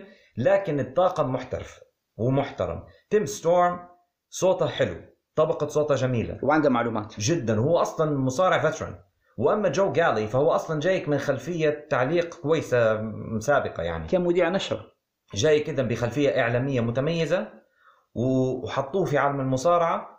يا سلام جاك طاقم تعليق مصارع ومذيع يكملوا على بعض. زي آه، زبدة الكاكاوية وشوكولاتة. peanut butter and jelly ما شاء الله يعني أنا أتمنى. الفريق هذا اللي أنت ذكرته. أنا تمنيت لو في في عرض أكبر. لو كانوا موجودين في WWE مثلا أو لو كانوا موجودين حتى في Impact Wrestling كانوا حيضيفوا حاجة. للأسف هم موجودين زي ما ذكرت أنت وفعلا أحسنت موجودين في عرض للأسف مشاهداتها شبه منعدمة. عرض يحطوا فيه على يوتيوب وقليل جدا من يشاهده لكن بالفعل هم فريق تعليق محترم. بالنسبة لي أنا فريق التعليق الذي يستمتع به لما كانوا مع بعضهم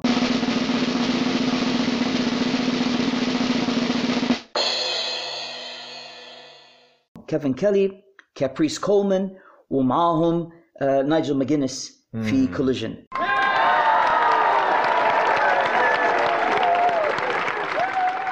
فريق طبعا it's Ring of Honor team الطريقة هي فريق من Ring of Honor وفعلا يحسسوك انه professional wrestling يعجبني كابريس كابريس عندها آه، لما يعطوه ال color يعني إنه هو المفروض يدير الشخصية الكوميدية. أثناء التعليق فهو فظيع جدا صوته مم- مميز جدا ومناسب لهذا الدور. وبعدين نايجل بال... أنت عارف الإنجليز عندهم حاجة لما يتكلموا بلهجتهم أي حاجة يقولوها تحس إنها صح.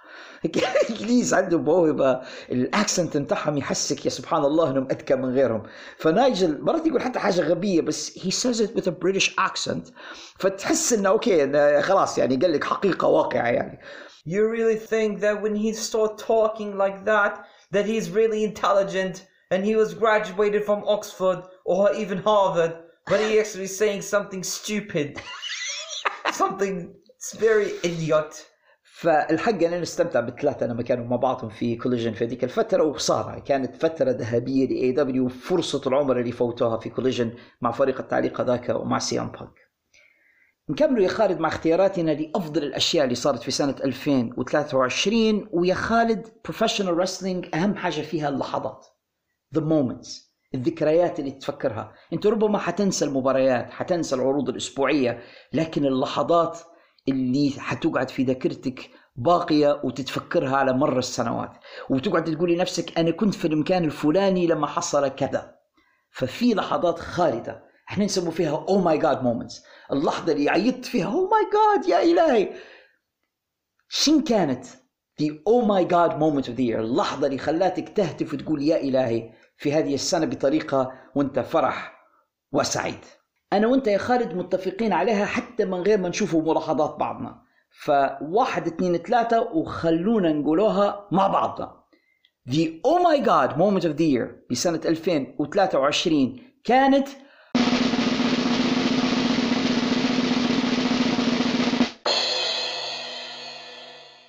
عودة سي إم بانك إلى WWE في Survivor Series 23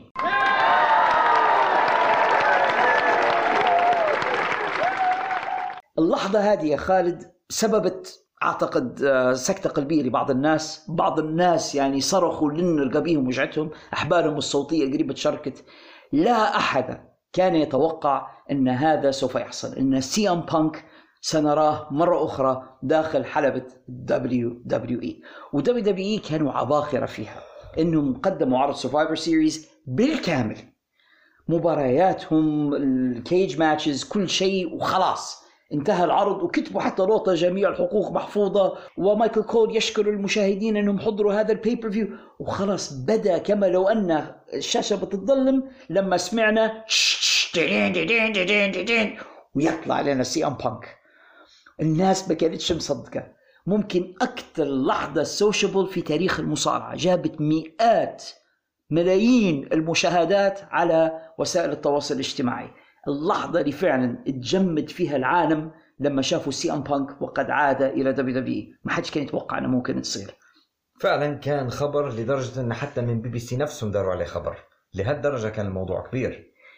طبعا هذا مش the oh my god moment of the year الوحيد لهذه السنة. في لحظات أخرى جميلة. أنا أستطيع أن أضع في نفس السياق لحظة فوز سامي زين وكيفن اونز ببطولة ال tag teams في WWE في WrestleMania هذيك اللحظة الجميلة جدا واللي دارت لي يعني ال goosebumps دارت لي القشعريرة. لما سامي وكيفن وهما يتعانقان في منتصف الحلبة ورافعين الأحزمة فوق رؤوسهم هم بكيا وأنا بكيت معاهم هذيك الليلة في WrestleMania كنت سعيد بشكل وذكرتني بلحظة فوز كريس بنوا ببطولة العالم ولما جاء ادي جوريرو واحتضنه. نفس المشهد تقريبا صار مع سامي زين وكيفن اونز طبعا مع بعد الشر عن سامي وكيفن بعد كل البعد عن ال- الهم اللي كانوا فيه كريس بنوا وأدي جوريرو ولا نريد الحديث عن ذلك لكنها أيضا كانت a moment of the year. شو رأيك يا خالد؟ هل أنت متفق معي في اللحظة الثانية لحظة كيفن أونز وسامي زين؟ yes طبعا أنا متفق معك فيها وبقوه أيضا من اللحظات اللي نعتبر فيها يعني تستحق honorable أم، عودة سي ام بانك إلى AEW الثانية لما جاء إلى Collision لأول مرة. يعني هذيك كانت لحظة مرضية. الواحد يشوفها يحس يقول this is good. هي كانت حلوة. هي كانت حلوة. وكانت زي ما قلت عليها فرحة ما تمت. إن بانك عاد وشفناه في حلبة AEW وأخذ الميكروفون ودار هذاك البرومو الرائع اللي tell me when I'm telling lies. ولما تكلم إن المصارعين اللي تحبوهم أكثر رخاوة منكم أنتم والكلام اللي كان يقول فيه هذاك كله one of the best promos of the year بصراحة. وتمنينا أن نشوف المزيد من بانك وتوقعنا أن هذا الموضوع سيكون له ما بعد لكن توني خان وجماعته fumbled the ball أسقطوا الكرة من أيديهم وخسروا أكبر نجم مصارعة وقع أو سيوقع معه مستقبلا فيما يبدو لكن بالفعل عودة بانك وفوز سامي أعتقد أن هذه كانت of the year بالنسبة لنا. أحيانا يا خالد قد ننسى العروض وقد ننسى المباريات وقد ننسى حتى أسماء المصارعين لكن واحدة من الحاجات اللي ما ننسوهاش ال highlights. اللحظات المضيئة حركة خطرة قام بها أحد المصارعين. لقطة رهيبة يقعدوا يتكلموا عليها سنين وسنين فيما بعد. هذه السنة أعتقد أنها كانت في بعض ال highlights وكانت في بعض اللقطات المثيرة اللي قعدنا نفكر فيها ونستذكرها كل مرة مرة تلو المرة تلو المرة. بالنسبة لك أنت شين كان ال highlight أو اللحظة المضيئة لسنة 2023 بالنسبة لي أنا كانت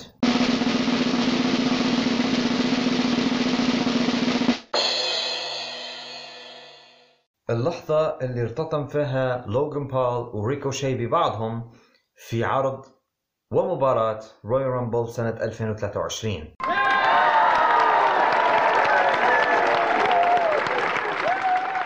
هذيك يا خالد كانت لقطة تاريخية. لما كلا رجلين قفزا من ركن الحلبة وتلاقوا في منتصف الهواء واصطدما ببعض وسقطا على الأرض معا. أنا نشكرك على التوضيح لأن أنا كنت حنوضح عشان كان قصدي بالارتطام. إنهم هم في mid air يعني في منتصف الهواء اصطدموا ببعض ما يشبه الانفجار. لقطة تاريخية ما تشوفهاش إلا زمان في Impact TNA زمان لما كانوا في عزهم أو في Ring of في عزهم. هي تعرف تشبه ال double clothesline لما اثنين يديروا clothesline لبعضهم بس داروها في الهواء وداروها في قفزة. ففعلا it was amazing واحدة من ال highlights المميزة جدا لهذه السنة. ولوجن بول بالفعل هذا الشاب اللي جاينا من background أخرى وخش WWE قاعد يثبت لنا في كل مرة إن عنده القدرة بالفعل إنه هو يصنع هذه اللحظات المميزة. highlight of the year بالفعل ولقطة مميزة جدا. لكن في highlight ثانية أيضا كان بطلها لوغان بول حنسميها في WrestleMania الليلة الأولى.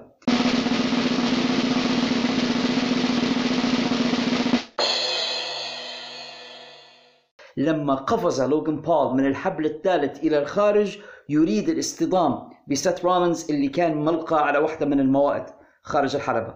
فديك اللحظة يقوم سيث رولنز من مكانه ويجذب صديق لوغان بول. حقيقة الآن لا يحضرني اسمه هو حتى هو YouTuber زي أسمراني جابه وحطه فوق الطاولة وفي هذيك اللحظة يصطدم لوغان بول بصديقه بالطاولة يفجر به الطاولة في واحدة من اللقطات المثيرة جدا في سنة 2023 حتى هي كانت a highlight of the year.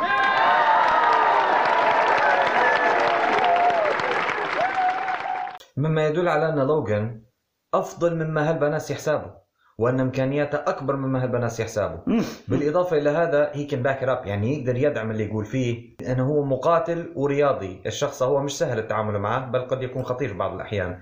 أنا عندي honorable mention ل highlight ممتازة وهي فوز سمو جو ببطولة العالم في AEW أنا سعيد حقا أنه هو انتزع اللقب من ذلك الدبق الملعون اللي اسمه ام جي اف فوز جو ممكن نحطوها حتى ضمن ال moments of the year من ال oh my god moments انه سمو جو فعلا بعد كل هالسنوات grinding ما فازش ببطولة عالم في الشركات الكبيرة فاز بها في Ring of Honor فاز بها حتى في تي ان اي دبليو دبليو اي لم يفز ببطولة العالم نال بطولة ان إكس تي لكن ما فازش بطولة الدبليو دبليو اي أخيرا نشوف سمو جو بطل فيما يسميه البعض major company يعني شئنا ام ابينا اي اي دبليو يعتبر الآن الشركة الثانية في الولايات المتحدة. فوزه ببطولة العالم هناك تتويج يستحقه سمو جو في هذه المرحلة من مسيرته. ننتقل يا خالد إلى الخانة التالية و gimmick of the ال gimmick بالنسبة لجمهورنا اللي مش عارفينها مش الشخصية ولكن آه، حاجة يديرها المصارع باش يتفكروا بها. يعني آه، زمان كانت بسيطة جدا مصارع يدير شخصية الشرطي. أو شخصية الميكانيكي أو شخصية آه، الحلاق أو يعني فهمت مهنة أو وظيفة أو شيء يمثلها داخل الحلبة باش الناس يتفكروا بها. ففي مصارعين عندهم gimmicks حلوة gimmicks مميزة. السنة هذه من اللي دار gimmick شد انتباهك وعجبك؟ اختياري كان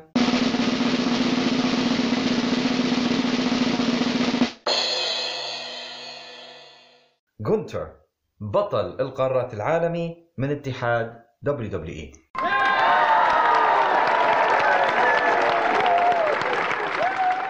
شنو ال gimmick بتاعها؟ the ring general ويا له من ring general فعلا. الرجل على الرغم من أنه بالغ شوية في في الموضوع يعني هو توصل به لدرجة إنه يقول this ring is sacred. يعني يعتقد أن لها قدسية لا كلام فاضي هذا. لكن مع هذا الرجل الحضور متاعه ملامحه القاسية. شدة الضرب متاعه مهاراته العالية قوته وصلابته وسرعته أيضا يجعله فعلا بطل مسيطر ويجعله فعلا شخص يستحق هذا اللقب بل يستحق حتى إنه يكون مرشح لأن يكون أفضل مصارع بالسنة.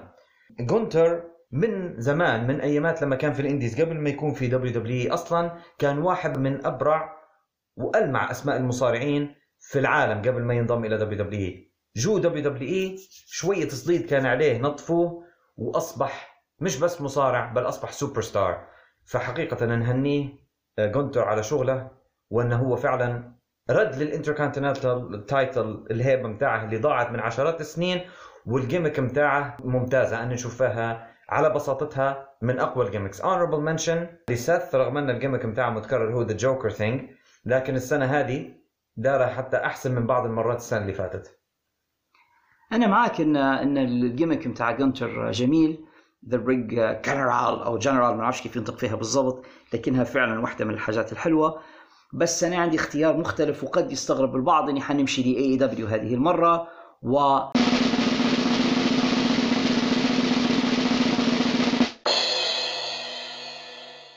timeless توني ستورم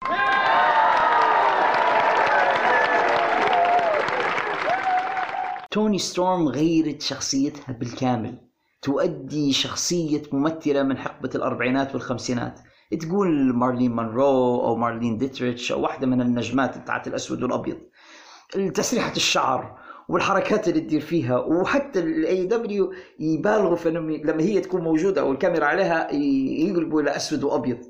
وهي تؤدي الدور بطريقة غير عادية. موسيقى الدخول بتاعها classic music بتاع الاربعينات she's amazing at this وال accent طريقتها في الكلام تتكلم زي ال- ال- الممثلات الإنجليزيات بتاعت الأربعينات أو الخمسينات. it's a really good gimmick شخصية مميزة بالفعل.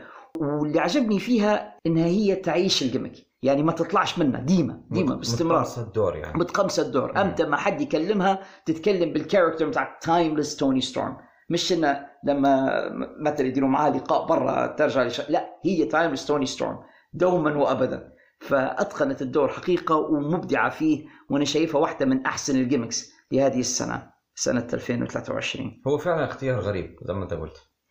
ننتقل يا خالد إلى الفقرة اللي بعدها وعندنا عداوة السنة. أحسن عداوة العداوة اللي خلاتك تبي تتفرج على مباراة أو إنك تندمج في مباراة.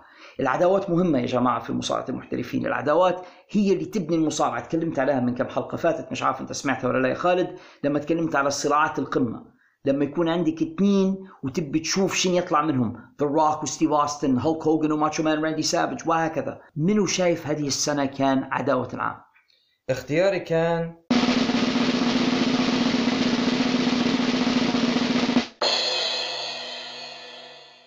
كاني أوميجا ضد ويل اسبري مباراتهم الثانية في اي اي دبليو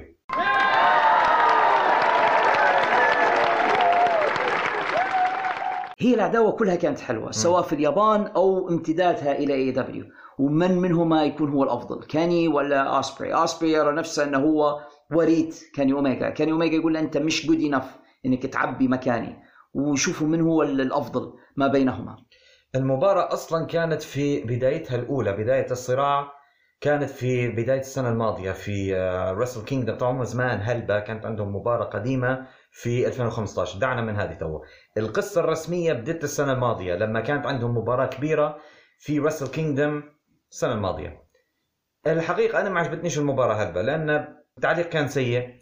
وويل أسبري رغم أنه بذل أقصى قصارى جهده في المباراة وتعب كاني لكن كاني مسح به الأرض. هذه في المباراة الأولى هذه في, رسل بتاع اليابان. هذه بتاع اليابان. يجوا بعد أكثر من أربع شهور أربع شهور ونص ويل أسبري هو وكاني اوميجا مرة ثانية يتلاقوا في اي اي دبليو وتصير بيناتهم عداوة حرقت AEW كلها. وقلبت عالم AEW كلها راسا على عقب. وكانت فعلا اللقاء اللي بيناتهم خليها تو شوية. مش لازم نتكلم عليها تو. العداوة اللي كانت بيناتهم قبل المباراة كانت الجميل فيها حتى إن كان لها زي ما تقول background story أو قصة تاريخية. ومدوها على بعضها بطريقة ذكية ودمجوهم مع بعض العناصر هذه كلها فطلعت لنا عداوة منطقية غريبة هذه في AEW في حق AEW غريبة. عداوة منطقية لها سبب ونعرفهم الزوز ونتفرج على مباراتهم. فالعناصر الثلاثة بتاع بول هيمن كانت منطبقة على المباراة هذه. طبعا لما نقول بول هيمن المبدأ اللي دائما ما نذكر مستمعينا به والجدد ربما مش عارفينه. قل لي من هما قل لي لماذا يتصارعان قل لي لماذا علي أن أهتم. هذا اللي يبني مباراة مصارعة كويسة. لما تبي أنت تدير بوكينج جيد وتخلي الناس يقتنعوا باللي يشوفوا فيه. أنا معك هي عداوة تكتب نفسها بنفسها. عندك اثنين بكل بساطة. مصارعين اثنين بيناتهم عناصر تشابه كبيرة والاثنين كل واحد يبي يثبت إنه هو أفضل من الآخر. بس ما فيش خزعبلات وكلام فاضي. وواحد جاي من الفضاء والثاني قامه من القبر وواحد جايبه معاه غلام وأمه ما فيش القصص لا لا لا. الخربطيه هذه كلها.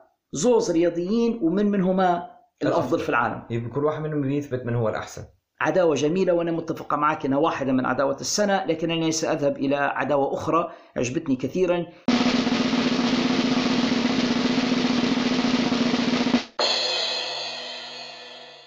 هي عداوة سيام بانك وسمو جو التي تم تجديدها هذه السنة في All Elite Wrestling بعد عودة سيام بانك AEW في شهر 6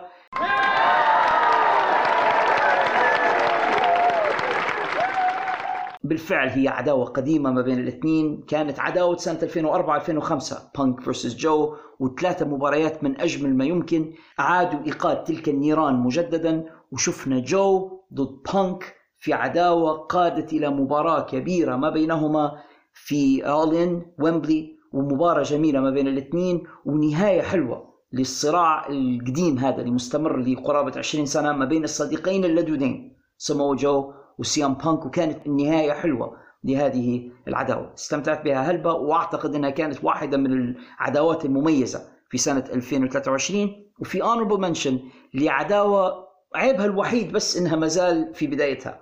يعني لو هذه بدت قبل شوية واستمرت حتكون عداوة العقد مش بس عداوة السنة.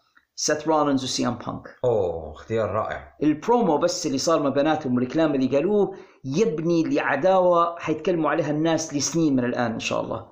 لكن لانها في بدايتها المبكرة فما نقدروش نسموها هي عداوة السنة لكنها واحدة من ال feuds أو عداوات سنة 2023 وحنعطي honorable mention ثانية خالد لو سمحت لي.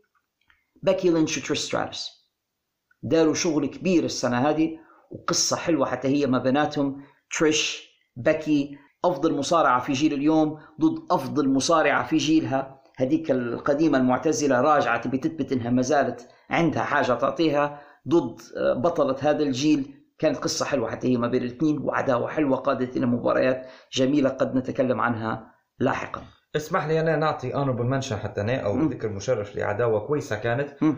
ولو استمرت أعتقد انها كانت حتكون من العداوات الممتازة لسنة 2023 عداوة ريكي ستاركس ضد سي إم بانك.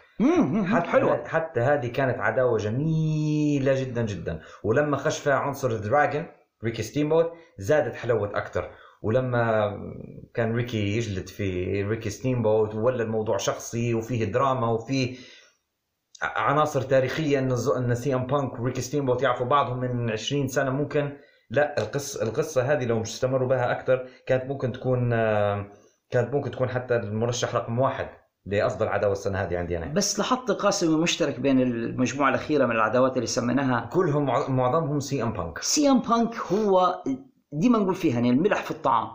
هو الكاتشب اللي تدير على أكلة ماسخة تعطيه نوع من من المذاق. أو اللذاذة. فبانك هو ذلك العنصر ال- ال- ال X factor اللي تضيفها للحاجة تغيرها تخليها أفضل. يا سبحان أنا سميتها في واحدة من الحلقات علامة الاستفهام. اللي لما تضيفها إلى الجملة تحول إلى السؤال تحول القصة العادية لقصه بوليسية مثيرة. هذا سي إم بانك. ولهذا وجوده في أي اتحاد مصارعة يضمن لذلك الاتحاد الصدارة وأن يكون هو الأول. توني خان ضيع هذا الرجل من إيده هنيئا لتريبل إتش به ننتقل يا خالد إلى الفقرة الثانية وهي شبيهة بفقرة ال- ال- العداوة اللي هي ال storyline القصة. أحيانا ال storyline قد يكون هو نفسه ال- ال- العداوة واحيانا لا. لكن في storylines أو في قصص في المصارعة مهمة جدا. هي المقدمات اللي تخلي الناس تبي تتابع ال- ال- ال- النزال AEW الآن يعتمدون طريقة مباريات بدون قصة وهذا اللي يخلي فيها ماسخة وبدون بدون اهتمام من الجمهور. ويا ريت حتى يعرفوا يديروها صح؟ لا. ال storylines هي اللي تخلي الناس تهتم بالمباريات. صحيح. شن هي القصة أو ال storyline اللي هذه السنة خلاتك مستثمر في عداوة ما أو في نزال ما؟ اختياري كان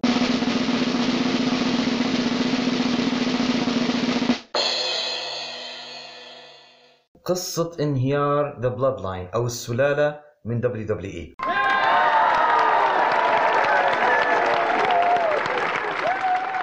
بدأت القصة مع سنة 2022 لما دخل عنصر دخيل على The Bloodline اللي هم رومان The Usos وبول هيمن قيادة الأئمة دخل عليهم سامي زين وأصبح سامي أوسو وأصبح honorary Uce.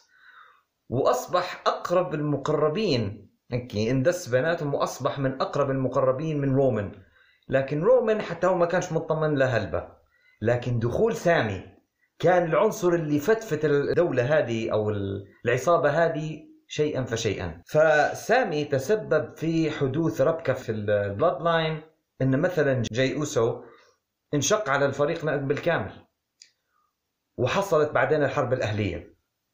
طبعا هو سامي بانت نواياه إنه هو كان يبي يدمر The Bloodline ونجح. وتعاون مع كيفن حط يده في يد كيفن وفعلا آه، كنسوا هذه Bloodline لفترة. وحصلت بعدين تفرقات وال civil war بيناتهم لين ذكروني بالحروب الأهلية اللي بين التتار في بعضهم. في فترة عصور المماليك والعصور الإسلامية في في الماضي يعني. طبعا الظاهرة خالد الشريف من محبي التاريخ بالإضافة إلى أنه هو آية. محلل مصارعة أيام من عش... من محبي التاريخ جدا. فقصة انهيار The Blood line كانت قصة ملحمية ولعلها واحدة من أكبر القصص في تاريخ WWE خاصة والمصارعة كلها في السنوات الأخيرة بصفة عامة. أنا متفق معك جملة وتفصيلا. هذه القصة تستحق في رأيي مش بس إنها تكون أحسن قصة عنا هنا في بودكاست في الحلبة أو بعد الجرس ولكن أنا في رأيي تستحق حتى Emmy award يعني جوائز التلفزيون. قصة فيها layers فيها طبقات ومشوا بها بشوية بشوية على نار هادية قاعدوا يطيبوا فيها وصولا إلى النزال ما بين The Uso Brothers وما بين كيفن وسامي. وكيف أن كيفن أصلا ما بيش يتصالح مع سامي والتنازع ال- الولاءات اللي كان عند سامي ما بين صداقته مع كيفن ورغبته في آه، إنه هو يخترق عصابة Bloodline من الداخل وعلاقة سامي بجاي أوسو وسامي وجيمي وجيمي شاك في سامي وصدق آه، سولو سيكوا آه، يهزم س... القصة حلوة فيها شخصيات فيها لقطات المحاكمة فيها حتى ديك اللقطات يا خالد النظرات اللي في عيونهم التمثيل بتاعهم كيف سامي يحاول يصطنع البراءة و... it's amazing التمثيل ككل كان رائع حتى من بول هيمن كان رائع جدا في هذه القصة. رومان كان رائع yes لأول مرة يعجبني رومان رينز يا جماعة في القصة هذه اهتميت به فعلا وكان ليه يعني آه، اعتبار بالنسبة لي وكان ليه وزن. كنت. مهتم به في هذه القصة. يعني قدرات التمثيلية تطورت هلبة في القصة هذه. هذه كانت واحدة من أجمل القصص. وفي النهاية الغاية والغرض من القصص في مصارعة المحترفين البناء لنزالات. وهذا اللي داروه. قصة من layers من طبقات. قادت إلى عداوة قادت إلى نزال رائع في WrestleMania وأسطوري. حيكون معنا مازال وقفات معها لكني أتفق معك جملة وتفصيلا هذا هو storyline السنة. بالنسبة لي 2023 تمنيتها تستمر أكثر لكنها كانت رائعة بكل معاني الكلمة. I wonder لو عندك honorable mentions أو ذكر حاجات لها ذكر مشرف. في بعض ال storylines الكويسة في هذه السنة يعني حتى قصة كودي رودز و the story اللي بيكملها ورغبته في مواجهة رومان رينز أعتقد أنها كانت قصة جميلة مم. في هذه السنة. للأسف ما ما اكتملتش النهاية اللي كنا نتمنوها لكن قصة صعود كودي رودز في سنة 2023 كانت قصة جميلة. سي ام بانك وعودته إلى AEW كانت قصة حلوة. حتى قبل ما يرجع المشاكل اللي كانت صايرة خارج الحلبة كلها وصولا إلى عودته العصابة اللي دارها مع فريق FTR كل الحاجات هذه كانت حلوة. storylines جميلة شدت انتباهنا خلتنا نهتم بها لكن ما فيش حاجة تعلى على سامي زين وقصة Bloodline المصارعة يا خالد زي ما فيها نجوم مخضرمون كذلك فيها شبان صاعدون. وجودهم في الحلبة هو الدماء الجديدة للاتحادات وللشركات. ما يقدرش نعتمدوا دائما بس على الكبار في السن. في يوم من الأيامات لازم يسلموا للجيل التالي واللي بعده. فإحنا ديما بحاجة إلى روكيز أو إلى نجوم جدد صاعدين. أو دماء جديدة. السنة هذه شفنا مجموعة من هؤلاء. شفنا شبان وشابات أتوا إلى شركات المصارعة وأضافوا إليها بعض التجديد. منو في رأيك هذه السنة كان rookie of the year أو المصارع القادم الجديد إلى سواء كان AEW ولا WWE اختياري مش شخص واحد بل اختياري هو tag team في الواقع. مم.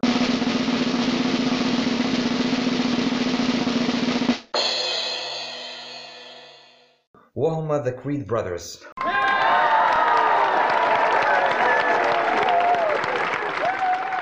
أوه هذا اختيار حلو وفي اختيار موفق. شكرا لك أنا شاكرك على هذا. The Creed Brothers كانوا في NXT وكانوا شوية باهتين أو مملين وأنا ظلمتهم في البداية لما لقيتهم حسيت مكي جوز من العبطه ما, ما أقنعونيش. لكن بمرور الوقت زي ما أنت تقول they grew on me. الزوز أقنعوني بقوتهم بشدتهم بأدائهم الرهيب في داخل الحلبة بالكيمياء اللي عندهم وأيضا هم يتشبهوا بشكل واضح بكورت إنجل واحد من أكبر أسماء المصارعة وحتى هالبنات يعتبروا فيه من أساطير مصارعة المحترفين؟ نعم أنا نشوف الشباب الزوزة هم أثبتوا أنفسهم ويستحقوا ياخذوا هذا اللقب وهاللوزية من يناي بالفعل The Creed Brothers فريق مميز وواحد من أحسن ال tag teams اليوم في المجال ولما الواحد يشوف إن فعلا سنهم صغيرة وصاعدين حديثين من NXT بالفعل نقدر نعتبرهم rookies of the year مميزين. أنا عندي اختيار آخر أيضا قادم أو بالأحرى قادمة من NXT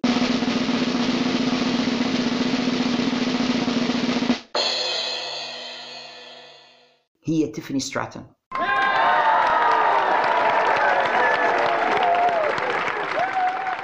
هذه الفتاة وجدت نفسها في موقف صعب جدا لأن القسم النسائي في تي وNXT ركزوا كثيرا على المصارعة النسائية كان مبني بالكامل حوالين ماندي روز. وماندي روز تم طردها من ال WWE في قصة الآن ليس مجال الحديث عنها. المهم طردت ماندي روز من الشركة وNXT كانوا بحاجة إلى centerpiece إلى مصارعة أخرى بيبنوا الاتحاد على الأقل القسم النسائي حوله. وتيفاني ستراتون stepped up بالفعل. آه، خاضت مباريات ممتازة جدا هذه السنة. شفناها في مباريات في ال main roster وكذلك في عرضها في NXT قدمت في جميع هذه المباريات مستوى رائعا للغاية. البنت على صغر سنها تعرف تتكلم تعرف تأدي داخل الحلبة عندها كاريزما عندها ال character أنا شايفها نجمة جاهزة للمستقبل. يعني لو اشتغلوا عليها ممكن إن هي في فترة قريبة جدا تحل محل شارلوت أو باقي النساء اللي هم الآن يتصدرن المشهد في WWE فأنا شايفها بالفعل rookie of the لهذه السنة. جدير بالذكر أمرين فيما يتعلق بتيفاني اللي هي اسمها الحقيقي جيسيكا بالمناسبة. اولا هي مصارعة. يعني هي من الأساس جيتهم professional wrestler ومتعلمة في مدرسة آه، كين أندرسون. لأنها هي من مينيسوتا وهو من ملواكي من ويسكونسن وهم قراب من بعض الولايات. عما فهي متعلمة في مدرسته. بعكس ماندي اللي تعلمت مصارعة لاحقا ما كانتش مصارعة في الأصل.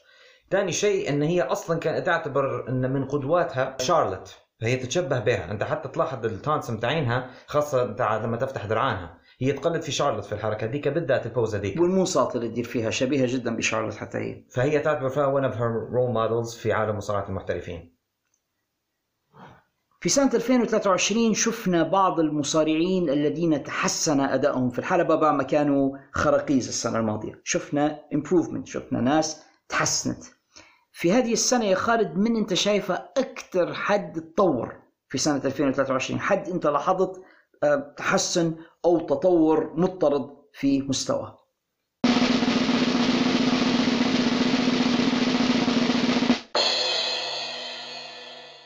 أنا اختياري كان none other than صداقة قصدي سولو سيكوا من اتحاد WWE. جازورا بالضبط.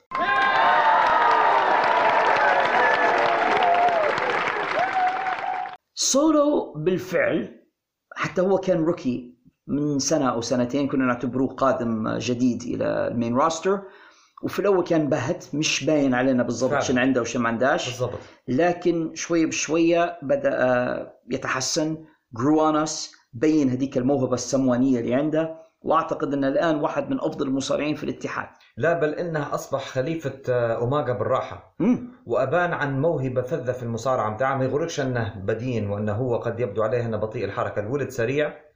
موهوب قوي وتقني ومكانه في The Bloodline مثالي إنه هو the enforcer متاعهم إنه هو الشخص اللي اللي يدير العمل القذر وهو سكوتي نادرا ما يتكلم ولما يتكلم الناس يسمعوه شنو بيقول وهو الشخصية متاعه مش. ما نقدرش نتخيل حد يقدر يديرها أحسن منا في عالم المصارعة بالفعل هو ال silent violent هو الشخصية المخيفة هو ال... tight lips ال- متاعهم تقدر تقول إنه هو التوف جاي بتاع عصابه The Bloodline the. enforcer the enforcer بالضبط. فرائع جدا شخصية سولو وواحد من الناس المتحسنين جدا. أنا عندي اختيار آخر لكن لهذه السنة هو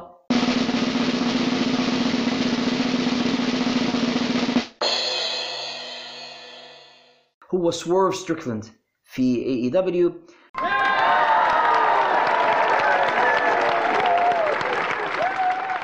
سويرف ما كانش باين أول ما جاء AEW في البداية حسيناه شوية ضايع وسط الزحمة وبعدين حطوه في ال tag teams وفي ال tag teams أيضا ما خداش حظه لكن بمجرد ما هو انفصل عن كيت لي وبدأ يصارع ك singles wrestler أبان عن مستوى كبير جدا. أعتقد إنه هو واحد من ال breakout stars في AEW هذه السنة. سويرف أساسا ما ننسوش إنه كان بطل عالم سابق في MLW. MLW كان معبي مكانه هو من أبطالهم التاريخيين وخسارة فيهم الحق.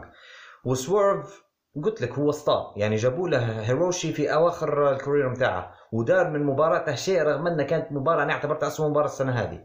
ففعلا هو اسم كويس يعني اختيار كويس منك. وأنا عندي زوز honorable mentions بعد عندك يعني. الأول هو برون بريكر أو ريكس ستاينر أصلا الولد هذا عنده كل المقومات زاد تحسن أكثر ولا أفضل ولا أحسن. نذكر فيه أكثر من مصارعي WCW وفترة التسعينات. الاختيار الثاني وحتستغرب مني شوية شوية رومان في حتة التمثيل. لا هو رومان. ممتاز رومان ممتاز كممثل. رومان راني شايف إنه هو مكانه في هوليوود. yes يعني آه، شفت أنت الأدوار اللي يدير فيها جيسون موموا؟ آه، حكاية الملك البرابرة وملك المتوحشين والكلام هذا ينفع رومان في الأدوار هذه. بالفعل. يعني نقدر نتخيله في أفلام زي Game of Thrones والأعمال ال fantasy والحاجات هذه. هو ممثل كويس جدا. هو مشكلته he's bad wrestler لكن ك character كشخصية كقدرة على الكلام كان سيء بس تحسن والآن مستوى تمثيله هوليوودي صحيح. فعلا في تحسن في هذه الجزئية. أنا نعم. معك. نعم. كلمنا يا خالد في الأسوأ للسنة عن مصارعين كبار في السن نتمنوهم يعتزلوا ويتركوا الحلبات. في المقابل هناك بعض المصارعين المخضرمين الكبار في السن الذين ما يزالون في الحلبات ويفاجئوننا بمستواهم الكبير. بعض هؤلاء المصارعين لما يدير حاجة في الحلبة ويدهشنا الجمهور مع بعضهم يبدو You still got it. You still got it. من هو مصارع في هذه السنة 2023 أنت تقول له you still got it. أنت ما زلت لديك ذلك الشيء تلك الموهبة وتلك القدرة. يوجد بعض الأسماء يعني فيه زي مثلا honorable منشن سريع هيك وممكن ما توافقنيش. زوز هم بولي راي حتما. إنه هو قاعد زي ما كان ممكن من من سنوات طويلة.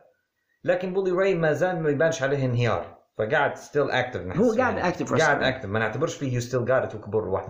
تامي دريمر أيضا من هؤلاء. لكن بالنسبة لي أنا اختياري كان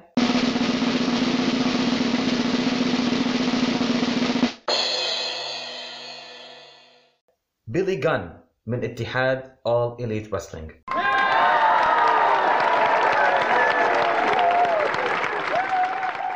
بيلي جان is freak بيلي جان مع أن سنه يدنو من الستين لو ما فاتش الستين قيسة آه يعني ما شاء الله عليه. محافظ على صحته جسمه كويس عضلاته كويسة يتحرك بسرعة قوي جدا.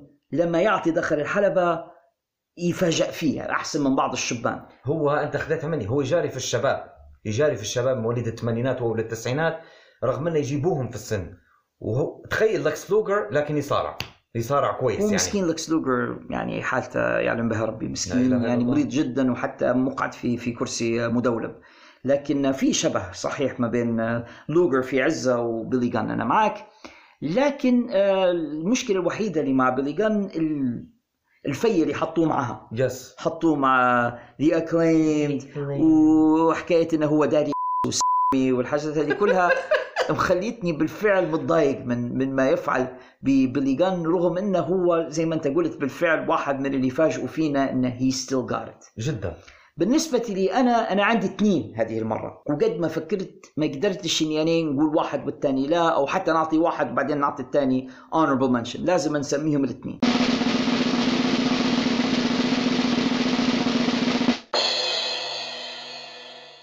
أما أحدهما فهو جيف جاريت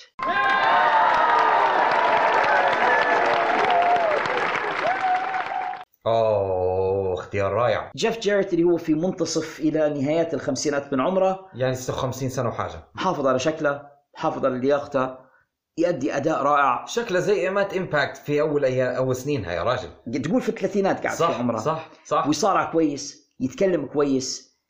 ما زال واحد من أفضل المصارعين في AEW اليوم. رغم إن AEW لا يحسنون استخدامه هذا شيء آخر لكن هو ما زال عنده ما يعطي. يعني Yes. فعلا he still got it أنا موافقك تماما. الثاني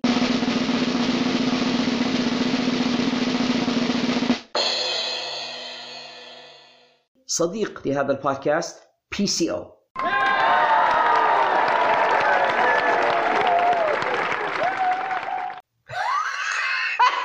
كيف معقولة ننساه معقولة. PCO still got it ويعني بشكل فائض عن الآخرين. الراجل رغم إنه هو الآخر متقدم في السن يدير في مباريات انتحارية. والله حتى في شباب ما يديروا فيهم وياكل في ضرب وياخذ في bumps ما يقدروش صغار يديروها. وراه كبير في السن راه في الستينات من عمره ومع هذا يعطي ويقد زي زي صغار ف PCO still got it و still got it بالهلبة. لكن نختلف معك في حاجة إنك أنت حطيتها في القائمة هذه لأنه هو ما زال مصارع active كان معتزل فترة وبعدين عاد. إيه باهي لكن تو في السنوات الستة حاجة الأخيرات يصارع مستمر ما وقفش يعني المجنون هذا. أيضا نقدر نسمه يا خالد جون سينا. جون سينا يسيب ويرجع يسيب ويرجع لكن لما يرجع he still got it هو قاعد صغير نسبيا بس مهما كان هو سيب لي بعض الوقت وخش هوليوود ويمثل ويعني بعيد بعض الشيء عن الحلبة بس when he comes back في رأيي أنا he still got it. فهناك بالفعل بعض المصارعين اللي ما زال عندهم الشيء و they still got it. نتمنى كريس جيريكو إذا كان مصر إنه يقعد معنا في الحلبات يتفرج عليهم شوية يشوفوا في اللي يديروا فيه ويحاول إنه هو يقتدي بهم لأن قاسم مشترك بين كل اللي سميناهم إنهم ما يشربوش وإنهم ما يتعاطوش وإنهم living a clean lifestyle محافظين على نفسهم. جيريكو منغمس في الملذات وفي الشرب وفي ال... ما بيجي يقول مخدرات لأن ما نعرفش إنه يتعاطى في المخدرات. وإن كنت ما نستبعدش لأنه هو عايش ال rock star lifestyle فما نستبعدش انه في حتى مخدرات في الخلطة. المجرم أعوذ بالله ألا في نفسه. شو تتوقع من واحد زي هذا يعني؟ لا إله إلا الله. فعلى أي حال هؤلاء they still got it بس أنا حنعطيها السنة هذه لجيف جاريت ول PCO زي ما المصارعة تعتمد كثيرا على الأداء داخل الحلبة تعتمد أيضا على المقدرة على الكلام. مصارع يمسك الميكروفون ويبدأ في الكلام وال catchphrases والقدرة إنه هو يأسر الجمهور بصوته وبقدراته التعبيرية أو البلاغية. وفي في تاريخ المصارعة great talkers ناس يحببوك في المصارعة بس بسبب قدرتهم على الكلام. نتذكروا رودي بايبر نتذكروا داستي رودز ريك فلير في فترة من الفترات كانوا يعتبروا فيه great promo ماتشو مان. ماتشو مان هولك هوجن كل هؤلاء. شون مايكلز كان كويس جدا في شون المايك مايكلز متكلم في talkers في متحدثين في تاريخ المصارعة. السنة هذه 2023 من هو the best on the mic أحسن متكلم في هذه السنة من وجهة نظرك. من وجهة نظري أنا في هلبة متكلمين ممتازين. يعني انت عندك طبعا كودي رودز ممتاز. رائع في المايك. حتى ممتاز. حتى مع ال lisp هذه اللي عنده الله غالب من ربي. ال lisp عنده إمكانيات مايك رائعة. سامي زين متكلم سفاح. CM Punk متكلم كبير هلبة. لكن اختياري مش CM Punk السنة هذه. مم. بل اختياري السنة هذه هو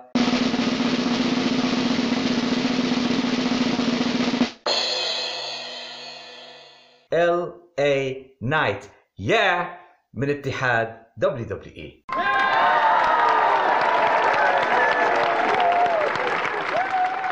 ما نقدرش إني نجادلك هلبة في اختيارك ل LA Knight LA Knight بالفعل نقطة القوة متاعته الرئيسية إنه هو متكلم وهو يمزج لك ما بين ذا روك وستون كول ستيف اوستن بطريقة ما فيش حد تاني يقدر يديرها زيه يكفي إنه هو بس يطلع الجمهور ينفجروا بالهتاف والصياح. له يحبوه بشكل كبير وبالفعل عنده ال catchphrases عنده القدرة على الكلام يعرف يأسر الجمهور اللي شاهدوا فيه وهو بالفعل واحد من أحسن الناس اللي على المايك.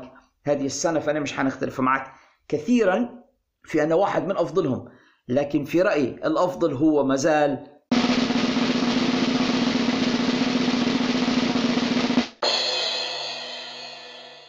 سي أم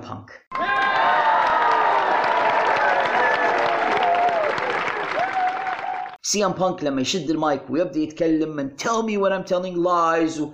الناس يخشوا معه يعيشوا القصة يحبوه يتبعوا فيه. الكلام اللي يقوله ثاني يوم يحطوا فيه على ال T-shirts بتاعتهم فهي هي منافسة صعبة قاسية. ما بين الاثنين لأن كليهما في رأيي أفضل متكلم لهذه السنة ومن أحسن المتكلمين من سنوات. وفي honorable mention لمصارع آخر وناس كثيرون ما يعرفوش للأسف لكن في رأيي هو بالفعل واحد من أفضل المصارعين وواحد من أفضل المتحدثين. خلينا مع بعضنا EC3 trouble trouble trouble trouble EC3 مصارع رائع وعنده كل شيء عنده ال look يعرف يصارع ويعرف يتكلم. ما نعرفش شنو الحظ السيء اللي قاعد يعاني منه اللي متلوح في دي ان WWE وما حصلش فرصة في واحدة من الشركات الكبيرة. الحمد لله إنه مش في AEW ما كانوش حيعرفوا يستخدموه. لكن EC3 حتى هو رائع على المايك ولو كان موجود في WWE كان حيقلب الدنيا على راسه. هو جوهرة مدفونة عارف؟ جوهرة مخفية زي ما تقول. ولو كان في دبليو مش كان بس مش عارف يستخدموه كانوا حيحاربوه. غالبا كانوا حيديروا معاه زي ما دار مع سي إم بانك تقريبا. واحد زي هذا يخافوا منه. انت شوفه. شوف كل الإمكانيات عنده وما يحلموش إنه إنه يكون عندهم واحد على مية من إمكانياته. ما زلنا يا خالد مع الناس اللي يتكلموا وحنختاروا أفضل شخصية مش مصارعة. حد ما يصارعش لكنها موجودة معانا على الشاشة في مجال مصارعة المحترفين ونستمتعوا بادائه وبكلامه وبحركاته رغم إنه هو مش رستر ممكن يكون معلق ممكن يكون مانجر ممكن يكون مدير عرض. فمن ترشح أنت يا خالد في هذا الدور؟ لسنه 2023 أنا عندي واحد لكن نبي نسمعك أنت من بتقول. هو في اختيارات حلوة السنة هذه. مثلا بعض الناس ممكن يقولوا- لو يتفكروا برنس نانا هو شخصية ممتازة لولا ظهوراتها القليلة. مجرد الرقصة بتاعته لما يجي مع المصارعين اللي يدير في أعمالهم وكيف يلوي وكيف هو رهيب برنس نانا. هو فظيع. وهو إحنا نعرفوه من أيامات Ring of Honor. Ring of Honor الأصلية مش هذه المصمصة. لكن اختياري أنا كان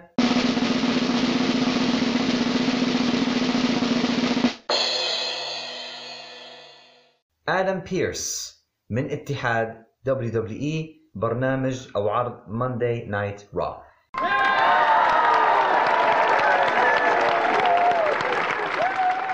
آدم بيرس رجل ممتاز ومصارع من الرعيل الأول. الرعيل باللام يا جهلة حسب. اللي يسمع فيها يعبنا الرعيل الأول من Ring of Honor من الناس اللولة هذيك اللي اللي فعلا نعتبره فيهم الجيل الذهبي من Ring of Honor وبعدين انتقل إلى WWE ولولا الإصابة لربما كان دخل الحلبات لكن يستفيدوا منه الآن كمدير ويشتغل معاهم خلف الكواليس حتى كمدرب أو agent خلف الكواليس. والرجل عنده سنوات من الخبرة وفاهم جدا في المجال. ونزيدك حاجة ثانية مش عارف تعرفها ولا لا هو أيضا من أصدقاء القضية الفلسطينية آدم بيرس واحد من الناس المؤيدة للقضية العادلة ومش من مجموعة المعارضة. اللي العدوان. فآدم بيرس عنده مكانة خاصة في قلبي على خاطر هي. لأن في بداية الأزمة أبان آدم بيرس إنه هو واحد من أصدقاء القضية وكان يعني منحاز للعداء والمتعاطفين مع الحق وهذا كويس. يضيف إلى ذلك إنه هو مبدع جدا في دور ال general manager في Raw وحلو في الدور. لكن أنا عندي واحد ثاني وسبب اختياري له إنه هو صديق لي. يعني رجل يعني تشرفت بإجراء لقاء معه وبعدها قعدنا أصدقاء. ونعتز به. هلبة وسعيد إن نشوفه الآن يتبوأ هذه المكانة في WWE؟ اختياري هو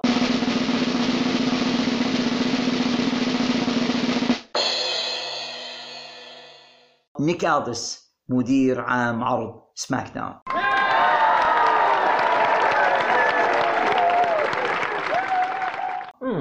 اختيار جيد.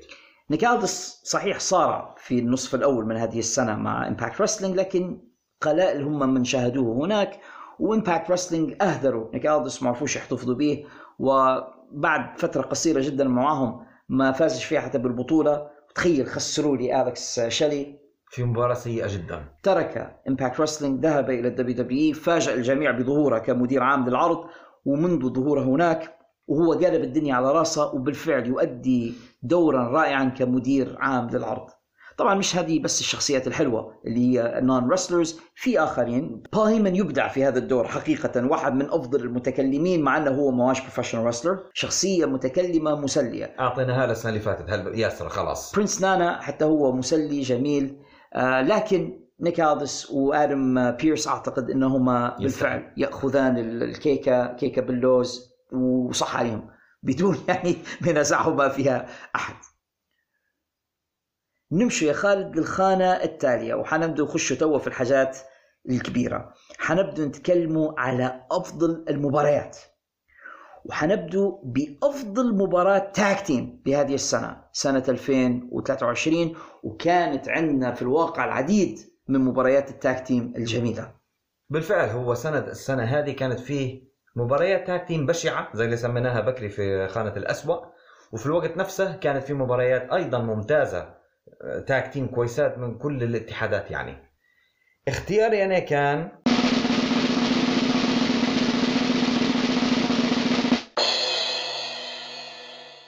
Top Guys اللي معروفين باسم FTR ضد Bullet Club Gold المتألف من جاي وايت وجوس روبنسون من اتحاد All Elite Wrestling.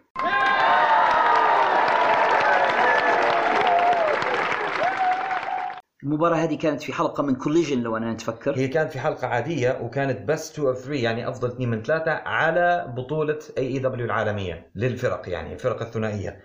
يا الله قديش ما كانت المباراة هذه أسطورية.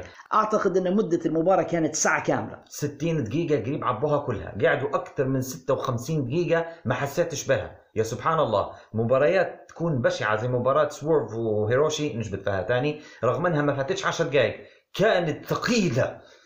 جدا مؤلمة وصعبة. هذه قعدت قريب ساعة وما حسيناش بها الوقت. ما حسيناش بها الوقت. هي من المباريات اللي تمنيتها ما تتمش. نادرة كانت. الجمهور نفسه كان يهتف fight forever بوم بوم بوم بوم fight رائعة. كانت من أجمل مباريات ال tag team لهذه السنة. وأوافقك أنها مرشحة عندي وبقوة. لكن في مباراة tag team أخرى هي اللي أنا اخترتها لهذه السنة. لسبب عاطفي لدي أكثر من أي شيء آخر رغم إقراري أن مباراة Top Guys ضد Bullet Club Gold قد تكون بالفعل أجمل مباراة tag team هذه السنة. لكن مباراة كيفن أوينز وسامي زين ضد Bloodline في رسلمانيا الليلة الأولى النهاية متاعتها وفوز سامي زين بالبطولة. تخيل يا خالد أول مصارع مسلم عربي يفوز ببطولة في ال WWE وفي رمضان. وكان صايم في النهار وفي ذيك الليلة يفوز ببطولة ال tag teams في WWE الموحدة. يعني undisputed tag team champion أنا كنت نبكي. بالفعل هي مباراة مؤثرة وهي my number one honorable mention. تستحق فعلا اللوزية تستحقها. نهنيك على. فربما نقدر نعطيهم الاثنين مع بعضهم. سامي وكيفن ضد The Usos في رسلمانيا و Top Guys ضد فريق Bullet Club Gold أيضا great tag team match. وهذه المباريات اللي فعلا يعني تخليني سعيد إني نكون wrestling fan يستحق اللوزيات عن جدارة كلتا المباراتين ننتقل الآن يا خالد إلى خانة المباريات النسائية.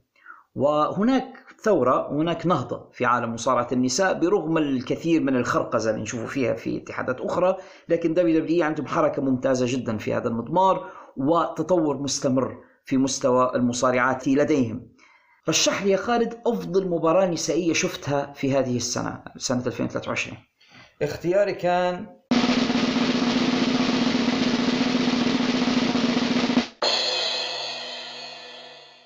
مباراة ال Elimination Chamber النسائية من عرض ال Elimination Chamber سنة 2023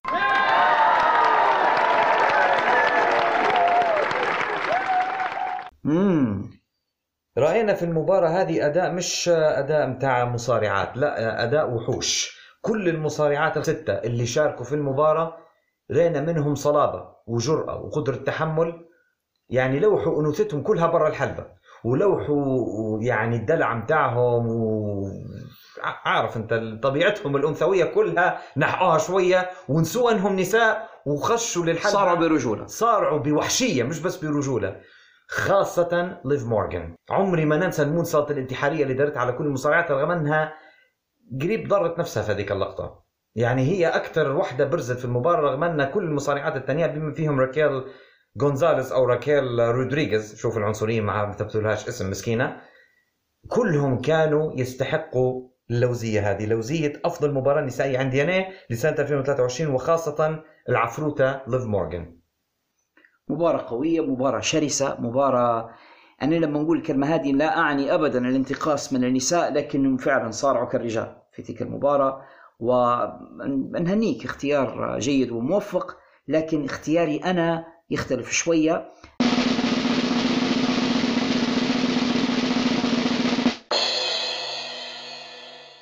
أنا سأذهب إلى مباراة ال cage match مباراة القفص التي جمعت ما بين باكي لينش وتريش ستراتس في عرض Payback لهذه السنة. أوه.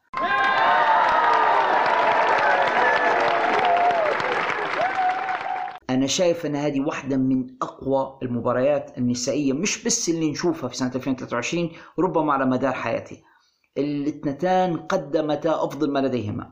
وبالفعل شفنا نجمة هذا الجيل باكي لينش ضد نجمة الجيل السابق تريش ستراتس في قفص حديدي المفروض أن ما حدش يتدخل في المباراة. واعطوه كل ما لديهم.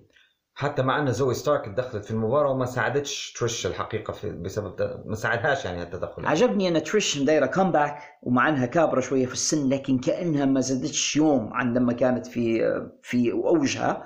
وباكي لينش عرفت تقودها إلى مباراة كويسة.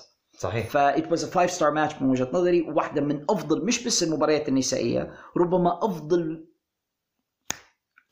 بل ربما واحدة من أفضل مباريات السنة رجال ونساء. في رأيي يعني أفضل مباراة نسائية للعام مع an honorable mention ضروري لمباراة ريا ريبلي شارلوت في رسلمانيا أوه. كانت رائعة بمعنى الكلمة والمصارعتان قدمتا مش كل ما لديهما قدمتا كل ما هناك ليقدم في مصارعة المحترفين. مم. دماءهم دموعهم عرقهم داروا كل شيء ممكن يندار داخل الحلبة وقدمتا مباراة رائعة. ربما عيبها الوحيد بس مكانها في العرض إنهم ضغطوا عليهم في التوقيت قالوا لنا لازم تعجلوا بسرعة لأن مباراة ال tag team اللي كانت ال main event في WrestleMania كانت حتكون طويلة. فما أعطوهمش وقت كافي إنهم يطلعوا كل ما عندهم. ماذا والا it was an amazing match حتى هي 5 star match وتأخذ مني honorable mention كبير جدا. ننتقل الآن يا خالد إلى مباراة الرجال لهذه السنة. وأفضل مباراة نشوفوها في سنة 2023 ولكي لا نطيل كثيرا على مستمعينا. وإحنا متفقين من يوم شفنا المباراة والحق وحق أن يتبع حتى ولو كان عندنا موقف معين من الشركة لكن حقيقة المباراة هذه لم يعلى عليها وأعتقد من الصعب أن أحد يعلي عليها. اختيارنا لسنة 2023 لأفضل مباراة رجالية كان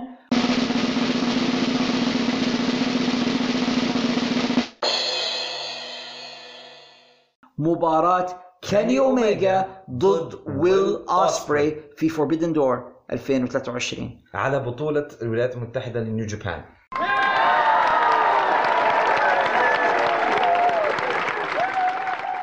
المباراة هذه خالد زي ما قلت من شوية على مباراة ريا ريبلي وشارلوت فلير مش قدما كل ما لديهما قدما كل ما هناك ليقدم في المصارعة. الدماء الدموع العرق الحركات الخطرة الضرب الطياح ال bumps مباراة إحنا نتفرجوا مرة مرة نغطي في عيوننا من هول ما نرى وبعدين نشوفه تاني. يعني مباراة تحبس الأنفاس. تعرف تذكر فيها بشني لو بنقيسها بمباراة مباراة اي جي ستايلز ضد كريستوفر دانييلز iron man آه ال iron man match بتاعهم. أو مباراة ال Unbreakable الثلاثية بين سمو جو اي جي ستايلز وكريستوفر دانييلز لهالدرجة كانت المباراة رائعة. ولهذا السبب أعزائي المستمعين هو the phenomenal المباراة اللي ما بين كيني أوميجا وويل أوسبري كانت اثنين من أفضل من في العالم في المصارعة. Two of the best in the world. ونزاع حول من هو الأفضل. وكأن زوز أسود يتصارعوا على مم- المملكة. من حيكون هو ملك الغابة؟ لأن في النهاية ما يقدرش يكون إلا ملك واحد. شفنا صراع من أجمل وأقوى المباريات مش بس في هذه السنة ربما في العشر سنوات الأخيرة. وأعتقد إن من الصعب جدا إن حد يعلي على المستوى هذا. كان اوميجا والاسبري بالنسبة لي يعني بدون منازع. مباراتهما كانت الأفضل في سنة 2023 بلا منازع. تو يا خالد بنخشوا في اللوزيات للأفراد والجماعات اللي كانوا مميزين جدا في هذه السنة. وحنبدو مع ال factions الفرق اللي هي أكثر من اثنين. شن كان أفضل faction عندك لسنة 2023 باختصار اختياري كان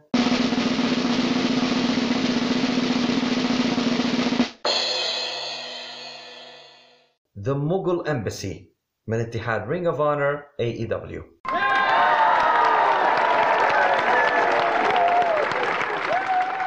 الحقيقة خالد أنا مستغرب. ليش؟ علل ليش اخترت ال- العصابة هذه؟ اولا المانجر بتاعهم برنس نانا وهو manager تاريخي. بعدين أنت شوف أعضاء العصابة الوحوش الأربعة اللي موجودة في في الفريق هذا. أنت يكفي أن عندك فيهم براين كيج the machine وأيضا إضافة سويرف إلى العصابة زادت من هيبة ال- ال faction هذه وزادت من قوتها وزادت من طغيانها. رغم أنها للأسف مغمورة لكن رغم محدودية الوقت بتاعهم محدودية الإمكانيات برزوا وبانوا وأثبتوا آه إنهم هم حاجة وحاجة كبيرة في عالم المصارعة. راسهم من رأس Bloodline قريب أو من العصابة المسماة Judgment Day أنا هيك نشوف فيهم إلى هالدرجة نشوف فيهم عصابة كبيرة. أنا مختلف معك شوية. أنا شايف أن أفضل عصابة لهذه السنة وإن لم يطل المكث بهم. لكن الشوية اللي شفناه منهم خلاني بالفعل نتمنى نشوف المزيد منهم ولعل يوما ما يحصل يعني.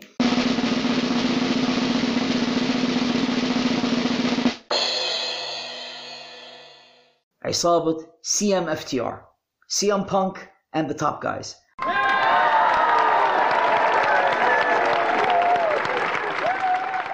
مع بعضهم يا راجل هيبة وخشة وشخصية والمباريات اللي كانوا يديروا فيها مع Bullet Club Gold كانت gold كانت حلوة. تمنيت. إن الموضوع هذا يستمر وسي ام بانك و the Top Guys مع بعضهم ولما لا لو ضافوا لهم عضو رابع كانوا ممكن يكونوا بالفعل عصابة كبيرة. هو خش معاهم شوية ريكي ستاركس كانت حلوة لما كان معاهم.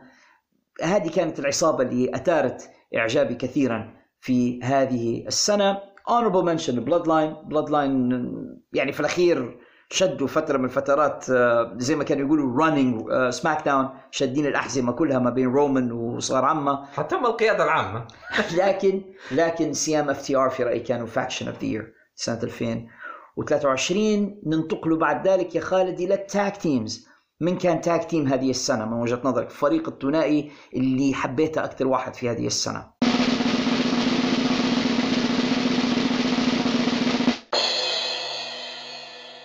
سهل. FTR أو Top Guys من اتحاد AEW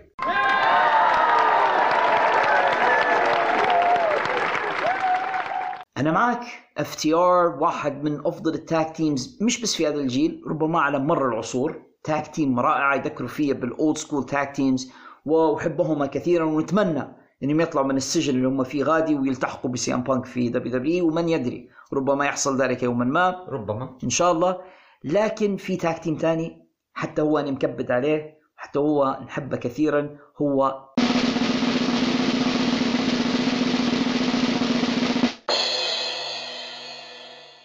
سامي زين وكيفن أوينز. هو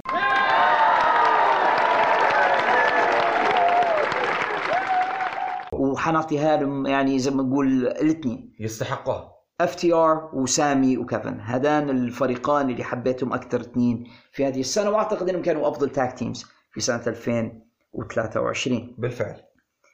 ننتقل يا خالد الآن إلى خانة أفضل مصارعة للسنة. من هي المصارعة اللي شايفها كانت الأفضل في سنة 2023 من وجهة نظري كانت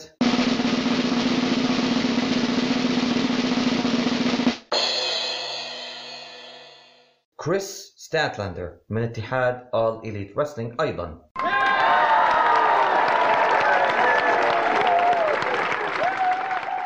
كريس ستاتلاندر كانت من الأشياء الإيجابية القليلة في الاتحاد ولما فازت ببطولة TBS ولو إنها فازت بطريقة مش ما عجبتنيش هلبا لما اخذتها من جيد بعد ما لعبت هي أصلا مباراة قبلها جيد وكانت تعبانة فانتزعتها منها بطريقة شوية آه، cheap إلى حد ما لكن كريس فعلا عبت مكانها كبطلة وكانت بطلة عن استحقاق وجداره وراه وأنا من وجهة نظري ما هياش أقل مكانا من آه، ريا ريبلي.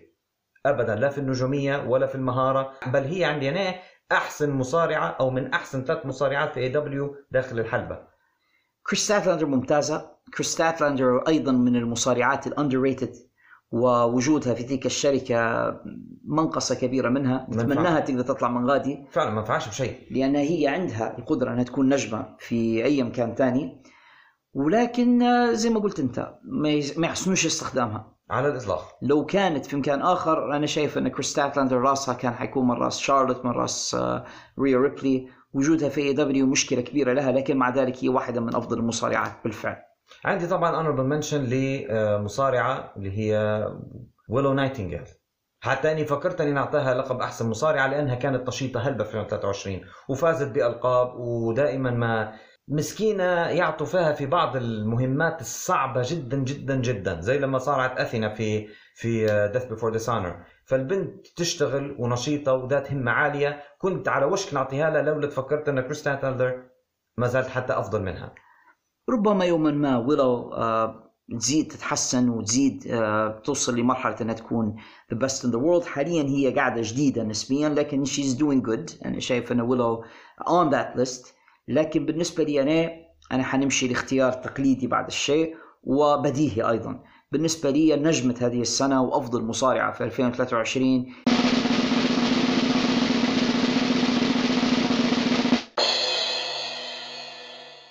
هي The Man بكي لينش وبالنسبة لي أنا بدون منازع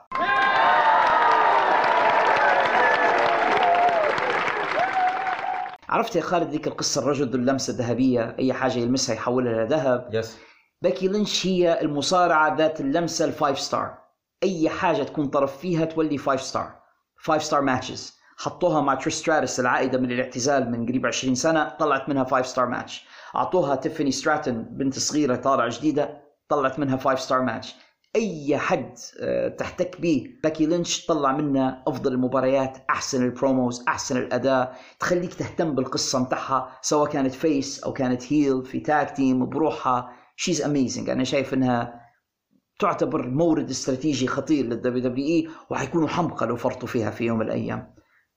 ريا ريبلي أيضا تستحق ان honorable mention كانت ممتازة هذه السنة لكن امتيازها مش داخل الحلبة. امتيازها في الواقع أكثر في ال character work شغلها في الخارج مامي و... وإنها manager لدومينيك والشغل اللي فيه برا أكثر من أدائها في الحلبة. مبارياتها في الحلبة مش كثيرة هذه السنة رغم ان شغلها داخل الحلبة كويس لكن اللي بالفعل in the ring مصارعة داخل الحلبة بدون منازع في رأيي هي باكي لينش. وصولا الآن يا خالد إلى خانة صعبة. أفضل مصارع لهذه السنة. حد داخل الحلبة يقدم في أجمل المباريات لهذه السنة وفي مجموعة كبيرة قبل ما نعطوا الترشيح النهائي خلينا نسمي بعض الأسماء اللي بالفعل أبدعوا هذه السنة. جونتر ضروري ما يكون معنا على القائمة. أورنج كاسدي لازم أن يذكر. أنا عارف أن بعض الناس ما يحبوش أورنج لكن الحقيقة داخل الحلبة راهو صعب أنه يعلى. عليه. ويل أوسبري وصار رائع. سيث رولينز فظيع. سيث رولينز MVP هذه السنة في ال WW قدم مباريات كبيرة جدا وعوض الفراغ في خانة بطولة العالم في غياب رومان رينز لا سيث رولينز يقدم لنا في حاجة جميلة جدا جدا. ففي في الواقع some great wrestlers. اندرادي ممتاز. سمو جو ممتاز. سي ام بانك رائع. Who is the best wrestler لهذه السنة؟ كل اللي سميتهم ممتازين. بالنسبة لي أنا أفضل مصارع لسنة 2023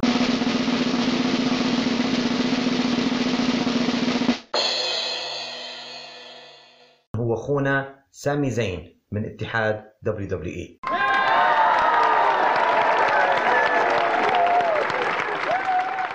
سامي ممتاز. وسامي promo work character work شغله على المايك شغله كممثل شغله كمصارع. ممتاز رائع. سامي أي دور تحطه فيه يبدع فيه. أي حاجة تطلب منه يديرها يديرها عشرة على عشرة. ولما دار القصة اللي مع رومان مع أن رومان صعب أنك أنت تطلع منها شيء طلع شيء وأي شيء من مباراته في Elimination Chamber اللي هي مرشحة عندي أنها تكون أفضل مباراة لسنة 2023 مبارياتها ال tag teams أيضا أسطورية. فسامي بصراحة رغم أن فيه منافسة شرسة السنة هذه عندي يناي عن جدارة هو ياخذها وعن استحقاق. سامي يحصل مني an mention وسامي بالأكيد أنا مكبد عليه لأنه مسلم ولأنه عربي ولأنه إنسان كويس ومؤيد لفلسطين والكلام هذا كله اللي يخليني لا أستطيع أن أنا أهمش سامي زين. لكن لو نبي نكون منصف ونتكلم على الحاجات اللي شفتها داخل الحلبة أعتقد أن المصارع العام داخل الحلبة لهذه السنة هو جونتر. مع مرة ثانية الإعزاز بالتكريم والإحترام لسامي اللي هو حياخذ معانا ال honorable mention بس السنة هذه كانت سنة جونتر. وأداءه داخل الحلبة. believable بشكل غير عادي. مبارياته كلها قوية كلها حلوة. أنا أعتقد أن داخل الحلبة جونتر is the man ونقول لك حاجة أفضل مباراة لها لميز في حياتي كلها. هي المباراة اللي كانت آه، في حلقة را قبل أسبوعين تقريبا ضد جونتر اللي كانت على بطولة القارات واللي بعد ما خسرها مش من حقه انه يصارع على البطولة طالما إن جونتر هو البطل. هذيك في رأيي أنا أحسن مباراة ريتها لميز في عمري وأنا نعرف ميز من قريب 20 عام. فنهنيه جونتر إنه قدر يطلع من The Miz مباراة تاريخية. جونتر تقريبا أي حد تحطه معه في الحلبة يطلع منه مباراة حلوة. وهذه هي الميزة بتاعته هذه yes. قوة جونتر إنه هو يقدر يطلع من خصومه مباريات believable yes yes. هو عنده الشكل وعنده الشخصية وعنده القدرة إنه يخليك تصدق فعلا إن الناس اللي ضده يصارعون من أجل البقاء على قيد الحياة. والعجرفة اللي اصطنع فيها في الحلبة تخليك تصدق إنه هو شرير جدا جدا جدا جدا زي كأنه ضابط نازي. في honorable mention آخر يمشي لي ويل اسبري ويل اسبري قدم مباريات جميلة هذه حتماً. السنة. حتما آه عجبني شغله مع كيني اوميجا زي ما ذكرنا سابقا. شغله مع مايك بيلي في Impact Wrestling حتى هو كان شغل مميز. شغله في New Japan مع عدد من المصارعين زي اوكادا وهيروشي كان كويس حتى هو. لكن المشكلة اللي تواجه في ويل اسبري وهذا ذنبه هو اختار انه يوقع مع AEW أنهم لا يحسنون استخدامه. فلهذا السبب حيقل نصيبة في الفوز بمثل هذه الألقاب لأن ما نشوفوش فيه في مباريات كثيرة جدا. في الوقت اللي ال WWE نازل على جونتر يستخدموا فيه كثير. فلهذا فعلا جونتر كان أعتقد رجل سنة 2023 inside of the ring أو داخل الحلبة. ولكن الخانة الأخيرة اللي معنا يا خالد في هذه الحلقة الماراثونيه لنهاية السنة superstar of the year عندما نتكلم عن superstar of the year يعني نتكلم عن النجم الذي شمل كل شيء. الكلام. القدرة على الأداء في الحلبة اللي كان مسيطر على دورة الأخبار اللي الناس تتكلم عليه واللي كان هو نجم داخل الحلبة وخارجها بدون منازع. هذا هو ال superstar of the نتكلم مش بس على مصارعة داخل الحلبة نتكلم على النجم الذي شمل جميع هذه المجالات. فأعتقد أن في اسم واحد بس يا خالد في هذه السنة كان سوبر ستار لسنة 2023 خلينا نقوله مع بعضنا. سوبر ستار سنة 2023 هو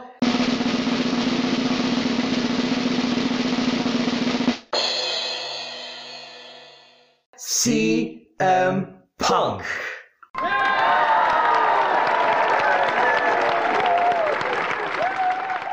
وبدون منازع نعم. الرجل هذا كان ملأ الدنيا وشغل الناس. لما كان حتى بعيد عن الحلبات وموقوف يتكلموا عليه.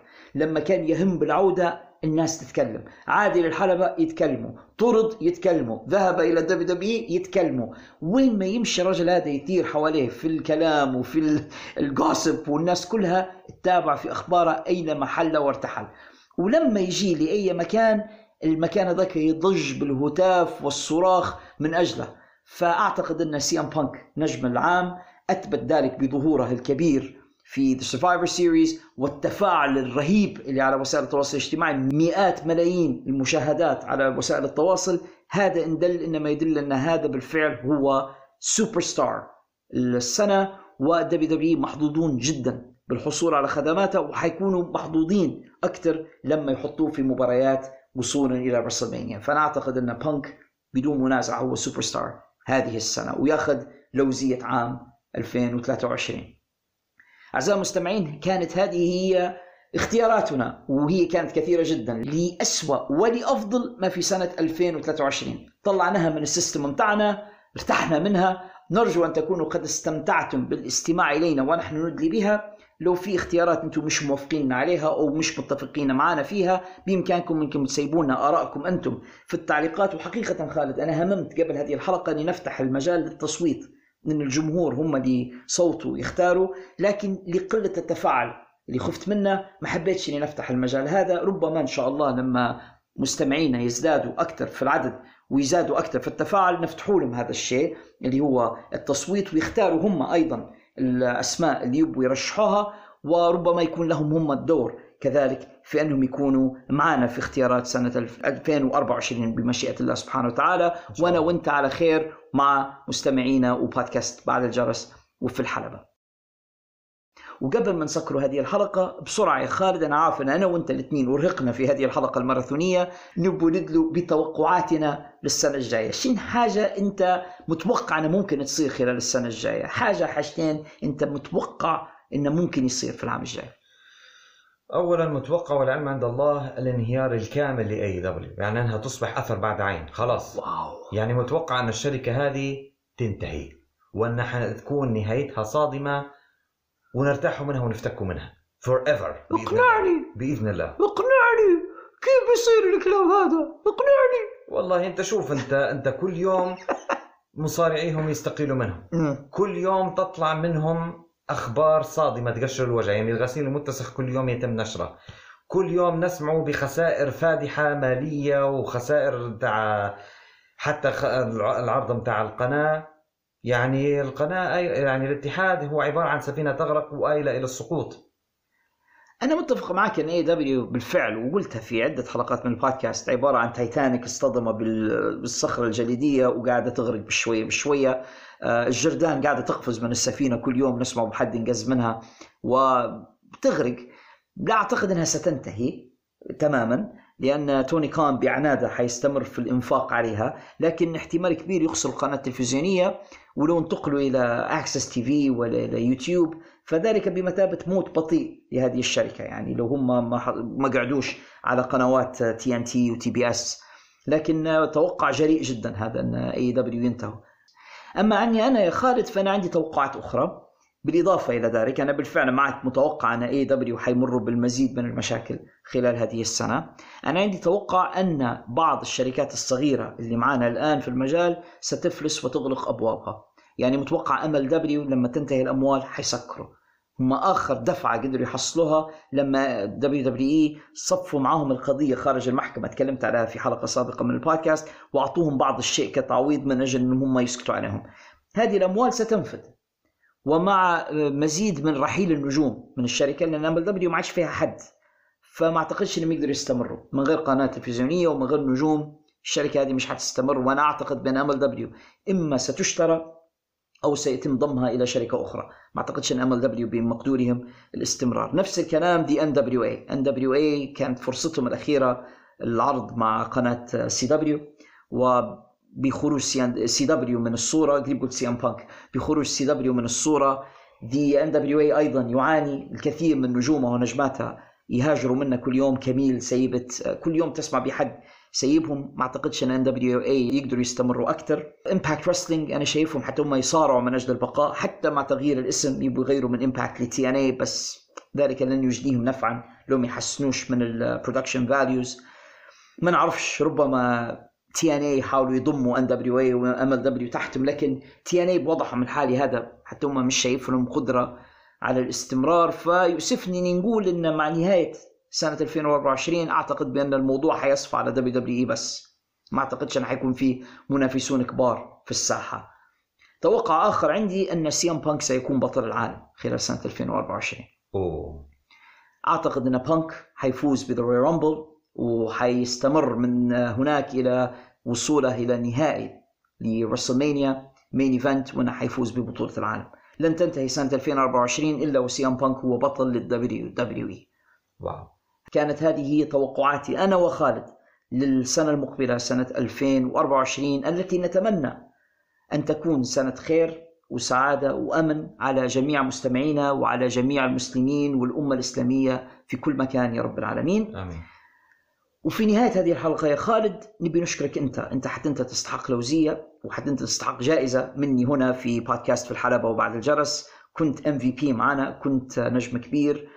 تعبتك معي كثيرا وقدمت معي الكثير وأعتقد بأن وجودك معي في الحلقات كان أحد الأشياء التي أثرتها وخلتها أكثر متعة وفائدة بالنسبة لمستمعينا. رغم أني السنة هذه قصرت و أبدا أبدا. لا صدقني في مجموعة من العروض الله غالب ما قدرناش نتكلم عليها هم حوالي أربع خمس عروض ما قدرناش نتكلم عليها و لا يكلف الله نفسا إلا وسعها. مع هذا خالد الله. قدمت وأنت كنت يعني بشهادة جمهورنا. كنت واحد من أهم العناصر في هذا البودكاست فنبي نحييك. نبي نحيي عزيزنا عمر الفنان المبدع لكل هالارت وورك اللي تشوفوا فيه بخدمة أناملة الذهبية. بالفعل. نبغى نشكروه فعلا. حتى هو يستحق مننا لوزية وأنا نوجه له تحية خاصة. وكذلك نبغى نوجه التحية إلى جمهورنا. أفضل جمهور في العالم. الناس الأوفياء اللي قاعدين معانا واللي يسمعوا فينا كل أسبوع ولما نتأخر شوية يراسلوا فيا ويسألوا فيا وينكم وماذا هناك ومتى ستأتي الحلقة. عنا يا خالد بالله الحمد والمنة أصدقاء في مشارق العالم العربي ومغاربها وحتى خارج العالم العربي. كل هؤلاء يستمعون إلى بودكاست بالحلبة والحمد لله اللي يجعل هذا البودكاست ملتقى لكل هؤلاء اجتمعنا معا حوله. ونتناقش ونتحدث حول شؤون وشجون هذا العالم المجنون عالم مصارعة المحترفين. والله لو وددت إني أقدر نعطي لكل واحد من هؤلاء المستمعين اللوزية الخاصة به لأنهم جميعا يستحقونها وهم كانوا بالنسبة لي أنا مقدم هذا البودكاست هم أكبر جائزة بالنسبة لي أنا. وفائهم واستمرارهم معنا في هذا البودكاست.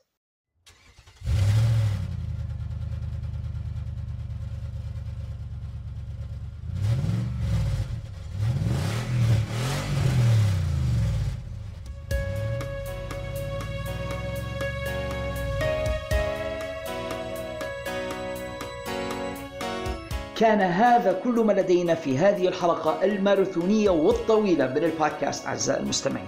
أتمنى في نهايتها أن تكونوا قد استمتعتم بالاستماع إليها بقدر استمتاعي أنا وخالد بإعدادها وتقديمها إليكم. إذا كان الأمر كذلك أتمنى ألا تبخلوا علينا رجاء بترك علامة الخمسة نجمات في ال apps والتطبيقات التي تستمعون إلينا من خلالها. علامات الخمسة نجمات تلك تساعد هذا البودكاست كثيرا على النمو والانتشار والوصول إلى آفاق أبعد إذا كنتوا تسمعوا فينا من خلال يوتيوب ما تنسوش تديروا like subscribe و share فعلوا جرس التنبيهات لكي تصلكم الإشعارات بالحلقات الجديدة أولا بأول. حدثوا أصدقائكم ومتابعيكم على وسائل التواصل الاجتماعي عنا واخبروهم بأنه عندما ينتهي العرض وتسمعون جرس النهاية فإن المتعة نفسها لم تنتهي بعد لأنه يحلو الكلام بعد جرس الختام. أوه ديجت وغصبا عن توني خاب بلحة. في نهاية هذه الحلقة نستودعكم الله الذي لا تضيع ودائعه. والسلام عليكم ورحمة الله وبركاته. كان معكم محدثكم ذا بروف على الشريف and the phenomenal خالد الشريف. كل عام وأنتم بخير.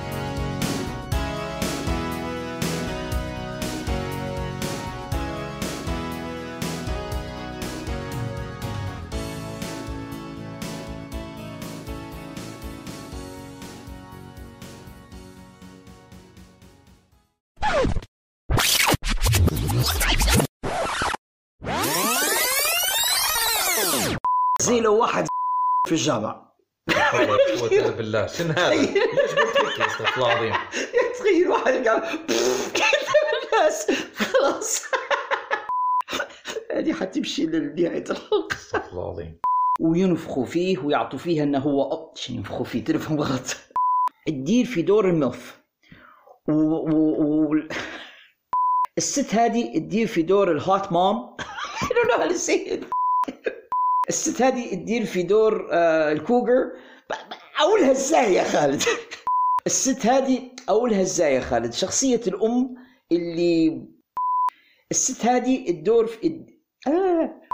أو يقولوا فلير ان شارلوت المدينة. مش سامي الم... خلاص خلاص. سامي في مونتريال. هذه بتخش في البليبرز نبغى بس ندلو بتوقعاتنا. بتوقعاتنا. تقول تقول امل بوكايكيس.